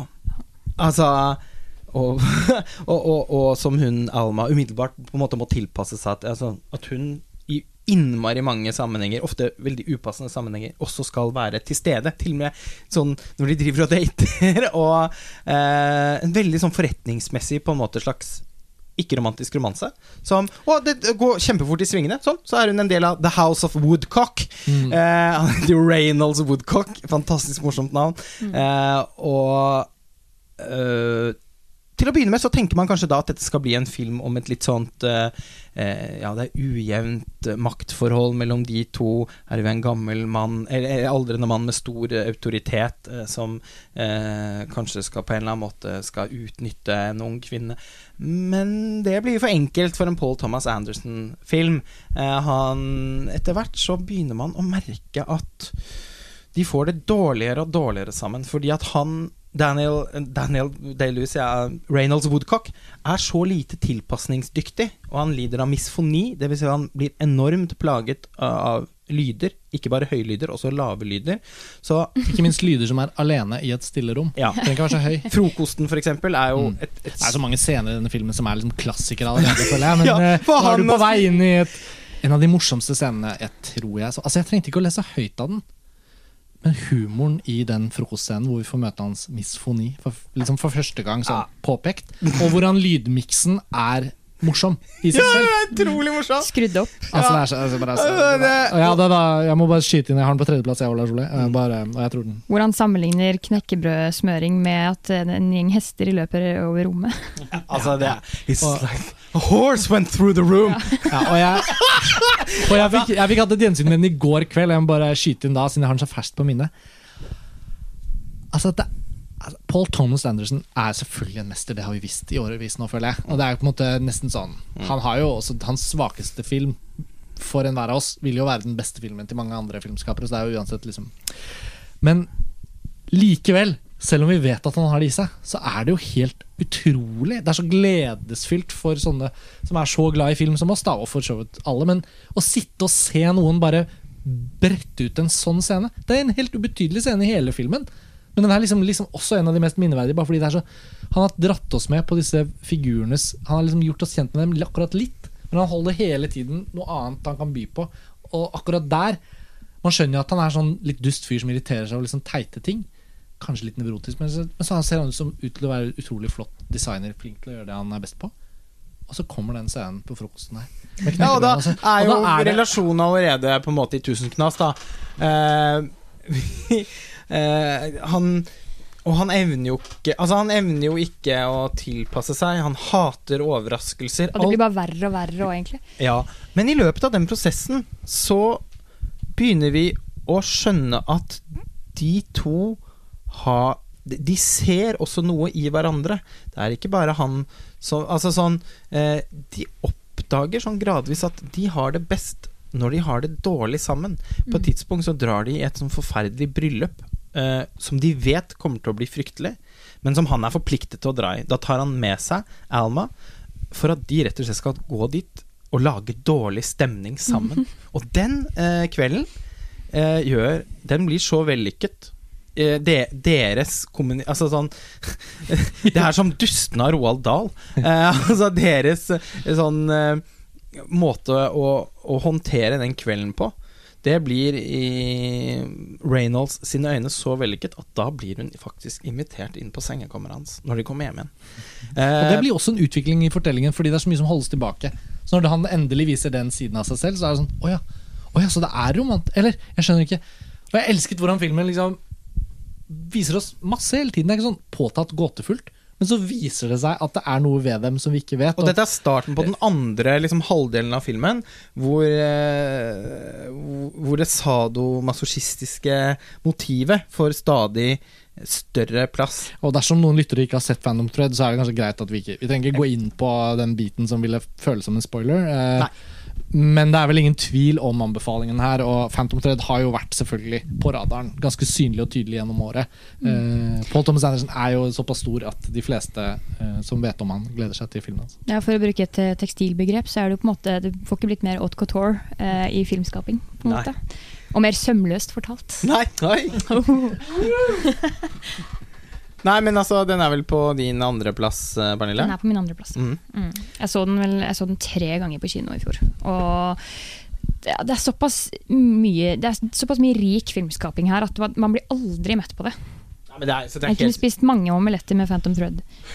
ja, med sopp, eller? Ja, helst. Eh, det, altså bare altså det, det har vi ikke Det blir jo helt eh, merkelig å ikke kommentere det òg, selvfølgelig. At uh, altså filmspråklig så er jo denne filmen altså så Altså, det er som en kniv gjennom eh, varmt smør i hver eneste scene. Altså bare, altså, bare måten de går Kameraet blir brukt på når de går opp trapper. Mm. Eh, taktiliteten i bildene hvor, eh, hvor det sys og eh, arbeides med stoffer. Altså måten kameraet beveger seg rundt rollefigurene og rollefigurenes klær på. Det er bare sånn helt enormt vakkert filmarbeid. Og morgenrutinene hans, hvordan de er klippet sammen. Og, ja, at, bare alt fra måten han tar på seg sokken på, til eh, barberingen. Og, liksom, og ja. et foto altså, har jo, Filmen har jo ikke én fotograf. Eh, Paul Thomas Anderson selv har ledet en gruppe med flere fotografer som eh, for, Fordi Robert Elswit, eh, hans faste fotograf, ikke hadde anledning. Ja, rimelig vellykket. Eh, eh, Det er jo ikke i, nesten ikke ett bilde hvor du ikke føler at kameraet står på rett sted. helt utro... Jeg tenkte mye på det i går kveld at kameraet kunne på en måte ikke filmet dette bildet fra noen bedre vinkel, eller i noen bedre linse, eller Når noen skal tilberede en litt viktig kanne te, så er kameraet nedi, og fokuset plassert akkurat sånn at man forteller den stemningen og det momentet helt perfekt. Og samme med romfølelsen, dette House of Woodcock. da Trappene, knirkingen, rommene. Eh, geografien. Man vet det man trenger å vite. Ikke mer, ikke mindre. Eh, Det, det er sånn, det er sånn ekte, ekte mesterverk. Og når de er på bryllupsreise, så er det liksom like bra da òg, selv om det er ute på location. Og så disse fjellmassive Kostymebruken vant jo Oscar for beste kostyme. Utrolig nok den eneste Oscaren denne filmen vant. Um, men ja, det er jo uh, Det er jo på en måte ikke en tredjeplass. Klippingen men det er til Dylan. Tickner. Ja, ja. Og, og, og noen sånne overganger mellom bilder her og sånn som bare er helt, Musikken til Johnny Greenwood. Helt fantastisk. Tor Joakim, du er stille, men, men Nei da, jeg er Nei da, enig i mye av det dere Ja. sier. Mm. Uh, hvilken plass uh... Ja, fordi jeg skulle til Nei, den er ganske høyt. Det er 27. Ja, det var ikke verst. Det er ikke verst. Og hva, Nei, hva men Paul Thomas Anderson er veldig opp og ned. Mhm. Soundtracket, da? Er det noe? Ja, det er jo også topp eh, 30 et eller annet, et eller annet sted. Ja. Men eh, nei, han er veldig opp og ned for meg, Paul Thomas Anderson. Så, så ærlig må jeg være. Men syns du, hvordan syns du da denne står i forhold til f.eks. Inherent Vice og The Master? Og mye bedre. Jeg Ja. hata jo Inherent Vice. Ja, ikke sant? Fordi Ville bare sjekke om du var på Ja, ja, mens jeg er, kjempe, jeg er kjempeglad i The Master igjen. Så det er, det jo Ja. veldig sånn Og denne er jo litt sånn et eller annet sted midt, ja, litt høyere enn midt mellom, da. Men eh, Nei, jeg, så for meg så er det helt en klar eh, altså, There Will Be Blood er en av mine favorittfilmer i det hele tatt. mm. Og det er det nærmeste han har kommet til det, syns jeg, ellers i filmografien sin. Mm. Det har selvfølgelig litt med Daniel Day-Lewis å gjøre også, som eh, Siste rollen. ah, Altså, altså, så er han han er jo en Stradivarius beste, for uh, Paul Mm. Thomas Anderson. Mm. Eh, han er jo Og han er så flott, altså. Så vakker, eh, aldrende mann. Altså, han Hans karisma, hans utseende Altså sånn han Man blir jo bare helt sånn fylt av ærefrykt over å komme inn i et filmrom med Daniel Day-Lewis, og når han sett, altså sånn, han, han, Dette er jo til han å være en ganske sånn lavmælt prestasjon. Men de par gangene hvor det bobler over for ham, f.eks. For i forbindelse med den mislykkede aspargesmiddagen Overraskelsesmiddagen Is this an ambush? You have a gun? altså, da er det på en måte eh, ja, ja altså, det er jo selvfølgelig også på en måte året uh, 2018 Hvis noen hadde hatt en kniv mot strupen min uh, og en sånn løgndetektortest festet til en eller annen blodåre og spurt men, men hvis ikke Ja, jeg vet du er favori, favoritten din var den og den og du, men hva syns du er den beste filmen fra 2018? Så hadde jeg nok svart Phantom Thread og ville bestått løgndetektortesten.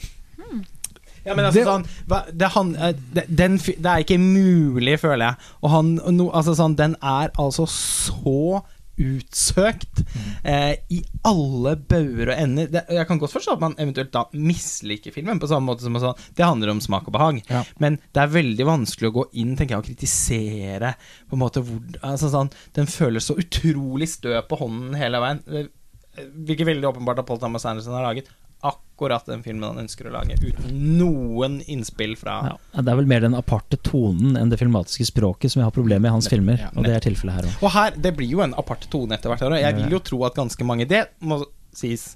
Altså, det, den er ikke For For meg står jo 'Remains of the Day' mye bedre, som hadde litt om det samme. Ja, Hvis du skjønner hva jeg mener? fantastisk bra film. Da. Er, ja, Men, men, men altså, jeg, det, kan, bør kanskje sies da at mm, hvis mange nå får følelsen av at dette er en film man på en måte skal være forpliktet til å like, så altså, det, eh, den er en acquired taste. Altså, jeg tror den andre, filmens andre halvdel har noen toneskifter eh, som kan være ganske utfordrende, tror jeg. Og man må være med på den Bunuel-aktige eh, Reisen. lek, reisen, leken, som, som skjer der. Eh, og, og da er man nødt til å på en måte eh, møte filmen med andre briller enn man i, i utgangspunktet gjør. Så det sånn, Den krever at du er om, villig til å omstille deg underveis. Og det er jo ikke og det, En ting er at det er mange filmer som ikke får til det. Jeg syns jo denne får det til makeløst bra. Men eh, jeg ser at det jeg, jeg, Det er også folk jeg har snakket med som har hatt problemer med det. Jeg kan forstå hvorfor. Phantom Thread, i hvert fall. Um, din tredjeplass, min tredjeplass, din Min andreplass. andreplass. eh, Pernille. Hva er din tredjeplass, da? Du, det er jo Unsane, da. Ja, som vi ikke snakket så voldsomt mye om, men som sagt, det er jo en podkastepisode der. Ja, ja. Vi har allerede Ja. diskutert den en del, men uh, den har kanskje gått under radaren til mange. Uh, Tor Joakim, skal vi opp på din andreplass, da? Min andreplass er uh, Richie Sakamoto, 'Koda'.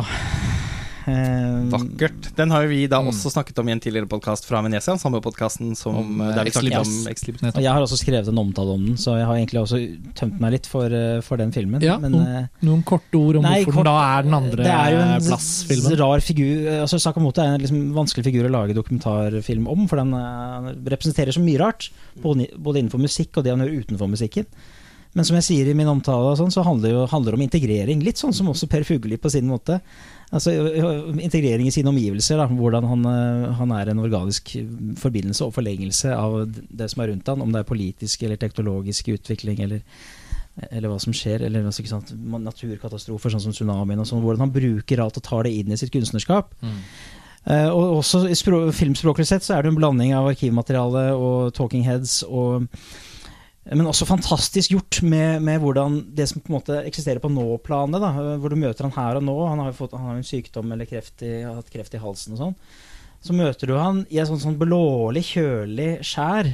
Det er liksom der vi møter han, men så får du alle disse her eh, både flashback og sidespor som er mer en sånn fargesprutende Tokyo på 80-90-tallet, Yellow Magic Orchestra. Altså den er, den er bare så eh, Den er så sammensatt på den, på den gode måten, syns jeg. At den eh, En fantastisk, eh, et fantastisk kunstnerportrett. Eh, apropos denne egentlig litt sånn belasta sjangeren som Mm. vi eh, svingte innom tidligere i podkast også. Eh, og som vi, du og jeg, har snakket om en del ganger i løpet av året, Karsten, i forbindelse med MIA. Mm. Eh, Sakamoto-dokumentaren var på min topp 20-liste i fjor. Ja, jeg tror jeg også hadde den. Det tror jeg også at jeg hadde, faktisk. Ja. Men jeg følte ja, det er jo Men fortsatt en glødende varm anbefaling Ja, fra ja, ja. oss alle. Jeg Mm. antar at det er en film mange stadig vekk ikke har sett. Den ble jo heldigvis da vist eh, under Film fra sør i høst. ja. Mm. Og Jeg har hatt litt sånn sånne spotvisninger her og der. Jeg hørte litt sånn rykter om utsolgte visninger og sånn. Så. Ja, og jeg tror til og med Cinema Nøff eh, av alle. Altså- Filmklubben på Blindern hadde en spesialvisning av den, så det har vært Det var også del. spesialvisninger i kirker og sånn. Altså Ja. På Grønland eller Ja. et eller annet. Så har det var i eh, forbindelse med Film nå. Ja. Det var utsolgt visning, fikk jeg med meg. Så kudos til eh, Forskjellige filmformidlere som har gjort jobben sin. som virkelig har gjort jobben sin her. Så bra. Din andreplass da, Lars Ole, den har vi da Ja, Snust på? det er jo jeg, jeg, måtte, jeg endte opp til slutt med å da måtte ha to delte plasseringer på både første og andreplass. Eh, til de Nei. Er det sånn? Og det er eh, til eh, de to som for meg har blitt filmåret 2018s store navn. Eh, det, blir jo, det blir jo ikke da en sånn veldig stor hemmelighet hva det neste navnet er, uh, hva, men vi kan spare det likevel. Ja. Det første av dem er i alle fall Steven Spielberg. En av mine absolutt Altså en av de aller viktigste filmskaperne for meg.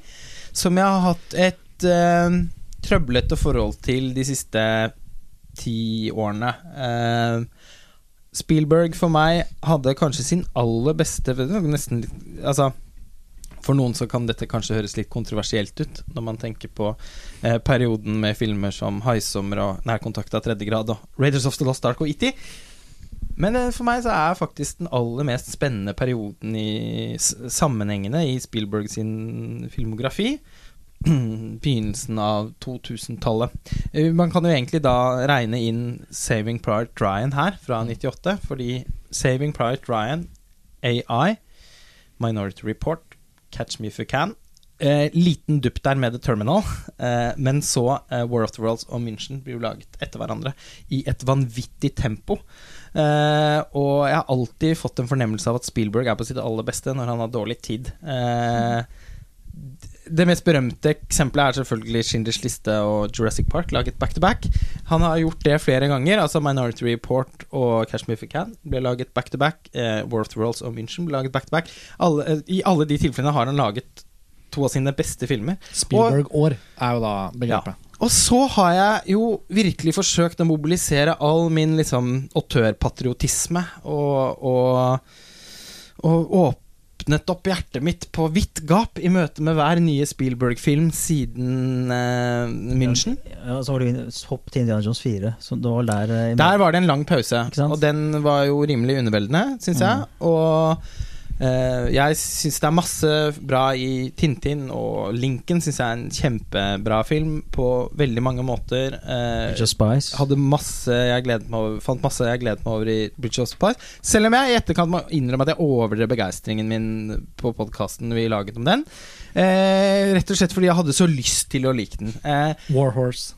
ikke sant? Som også Jeg syns det er masse fint i den filmen, men total, altså, jeg har bare altså, I løpet av årene med de nå snart ti årene med montasje, så har jeg ikke kunnet satt Spielberg på en eneste topp ti-liste. Eh, så gledessjokket over hvor bra The Post var da vi så den på en sånn spesialvisning i Tromsø i fjor, det var til å begynne å grine av. Eh, og vi satt der og en hel rad med mon montører. og var litt sånn skjelvende av begeistring. Altså Den første møtet med den filmen er jo Filmen er jo så bra at når man først ser det og liker det og er med og vet hva man gleder seg over, og kjenner Spielberg og alt, så blir det jo bare til å juble høylytt. Det blir jo sånn at man må nesten high five underveis. Ja, men det var sånn Ja. Vi satt jo og bare Det kan Nå- ikke stemme. Nei, det skjer ikke dette her nå. Jo, nå skjer det. Altså Bare den kopi kopimaskinscenen i begynnelsen av filmen med John, John Williams' beste soundtrack også på muligens enda uh, flere år. Det var sånn Catch Me If You Can-nivå på John Williams. Ja, ja. Nå er ikke jeg noen ekspert, det er Jeg gjorde mitt, jeg gjorde mitt Williams-regnskap i går. Ja. Og fant ut at det faktisk da er mitt favoritt-Williams-soundtrack siden eh, Catch Me If You Can. Men eh, Lars Ole, jeg må skyte inn her at andreplassen min er jo da faktisk det samme som deg. Og Vi har ikke egentlig synka opp så mye underveis, men jeg tror vi begge Nei, en- Vi har jo snakket mye gjennom året om at disse to Spielberg-filmene holder seg høyt nivå. Og eh, da vet man at det blir med det Mm. på listen, og sånn og sånn. Og det er Spielberg-år. Um, Jeg tror veldig mange av oss her også opplever at Ja. Post er en veldig undervurdert film. Altså, ja, det var og den har det jo blitt gjensyn med, og samme for meg også med Ready Player One. Jeg har sett den fem ganger nå, eh, og har altså, virkelig er fylt med den samme sånn Det kiler i magen min av filmglede hver eneste gang. Altså, Janusz Kaminski sitt Filmen er laget på utrolig kort tid. Alle var bare helt nødt til å improvisere, fordi Spielberg eh, fikk det manuset i hendene sine. Visste at han ikke hadde tid til å lage det, fordi han var i preprod til Ready Player One. Eh, opplevde te tema, eh, som temaene som, i, som så viktige at den, In the Age of Trump, Ja. og så at den måtte lages nå. Mm. Og så sier han men det er ikke mulig. Jo, vi, jeg må lage filmen, og jeg må lage den nå. Du kan lage filmen, men du må vente litt. Nei, jeg må lage den nå. Fordi han selvfølgelig er så powerful, så evner han å, å få den produksjonen opp på bena. Skuespillere slipper alt de har i hendene for å bli med og fortelle den historien. Han og fotografen Janusz Kaminski, som jo har jobbet sammen siden Schindlers liste, eh, må bare bli enige om at Vet du hva, vi, vi, vi kan jo dette her, nå må vi bare improvisere. Og så er det altså det mest inspirerte fotoarbeidet i noen Spielberg-film siden Altså, det er helt Helt i toppsjiktet. Altså, det er, altså, nå bruker det ordet igjen. Det er hardcore porno for sine file. Altså, filmspråklig sett er denne filmen så overveldende at eh, og, og, og for de som har problemer med liksom Spielberg sitt, eh, altså sin stil, så, så er den så, så, så, så, så vil den nødvendigvis ikke fremkalle den samme kilende gledesfølelsen. Men jeg vet jo at vi rundt bordet her er relativt samstemte. Ja, for Hvis vi tar The Post, da, så kan vi jo bare sjekke. Jeg har den da på andreplass. Jeg hadde jo den på delt åttendeplass med, med Ready Player One. Altså, jeg Ja. kunne gjerne ha satt den høyere, men så skjedde ting som, som 8th Grade og Team Hurricane i år. Og liksom litt sånne ting Men ja, egentlig høyt opp, altså. Og jeg hadde så morsom opplevelse med The Post fordi jeg husker bussen deres et år, for et år siden. Og jeg bare sånn Åh, den gleder jeg meg ikke til i det hele tatt. Å, så kjedelig. Enda mer Meryl Streep og Tom Hanks og det der. Ja, Ja, ja. at det blir sånn gubbete, da. Ja. Og så går jeg på en sånn førvisning eh, på Gimle før Oscar for å varme opp til det, og sånn, og så blir jeg bare på setekanten, selvfølgelig. Å, fy faen i helvete, kan jeg bare si. ja, det er så bra! Ja. Hva tror Joakim? Ja, jeg har den jo på førsteplass. Ja, det visste jeg jo også nå, følte jeg. Det Eh, den var er jo litt, Litt overraskende mm, for jeg var morsomt når, du- når du fortalte om den der å møte Du blir nesten, nesten å grine å se en gammel mester komme tilbake igjen. Ja, det det var, og litt den sånn. følelsen jeg hadde når jeg så Lucy og Luc Besson for, noen, for et par år Ja. siden. Mm. Litt sånn samme. Nå, nå, har jeg, nå har jeg vært ganske glad i en del av de Spielberg-filmene imellom der, da. ja, men det har jeg for seg, men bare Men ikke ja. på det nivået, altså. Nei, ikke på det. det er, Ja, det, du har, det er dette er din første Spielberg førsteplass noensinne det på montasje. det er det faktisk. Det er det faktisk.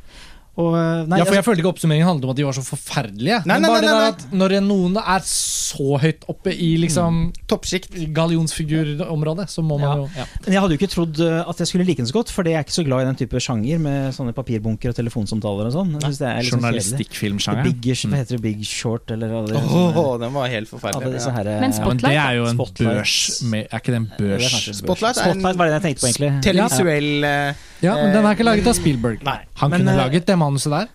Han har jo brukt manusfatteren på The Post. Spotlight var allerede en god film som nok kunne blitt løftet ganske mange hakk av en Mer TV-regissør. visjonær filmskaper, og Yes. det, det er jo tilfellet her hvor han da, eh, litt som han gjør, gjør, gjør i Linken nå, men enda mer her, løfter dette informasjonstunge materialet til å bli Altså en, en orgasme i, i kamerabevegelser også. Og han bruker altså motiver, dører, portaler, eh, og eh, kommenterer så mye gjennom bare billedspråk som går utover eh, handlingsforløpet, at, eh, at det var bare en fryd å se. Eh, egentlig hele veien. Det er så idérikt i sin visuelle historiefortelling at det er til å miste pusten av. Ja, det er, for det er både rytmen i det, ikke sant? Det er den der momentumet med trykkpressens momentum gjennom film, på en måte. Ja.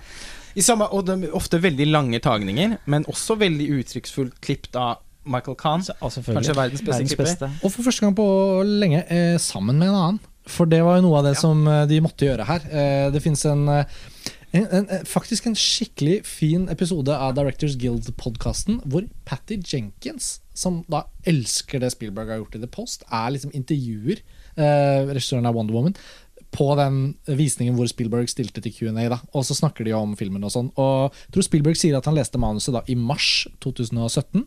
Eh, og da har jo allerede Ready Player One vært uh, spilt inn for et halvt år siden. er så, er jo, han er i etterarbeid på Ready Player One. Han Ja. leser manuset. Hvis noen husker detaljene mer presist enn meg, så tror jeg det er omtrent sånn som dette. Og en av grunnene til at han får det til, er at Ready Player One er en så sofistikert spesialeffektfilm at den skal uansett ha så lang etterarbeidsprosess at Spielberg, hvis han fordeler seg, han kan gå inn, caste filmen, starte opptakene uh, bare et par måneder senere. Han får inn Josh Singer til å gjøre en rewrite på Eller jobbe sammen med hun som hadde skrevet originalmanuset. Liz Hannah, tror jeg hun heter. Og så, eh, Det eneste utfordringen er at Michael kan, Kahn kan ikke strekke seg over de to filmene helt alene. Så de får inn en klipper til. Nå husker jeg ikke navnet hennes på stående fot. da Men eh, Så Spielberg da ender opp med å liksom gå fra klippesuite til klippesuite og godkjenne spesialeffektbilder på Ready Player One, mens eh, John Williams skriver musikken til The Post. Og The Post skal ha premiere først, fordi den skal da times Også fordi den handler om Amerika, den handler om USA i dag, den handler om pressefrihet. Den handler om alle de tingene som i Trumps tidsalder er så viktig for Spielberg. Altså, ikke- Han er jo en sånn samfunnskronikør òg, det er så jævlig sterkt. Ja, og jeg har ikke på, en, på, altså på ingen av de visningene Så har jeg klart å komme meg gjennom den filmen uten å ha tårer nede ved kinna. Så jeg, for jeg syns det er sterkt. Liksom. Det er, Ja, men den er den føles så viktig. Men fortellergrepene har ikke den samme sentimentaliteten som Spielberg av og til blir kritisert for. Den Nei. er faktisk mye mer nedtonet. Og, og mange sterke følelser man får under The Post, kommer ut av bilder. Ikke liksom strykere og, og tårer som drypper, Nei, men bare bilder Og, som er sterke. og noen sånne fakta også, som er bare sånn Når hun leser opp dommernes begrunnelse for hvorfor eh, nå, nå blir det så dumt å For de som ikke har sett filmen, så skal jeg ikke spoile. Men altså, det, er, det er noen ting som eh, Som Som man altså, Det er så overraskende på en måte hvor gripende det er. Eh, Apropos det, en ting som det må gis medalje for, når du er inne på det der med at han hadde så dårlig tid, og du sa at liksom, ja, castet de bare slapp det de hadde i hendene. Og, jeg føler at her må det gis en gullmedalje til den som har gjort casting. Altså de som har sikret seg det. For her har du, i tillegg da til å ha Meryl Streep og Tom Hanks i front, så ah, har du. Alison Breed, var Sarah Post, Bob Odenkirk, og du har Tracy Letts, Odenkirk, ja, Michael, Stuhlborg, Michael Stuhlbarg, Matthew Riss, Carrie Coon, Jesse Plemons. Og bare ved å ramse opp de, så har jeg glemt kanskje ti stykker. Ja, for det er så mange bra er så jævlig sjukt. Ja, og det er så bra. Altså, alle er så bra. Greenwood som han ja. Enormt bra cast. McNamara. En- Ja, McNamara. Bob McNamara. Det er altså så utrolig bra casting. Mm. Eh, Kjempeviktig poeng, eh, Pernille. det var en veldig bra oppsummering. og Kjapp, fin, effektiv. Ja, jeg så litt på den i stad, så jeg måtte bare Altså- mm, friske opp en skuespilleren er. Er Men, men så har vi Ready. Ready Player One, One, fordi vi må jo på en måte gi det- begge filmene fokus. Ja, altså Ja. Det, Altså Jeg hadde et gjensyn med Ready Player One her om dagen, og det var fantastisk bra. Og det viste meg også at jeg syns The Post er litt bedre. Ja. Eh, bare for å si det. Og det, Det betyr ikke at ikke det er måte, Det bare betyr at The Post i alle sine kvaliteter, og ikke minst fordi den liksom Jeg syns jo det betyr ganske mye at en fortelling satt til eh, 70-tallet føles viktig, ikke bare pga. hva som foregår i Amerika nå for tiden, men fordi Jeg tror ikke det bare er i USA, da, hvor man på en eller annen måte plutselig, fordi samfunnet vårt beveger seg så raskt nå, så får man en sånn avstand til mye av det som skjer, eh, som gjør at man glemmer noen prinsipper. Eller man, de, de blir liksom ikke tillagt den samme vekten de egentlig skulle hatt. Og Derfor er det så viktig å få se noen sånne historier som sier sånn Ja, men hadde det ikke vært for disse prinsippene, så hadde vi ikke hatt det samfunnet vi nå har. Vi nå gleder oss over, etc.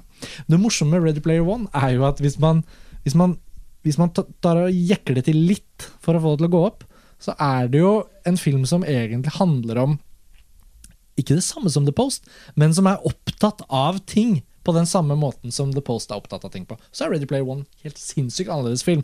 Og den er basert på en, en bok som kanskje Jeg har ikke lest boka, men jeg får en følelse, og jeg har sett alt bakom-materialet og sånn på Ready Player One også, får en litt sånn følelse av at det de har gjort det Spielberg har gjort, er nok å ruske vekk og luke vekk litt for mye sånn videobutikk-trivia-lols. Og prøve å rendyrke en fortelling som kan bære en sånn nostalgihyllest, som det jo er, men også omgjøre det til en type fortelling som ved å være en sånn dobbeltvirkelighetsfilm Uh, Strange Days uh, til Catherine Bigelow altså, Det finnes mange eksempler på filmer som, som hvor, hvor det er en hovedperson som reiser inn i en annen verden. Avatar, liksom. Men sånn, ja, The Matrix. Men, men måten han til slutt gjør det på, gjør at jeg føler at selv om den er sukkertøy fantastisk og gøy og pop og morsom og for alle, og gjorde det dritbra i Kina, så, så føler jeg virkelig at Spielberg var så sinnssykt rett person. Den handler jo litt om han òg. Ja, altså Det Eh, føles ut som en veldig personlig film. Så dermed blir den en sånn kommentar til Spielberg som en historieforteller. Som en Han er nesten liksom Hvis The Post handler om Washington Post og journalistene på 70-tallet og hva de gjorde, så er det som om Spielberg får mulighet til å lage en slags biografisk et blikk på sin egen biografi gjennom dette popkulturelle blikket i Ready Play One. Og det ble jeg mye mye klar over andre gang. Ja, for det er jo altså, på en måte Hvis The Post er den voksne Spielberg, så er dette barnet Spielberg. Mm. Eh, og han Altså, det er en veldig gripende scene på slutten av filmen hvor eh, Hvor han eh, som- Ty Sheridan. Nei. Hvor eh, Han som har laget som har laget dataspillet sammen Oasis. med ja. eh, oh, ja, han Halliday. inne på rommet der. Halliday. Halliday. eh, Mark Rylance. Okay. Ja, Mm. spilt av Mark Rylance, som vant Oscar for Bridge of Spice. Mm. Uh, når uh, hovedpersonen har eh, Tyler Sheridan har vunnet konkurransen og skal få, få nøkkelen til å ta over kontrollen for det spillet, så, inviter, så havner han på i et barneværelse. eh, et loftsrom, som er barneværelset til eh, Holiday. Uh, og så ser han Så lurer han på sitter en gutt foran en, en, en TV og spiller dataspill. Så, eller videospill. Og så lurer hovedpersonen da på liksom, hvem, hvem er det? Ja, det er meg. Det er meg. Den, Mm. den unge meg. I like to keep him I just like to keep him around. Mm. Uh, og det er for sånn Og i lys av liksom The Post, da, uh, og den så, så, så, så føltes det bare som om Spielberg liksom går i dialog med seg selv, Mm. og, og at han har laget Ready Player One for å bevare den siden av seg selv. Han er- han 70. Han har vært veldig nostalgisk i begge to, fordi han ser jo tilbake på 70-tallet. Den ene gjennom sånn popkulturell nostalgi, og som du sier da, tilbake til seg selv som barn. Og den andre det politiske bildet fra 70-tallet. Altså Man i og for seg kanskje ikke er så nostalgisk. Jeg, tror Nei, jeg, jeg er men, ikke eh, Nixon-nostalgiker. Nei. Men altså, filmen er jo eh, åpenbart eh, en ode til eh, 70-tallsfilmens estetikk, da. Mm. Så det er masse sånne Og den ref, altså, slutten av The Post eh, som spiller opp til All the President's Men til Pakula, og masse sånn Gordon Rillis-elementer og sånn i, i foto faktisk også i The Post. Så, så helt klart, jeg skjønner hva du mener. Men Ready Player One som Den, den er jo eh, For det første bare eh, et, et, en, fi, en Altså by far den beste blockbusteren jeg har sett på veldig, veldig, veldig lenge. Eh, og nå har jeg sett den fire ganger, og den har tålt alle hensynene utrolig bra. Jeg syns både den er veldig fornøyelig og oppdagelsesrik. Og gripende eh, hver gang. Eh, og det er selvfølgelig på en måte en eh, mer piece of entertainment enn en, en The Post, men ikke uten en, en bunn, da. Jeg tenker at denne filmen også kommenterer ganske mange ting i vår samtid. Bare det å flykte inn i et virtuelt univers. Det er jo en ekstremversjon av noe som allerede er, er en slags situasjon. Apropos 8th grade. Ah, Og han har også satt året til å være 2045, så det kan jo på en måte være en slags måte å si at det er nok ikke så langt unna hvor Nei. vi er nødt til å liksom miljøkatastrofe Ja, mm, og liksom dystopien. Ikke sant? Og det den dystopien som han, han har jo tidligere også lyktes med eh, noen fremtidsdystopier som har vist seg å være litt sånn oppsiktsvekkende eh, autentiske. Minority Report spesielt.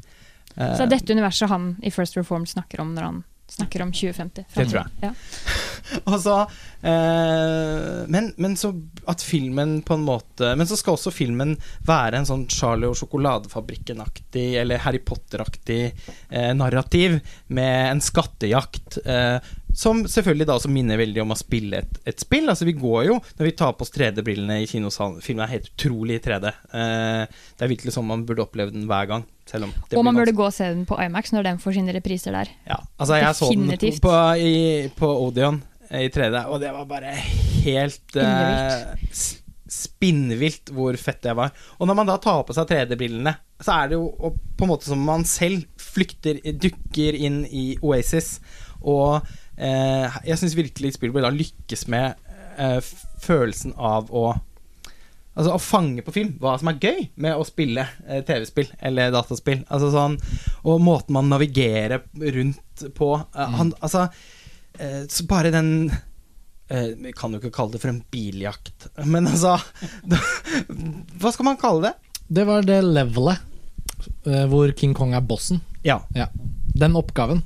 Ja. Mm. Og hvor Canedas eh, motorsykkel fra Kira blir dratt i. Altså sånn DeLorean fra Tilbake til fremtiden. ja. Det er filmet på en måte som gjør at man virkelig får følelsen av å selv sitte bak et kjøretøy. Mm. Altså, det, det, det, det er jo som en sånn du, Filmen føles som en simulator.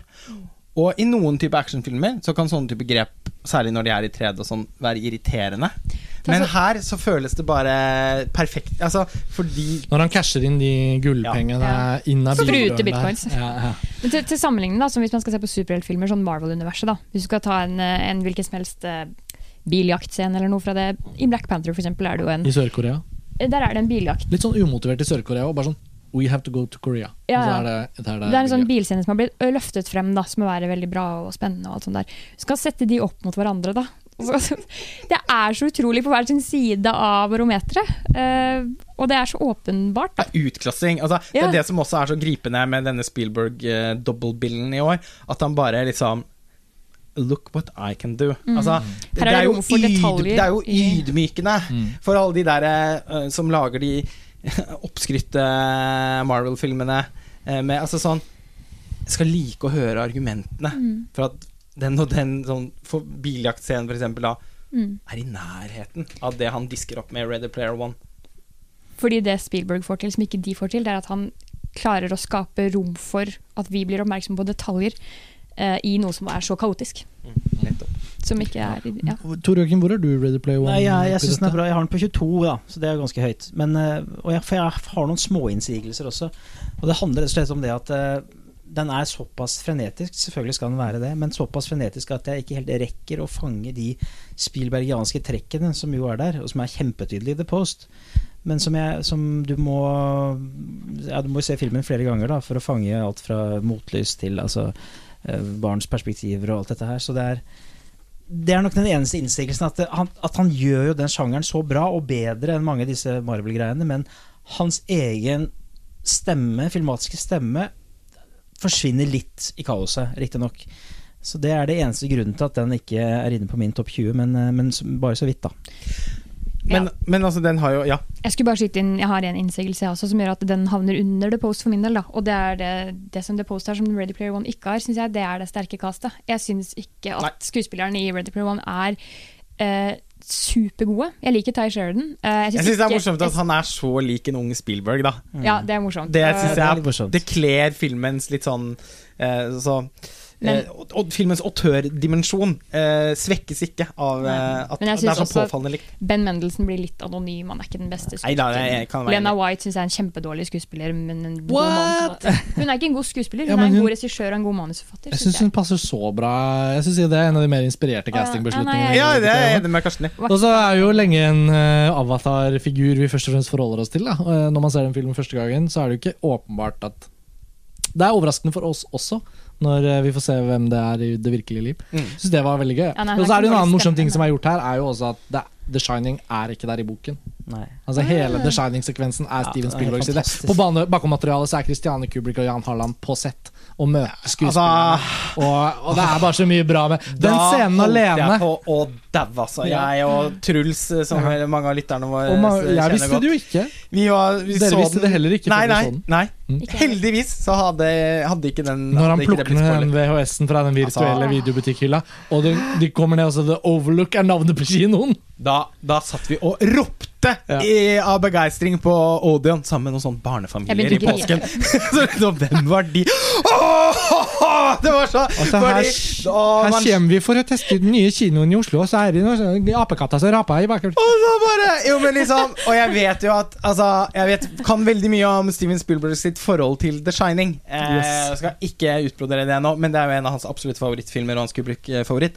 Og og at, altså, at han har klart å på en måte gjenskape The Shining Altså som et dataspillbrett. I, eh, jeg, jeg har ikke sett maken. Det er den Altså, vakreste homasjen på lang, lang tid. altså Så det finnes det ikke nærheten av å se CGI-aktig ut heller. Nei, altså jeg kan, kan sykt. ikke fatte og begripe hvordan Altså, teknolog Og det føler jeg også filmen får altfor lite cred for. Jeg syns jo også at dette er en kraftig undervurdert film. Den burde jo være, kategori, den burde jo være kandidat til mange Oscar. Ja, ja, ja, ja. Og, og det er liksom Og bare Altså, det må jo være det største sånn teknologiske kvantespranget, i hvert fall siden Life of P. Mm. Kanskje også siden Avatar. Altså, det å kunne gjenskape de scenene og miljø, miljøene fra The Shining på den måten. Så, så tett på altså det, er jo, det ser jo ut som det er filmen. Ja, det er bare helt Det er virkelig til å miste pusten av. Og det kunne gå på kino og få sånne type opplevelser Og og når, altså, Jeg syns at Ready Player One er så vanvittig sjenerøs. Da den gjør så mye morsomt. Det er så mange ideer og innfall. Og det er på en måte mer enn Egentlig bare mer enn nok i seg selv. Men likevel så syns jeg også den litt sånn Charlie og sjokoladefabrikken-aktige historien til slutt får en klang, da. Jeg blir grepet av den, eh, og jeg syns at eh, filmens liksom Ja, kommentarer til tiden vi lever i, og våre medievaner og sånn, er eh, Ja, jeg, de, de De har noe for seg. Mm. Jeg elsker også, ja, Apropos den scenen der med The Shining, jeg elsker også de lille stikka han har lagt inn. For det er jo en av de som er en gjeng som ikke vet hva den, hva den filmen der er. De har ikke Ja, ja. sett den, ikke sant? Så I haven't det er- The Shining! ja, hva, hva skal skje nå, liksom? Og så er han, det er, det er et ja, og da, det er et stikk der da, til folk som ikke har sett den. Og bare sånn, hallo, vet du hvor viktig kulturarv det her er, liksom? Du må jo se den filmen. Jeg synes det, var, det var en fin liten detalj. Ja, veldig. Og masse eh, morsom musikkbruk i løpet Dessverre ikke John Williams, da. Men det, de kunne gjort en, det Er er det ikke Sylvester? Jo, det er Sylvester, som også er et kjempebra casting på komponist. Men Jeg syns det fungerte det er, det veldig er ok, bra. ok bra. Det er min honorable mention av soundtracks i år også. Ja. Så, uh, Ja, jeg må si at det Altså, jeg, jeg skulle selvfølgelig Jeg hadde foretrukket John Williams bare fordi at han og Spielberg på en måte er ett. Ja. Men, og, og jeg var stålsatte meg for at det kunne bli et liksom et, virkelig et savn. Mm. Eh, men det gjorde det ikke. Jeg Nei. Og han, er jo, han refererer jo seg selv også med Back to the Future og sånn, så det er jo han, Det er jo herligste vis med Sylvester- Zemeckis Cube. Semekis Cube, Og ja. Og eh, Sylvester er ikke noe ungfole, han heller. Nei. Sånn sett. Og, Um, og det å tenke på at liksom de, også, eh, mange av de som har laget uh, denne filmen, er liksom i 70-årene, er jo på en måte også relativt imponerende, da. Som bor på Wall Street. faktisk. Ja, Ja. altså de, de, Noen ganger er de gamle eldst. Vi er kanskje i mål med Spielberg her, da, og da gjenstår jo egentlig Altså, vi, vi hoppet jo litt til din førsteplass, uh, Tor Joakim, nå, men din andreplass har vi vel da ikke Jo, vi snakket om eh, Sakamoto og Koda. Ja, nettopp. ja, Da er vi på førsteplass. eh, Da er vi egentlig på, på Er vi på din Hva var din andreplass? Nå har jeg glemt Min var hvilken- Phantom Det er Nettopp, ok, Lars Ole, da er vi på det som er førsteplass. Og det er jo førsteplass for både deg og meg og Pernille. Ja. Ja. Med, med litt krydder. Ja, fordi jeg har da en eh, delt Min eh, er jo en delt plass, da. Eh, det er eh, Ja. Luca Juadaninho var også eh, årets navn i 2018. Eh, og min førsteplass i år er da en delt plassering mellom Call Me By Your Name og Suspiria. Og for meg er førsteplassen bare Call Me By Your Name. Det er det for meg òg. Men du hadde Suspiria på Du, den var på syvende. Syvende, nettopp. Så eh, vi har jo diskutert eh, Suspiria bare for kort tid siden Mm. eh, i Venezia. Vi har også eh, laget eh, både en egen podkast om, og gjentatt, ved gjentatte anledninger sneiet innom Call Me By Your Name på Filmfrelst. Så jeg føler egentlig ikke at jeg har så mye mer å tilføye her, bortsett fra at det var veldig viktig å få et gjensyn med Suspiria. Ja, og Det er en film som er så umulig å forberede seg på. Jeg hadde enorme forventninger, Mm. men også noen ganske spesifikke forventninger da vi så den i Venezia. Jeg syns den var utrolig Altså, en utrolig film, men uh, var uh, usikker på liksom Jeg hadde ikke klart å vurdere den for en listeplassering, f.eks., uten å å har fått, fått et gjensyn. Og det har jo ikke jeg hatt, og det var det vi snakket om, eh, Lars Ole. At jeg eh, snakket om Suspiria på den podkasten fra Venezia. Jeg sa det jeg hadde som umiddelbare reaksjoner. Og jeg har nesten ikke toucha filmen siden da. Har ikke tenkt så mye på den, har selvfølgelig hørt på soundtracken en del. Men, men, så, men så kom den jo på kino, og så begynte jo disse alle de andre reaksjonene kom inn. Utrolig mange labre kritikker den fikk.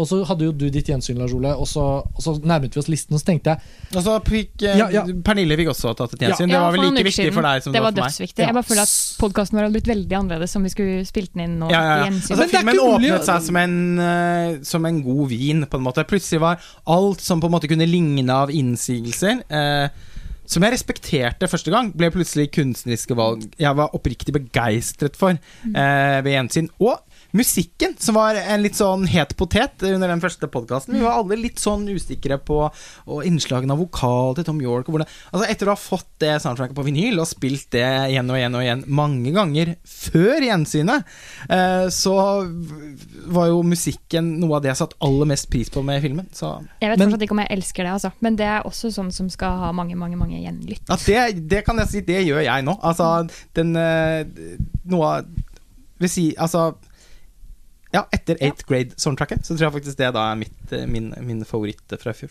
Men Guadagnino-messig da Så har jo Suspiria en litt sånn, hatt en litt sånn broket ferd gjennom høsten. Eh, Tore Joakim, eh, ingen av disse filmene er jo helt øverst på din liste, men hvordan, hvor sto du i forhold til Suspiria, Call Me By Your Name på de forskjellige Ja, Call Me By Your Name- eh, Call Me By Your Name er- setter jeg betydelig høyere. Den er Ja. på 19.-plass, Ja, ja det er jo høyt. eh, som er høyt for meg. Ja. Nei, men eh, Nei, nei, det er jo høyt, da. og jeg, føl- ja, da, ja. jeg, føler at, jeg føler at det skal du få. 19. Ja, det Det er min Quiet Place. Og jeg har snakket om den Men- før òg, så mm. Nei, men, og jeg føler at, som Lars Ole nå uh, sa så treffende, så, så skjønner man jo på Suspiria også når man ser den første gangen, at dette er en sånn film. Og også fordi man kjenner til Guadagnino som filmskaper. Så tenker man ok, men her er det jo her pågår det noe greier, og han har jo ikke lagd den for et stort publikum. Han virker som han nesten bare lagd den for seg selv, og de som kan sette pris på de tingene han setter pris på. sånn. Så jeg, og jeg merker, jeg personlig, som ikke da har sett den igjen, jeg har ikke noe egentlig å tilføye på den filmen. fordi det var ganske mange bremser underveis i den opplevelsen i Venezia, og vi diskuterte de litt sånn frem og tilbake på podkasten. Så, så for meg setter jeg den litt til side. Ikke minst fordi Call Me By Your Name eh, som film har vært en av de største nye filmopplevelsene for meg på 2010-tallet. Um, og det var litt tid til å det fordøye den også nå. ja, altså Det er to år siden uh, Lars Ole og jeg så Call Me By Your Name i Panorama-programmet i Berlin. Um, eller ja, 23 måneder siden, da. og, og det var en veldig sånn 2017-film. Den var med meg gjennom hele det filmåret. Uh, jeg hadde en så Det var på en måte å se den filmen for første gang for meg, da uten mye buzz og uten mye snakk, og bare se den og følge den fortellingen. Og følge den kjærlighetshistorien, og følge det far-sønn, familieskildringen, ferieskildringen. Den bare jeg responderte så umiddelbart på absolutt alt ved den filmen. Altså, Jeg responderte på det mellommenneskelige i forhold til rollefigurene. Jeg følte de var ekte. Jeg følte følelsene som var i sving, var lette å identifisere seg med. Både det man ikke hadde eh, personlig nærhet til, men også det som var sammenfallende. Familieskildringen, tematikken, forholdet til estetikk, film.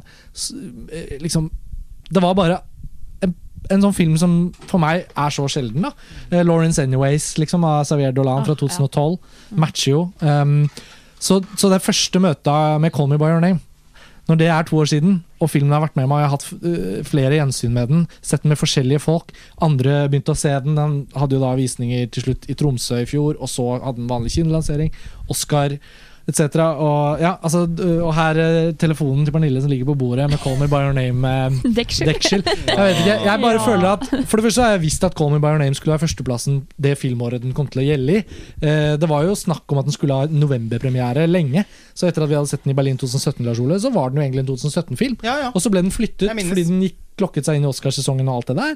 Og så har den vært en 2018-film. Og så uansett hvor mange gjeve filmer som har kommet og gått, så har jeg på en måte visst at det kommer så sjelden en film som legger seg så tett inn i hjerterota.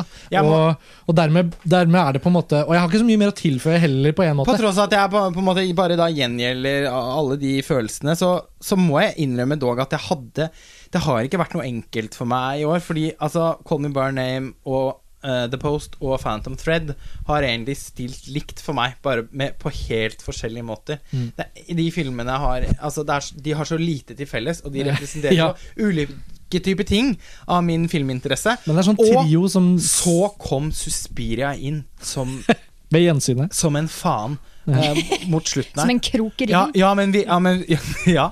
Eh, eh, og vi, altså så og, og meldte seg opp i Altså, her og nå kan det godt hende at jeg ville plassert den som nummer én, faktisk. Men, eh, men i motsetning til de tre andre, eh, så har jeg bare sett den to ganger, da. Mens jeg er oppe i fire-fem gjensyn på de andre. Så sånn, det er det, det, det blir jo også på en måte sånn meningsløst å sitte og At, at, uh, at Call Me By Your Name er en film som kommer til å få et veldig langt liv og treffe veldig mange mennesker som trenger å se den Mm. i, i tiårene som skal mm. gå framover. Det er det på en måte ingen tvil om. Og jeg syns fortsatt det er, det er årets største gåte for meg eh, at den eh, på en måte Fikk har endt opp som middels god mottakelse. som litt sånn undervurdert. Én En Oscar. Ja. Ja, men sånn, en, en ting er Oscar. På, på en måte så Amerikanske kritikere var jo de som ga filmen en type mottakelse den fortjener. Eh, I Norge fikk den stort sett ternekast fire. Den har hatt noen sånn små plasseringer her og der på listene fra de, de norske avisene, og, og jeg bare ja, at det går an å være så forskjellig. Men veldig spennende det, da. Altså Roma, som eh, nå later til å være de flestes eh, Sånn De flestes eh, Altså, de, jeg har jo sett på alle Norske eh, årslistene. norsk, de norske årslistene, og det er jo stort sett Roma, Roma, Roma, Roma over hele linja. Den er ikke på en eneste plassering hos uh, oss. Blir spennende å se på felleslistene, selvfølgelig, men uh, jeg føler meg Jeg blir veldig overrasket hvis veldig Altså, holdt på å si, i våre må, Altså, i våre kretser, på en måte, så er ikke det noen Nei, altså, spesielt betydningsfull jeg- film. La inn en kort kommentar på Facebook i en tråd som har pågått der den siste uken, eh, hvor jeg bare påpekte at Den tråden som jeg startet. Ja, men bare for å skyte inn dersom noen lyttere nå kommer til førsteplass og bare Hæ, hvor er Roma? Så har vi laget en podkast i Venezia. Den aller første visningen av filmen noensinne, pre-hype. Det betyr noe, fordi vi tok opp den podkasten med en gang og snakket om filmen akkurat sånn som vi opplevde den. Og jeg har ikke egentlig endret så veldig mye oppfatning om det. Jeg kan godt ende opp med å se Roma igjen, og det kan bli interessant å studere den i lys av hele Cuarons karriere. Men jeg skjønte med en gang at det var ikke noen topplistefilm for meg, dette. Uh, Valeska Grisebakks western er heller ikke det, på en måte. Uh, og det er mange festivalfilmer med spennende visuell utforming som i bunn og grunn er litt kjedelige og litt tørre, men som vi respekterer.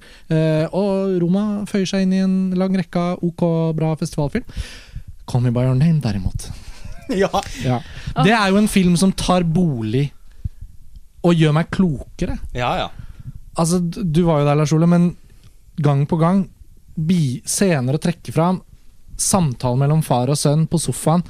Det er sånn når man har et barn selv Det er ikke bare folk som har barn som kan tenke på det. Men jeg, har, jeg husker jeg tenkte på det, fordi hjemme mens vi var i Lien, så hadde jeg en bitte liten eh, ni måneder gammel datter, eller hva hun var da. Og, Og bare å se foreldre sette seg ned med barnet sitt, som er en tenåring, og ha en så klok samtale med dem Det er ikke mange filmer eller kunstverk som på en måte klarer å connecte. I hvert fall for meg personlig var det da en følelse av at her, her, her, her forstår jeg mer om livet, om hvordan man bør være, om hvordan sånn man det skal gjøres. Det er sånn ja, hvordan man er som mennesker med hverandre i forskjellige generasjoner. Han faren har også vært en gutt, og nå sitter han der med sin gutt og kan snakke med han. Det er bare noe inntrykk det gjør på oss at det er en film hvor folk er gode med hverandre. Mm.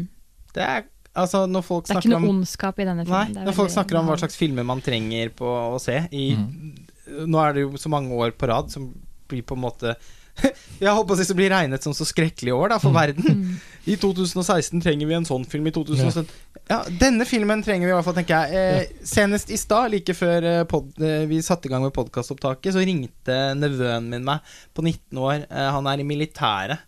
i Bardufoss. Ja, og, og de har helg. Og han hadde sittet og sett Call Me By Your Name for første gang i militærsengen sin, og, og blitt så Og, og, og syntes den var helt sånn eh, og, og han også trakk fram denne fantastiske scenen med faren, og, og syntes den var så sterk, selvfølgelig, at han begynte å gråte. Jeg bare elsker den kollektive effekten den har hatt på folk. Ja. Altså sånn, og det er så spesielt å si nå jeg, jeg ser også veldig mange nye filmer hvert år, og jeg har sett mye film i løpet av mange år, men det er så sjelden man kan si at i nyere tid så har jeg funnet Ja, det er min favorittfilm.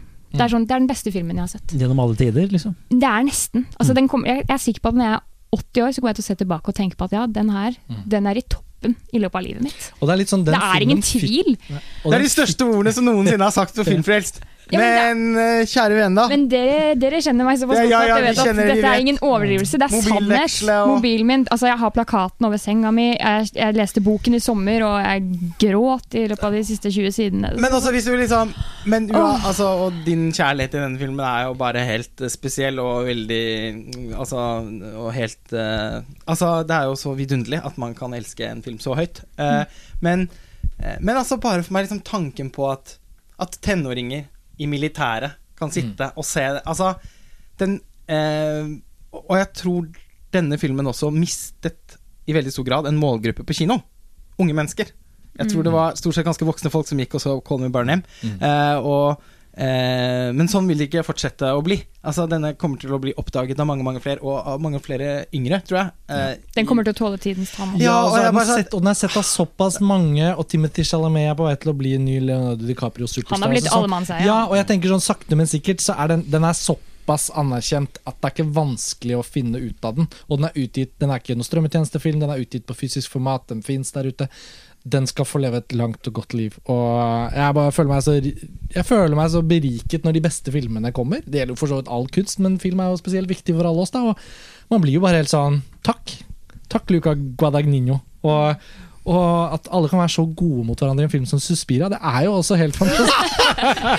Which eh, Jeg er nødt til å ja. rekke et tog. Ja, og nå er vi i mål. Takk for at dere hører på Filmfrelst, kjære lyttere. Det er jo rørende at dere også er med oss på disse lange gjennomgangene av årets beste filmer år etter år. Eh, heldigvis vet vi at mange av dere setter ekstra pris på akkurat disse episodene, så det er gøy å ha dere med oss. Vi gleder oss til å ta fatt på filmåret 2019. Tor Joakim, Pernille, Lars Ole, takk for denne gang. Takk for nå. Takk for Og ha det bra. Ha det. Ha det. Ha det.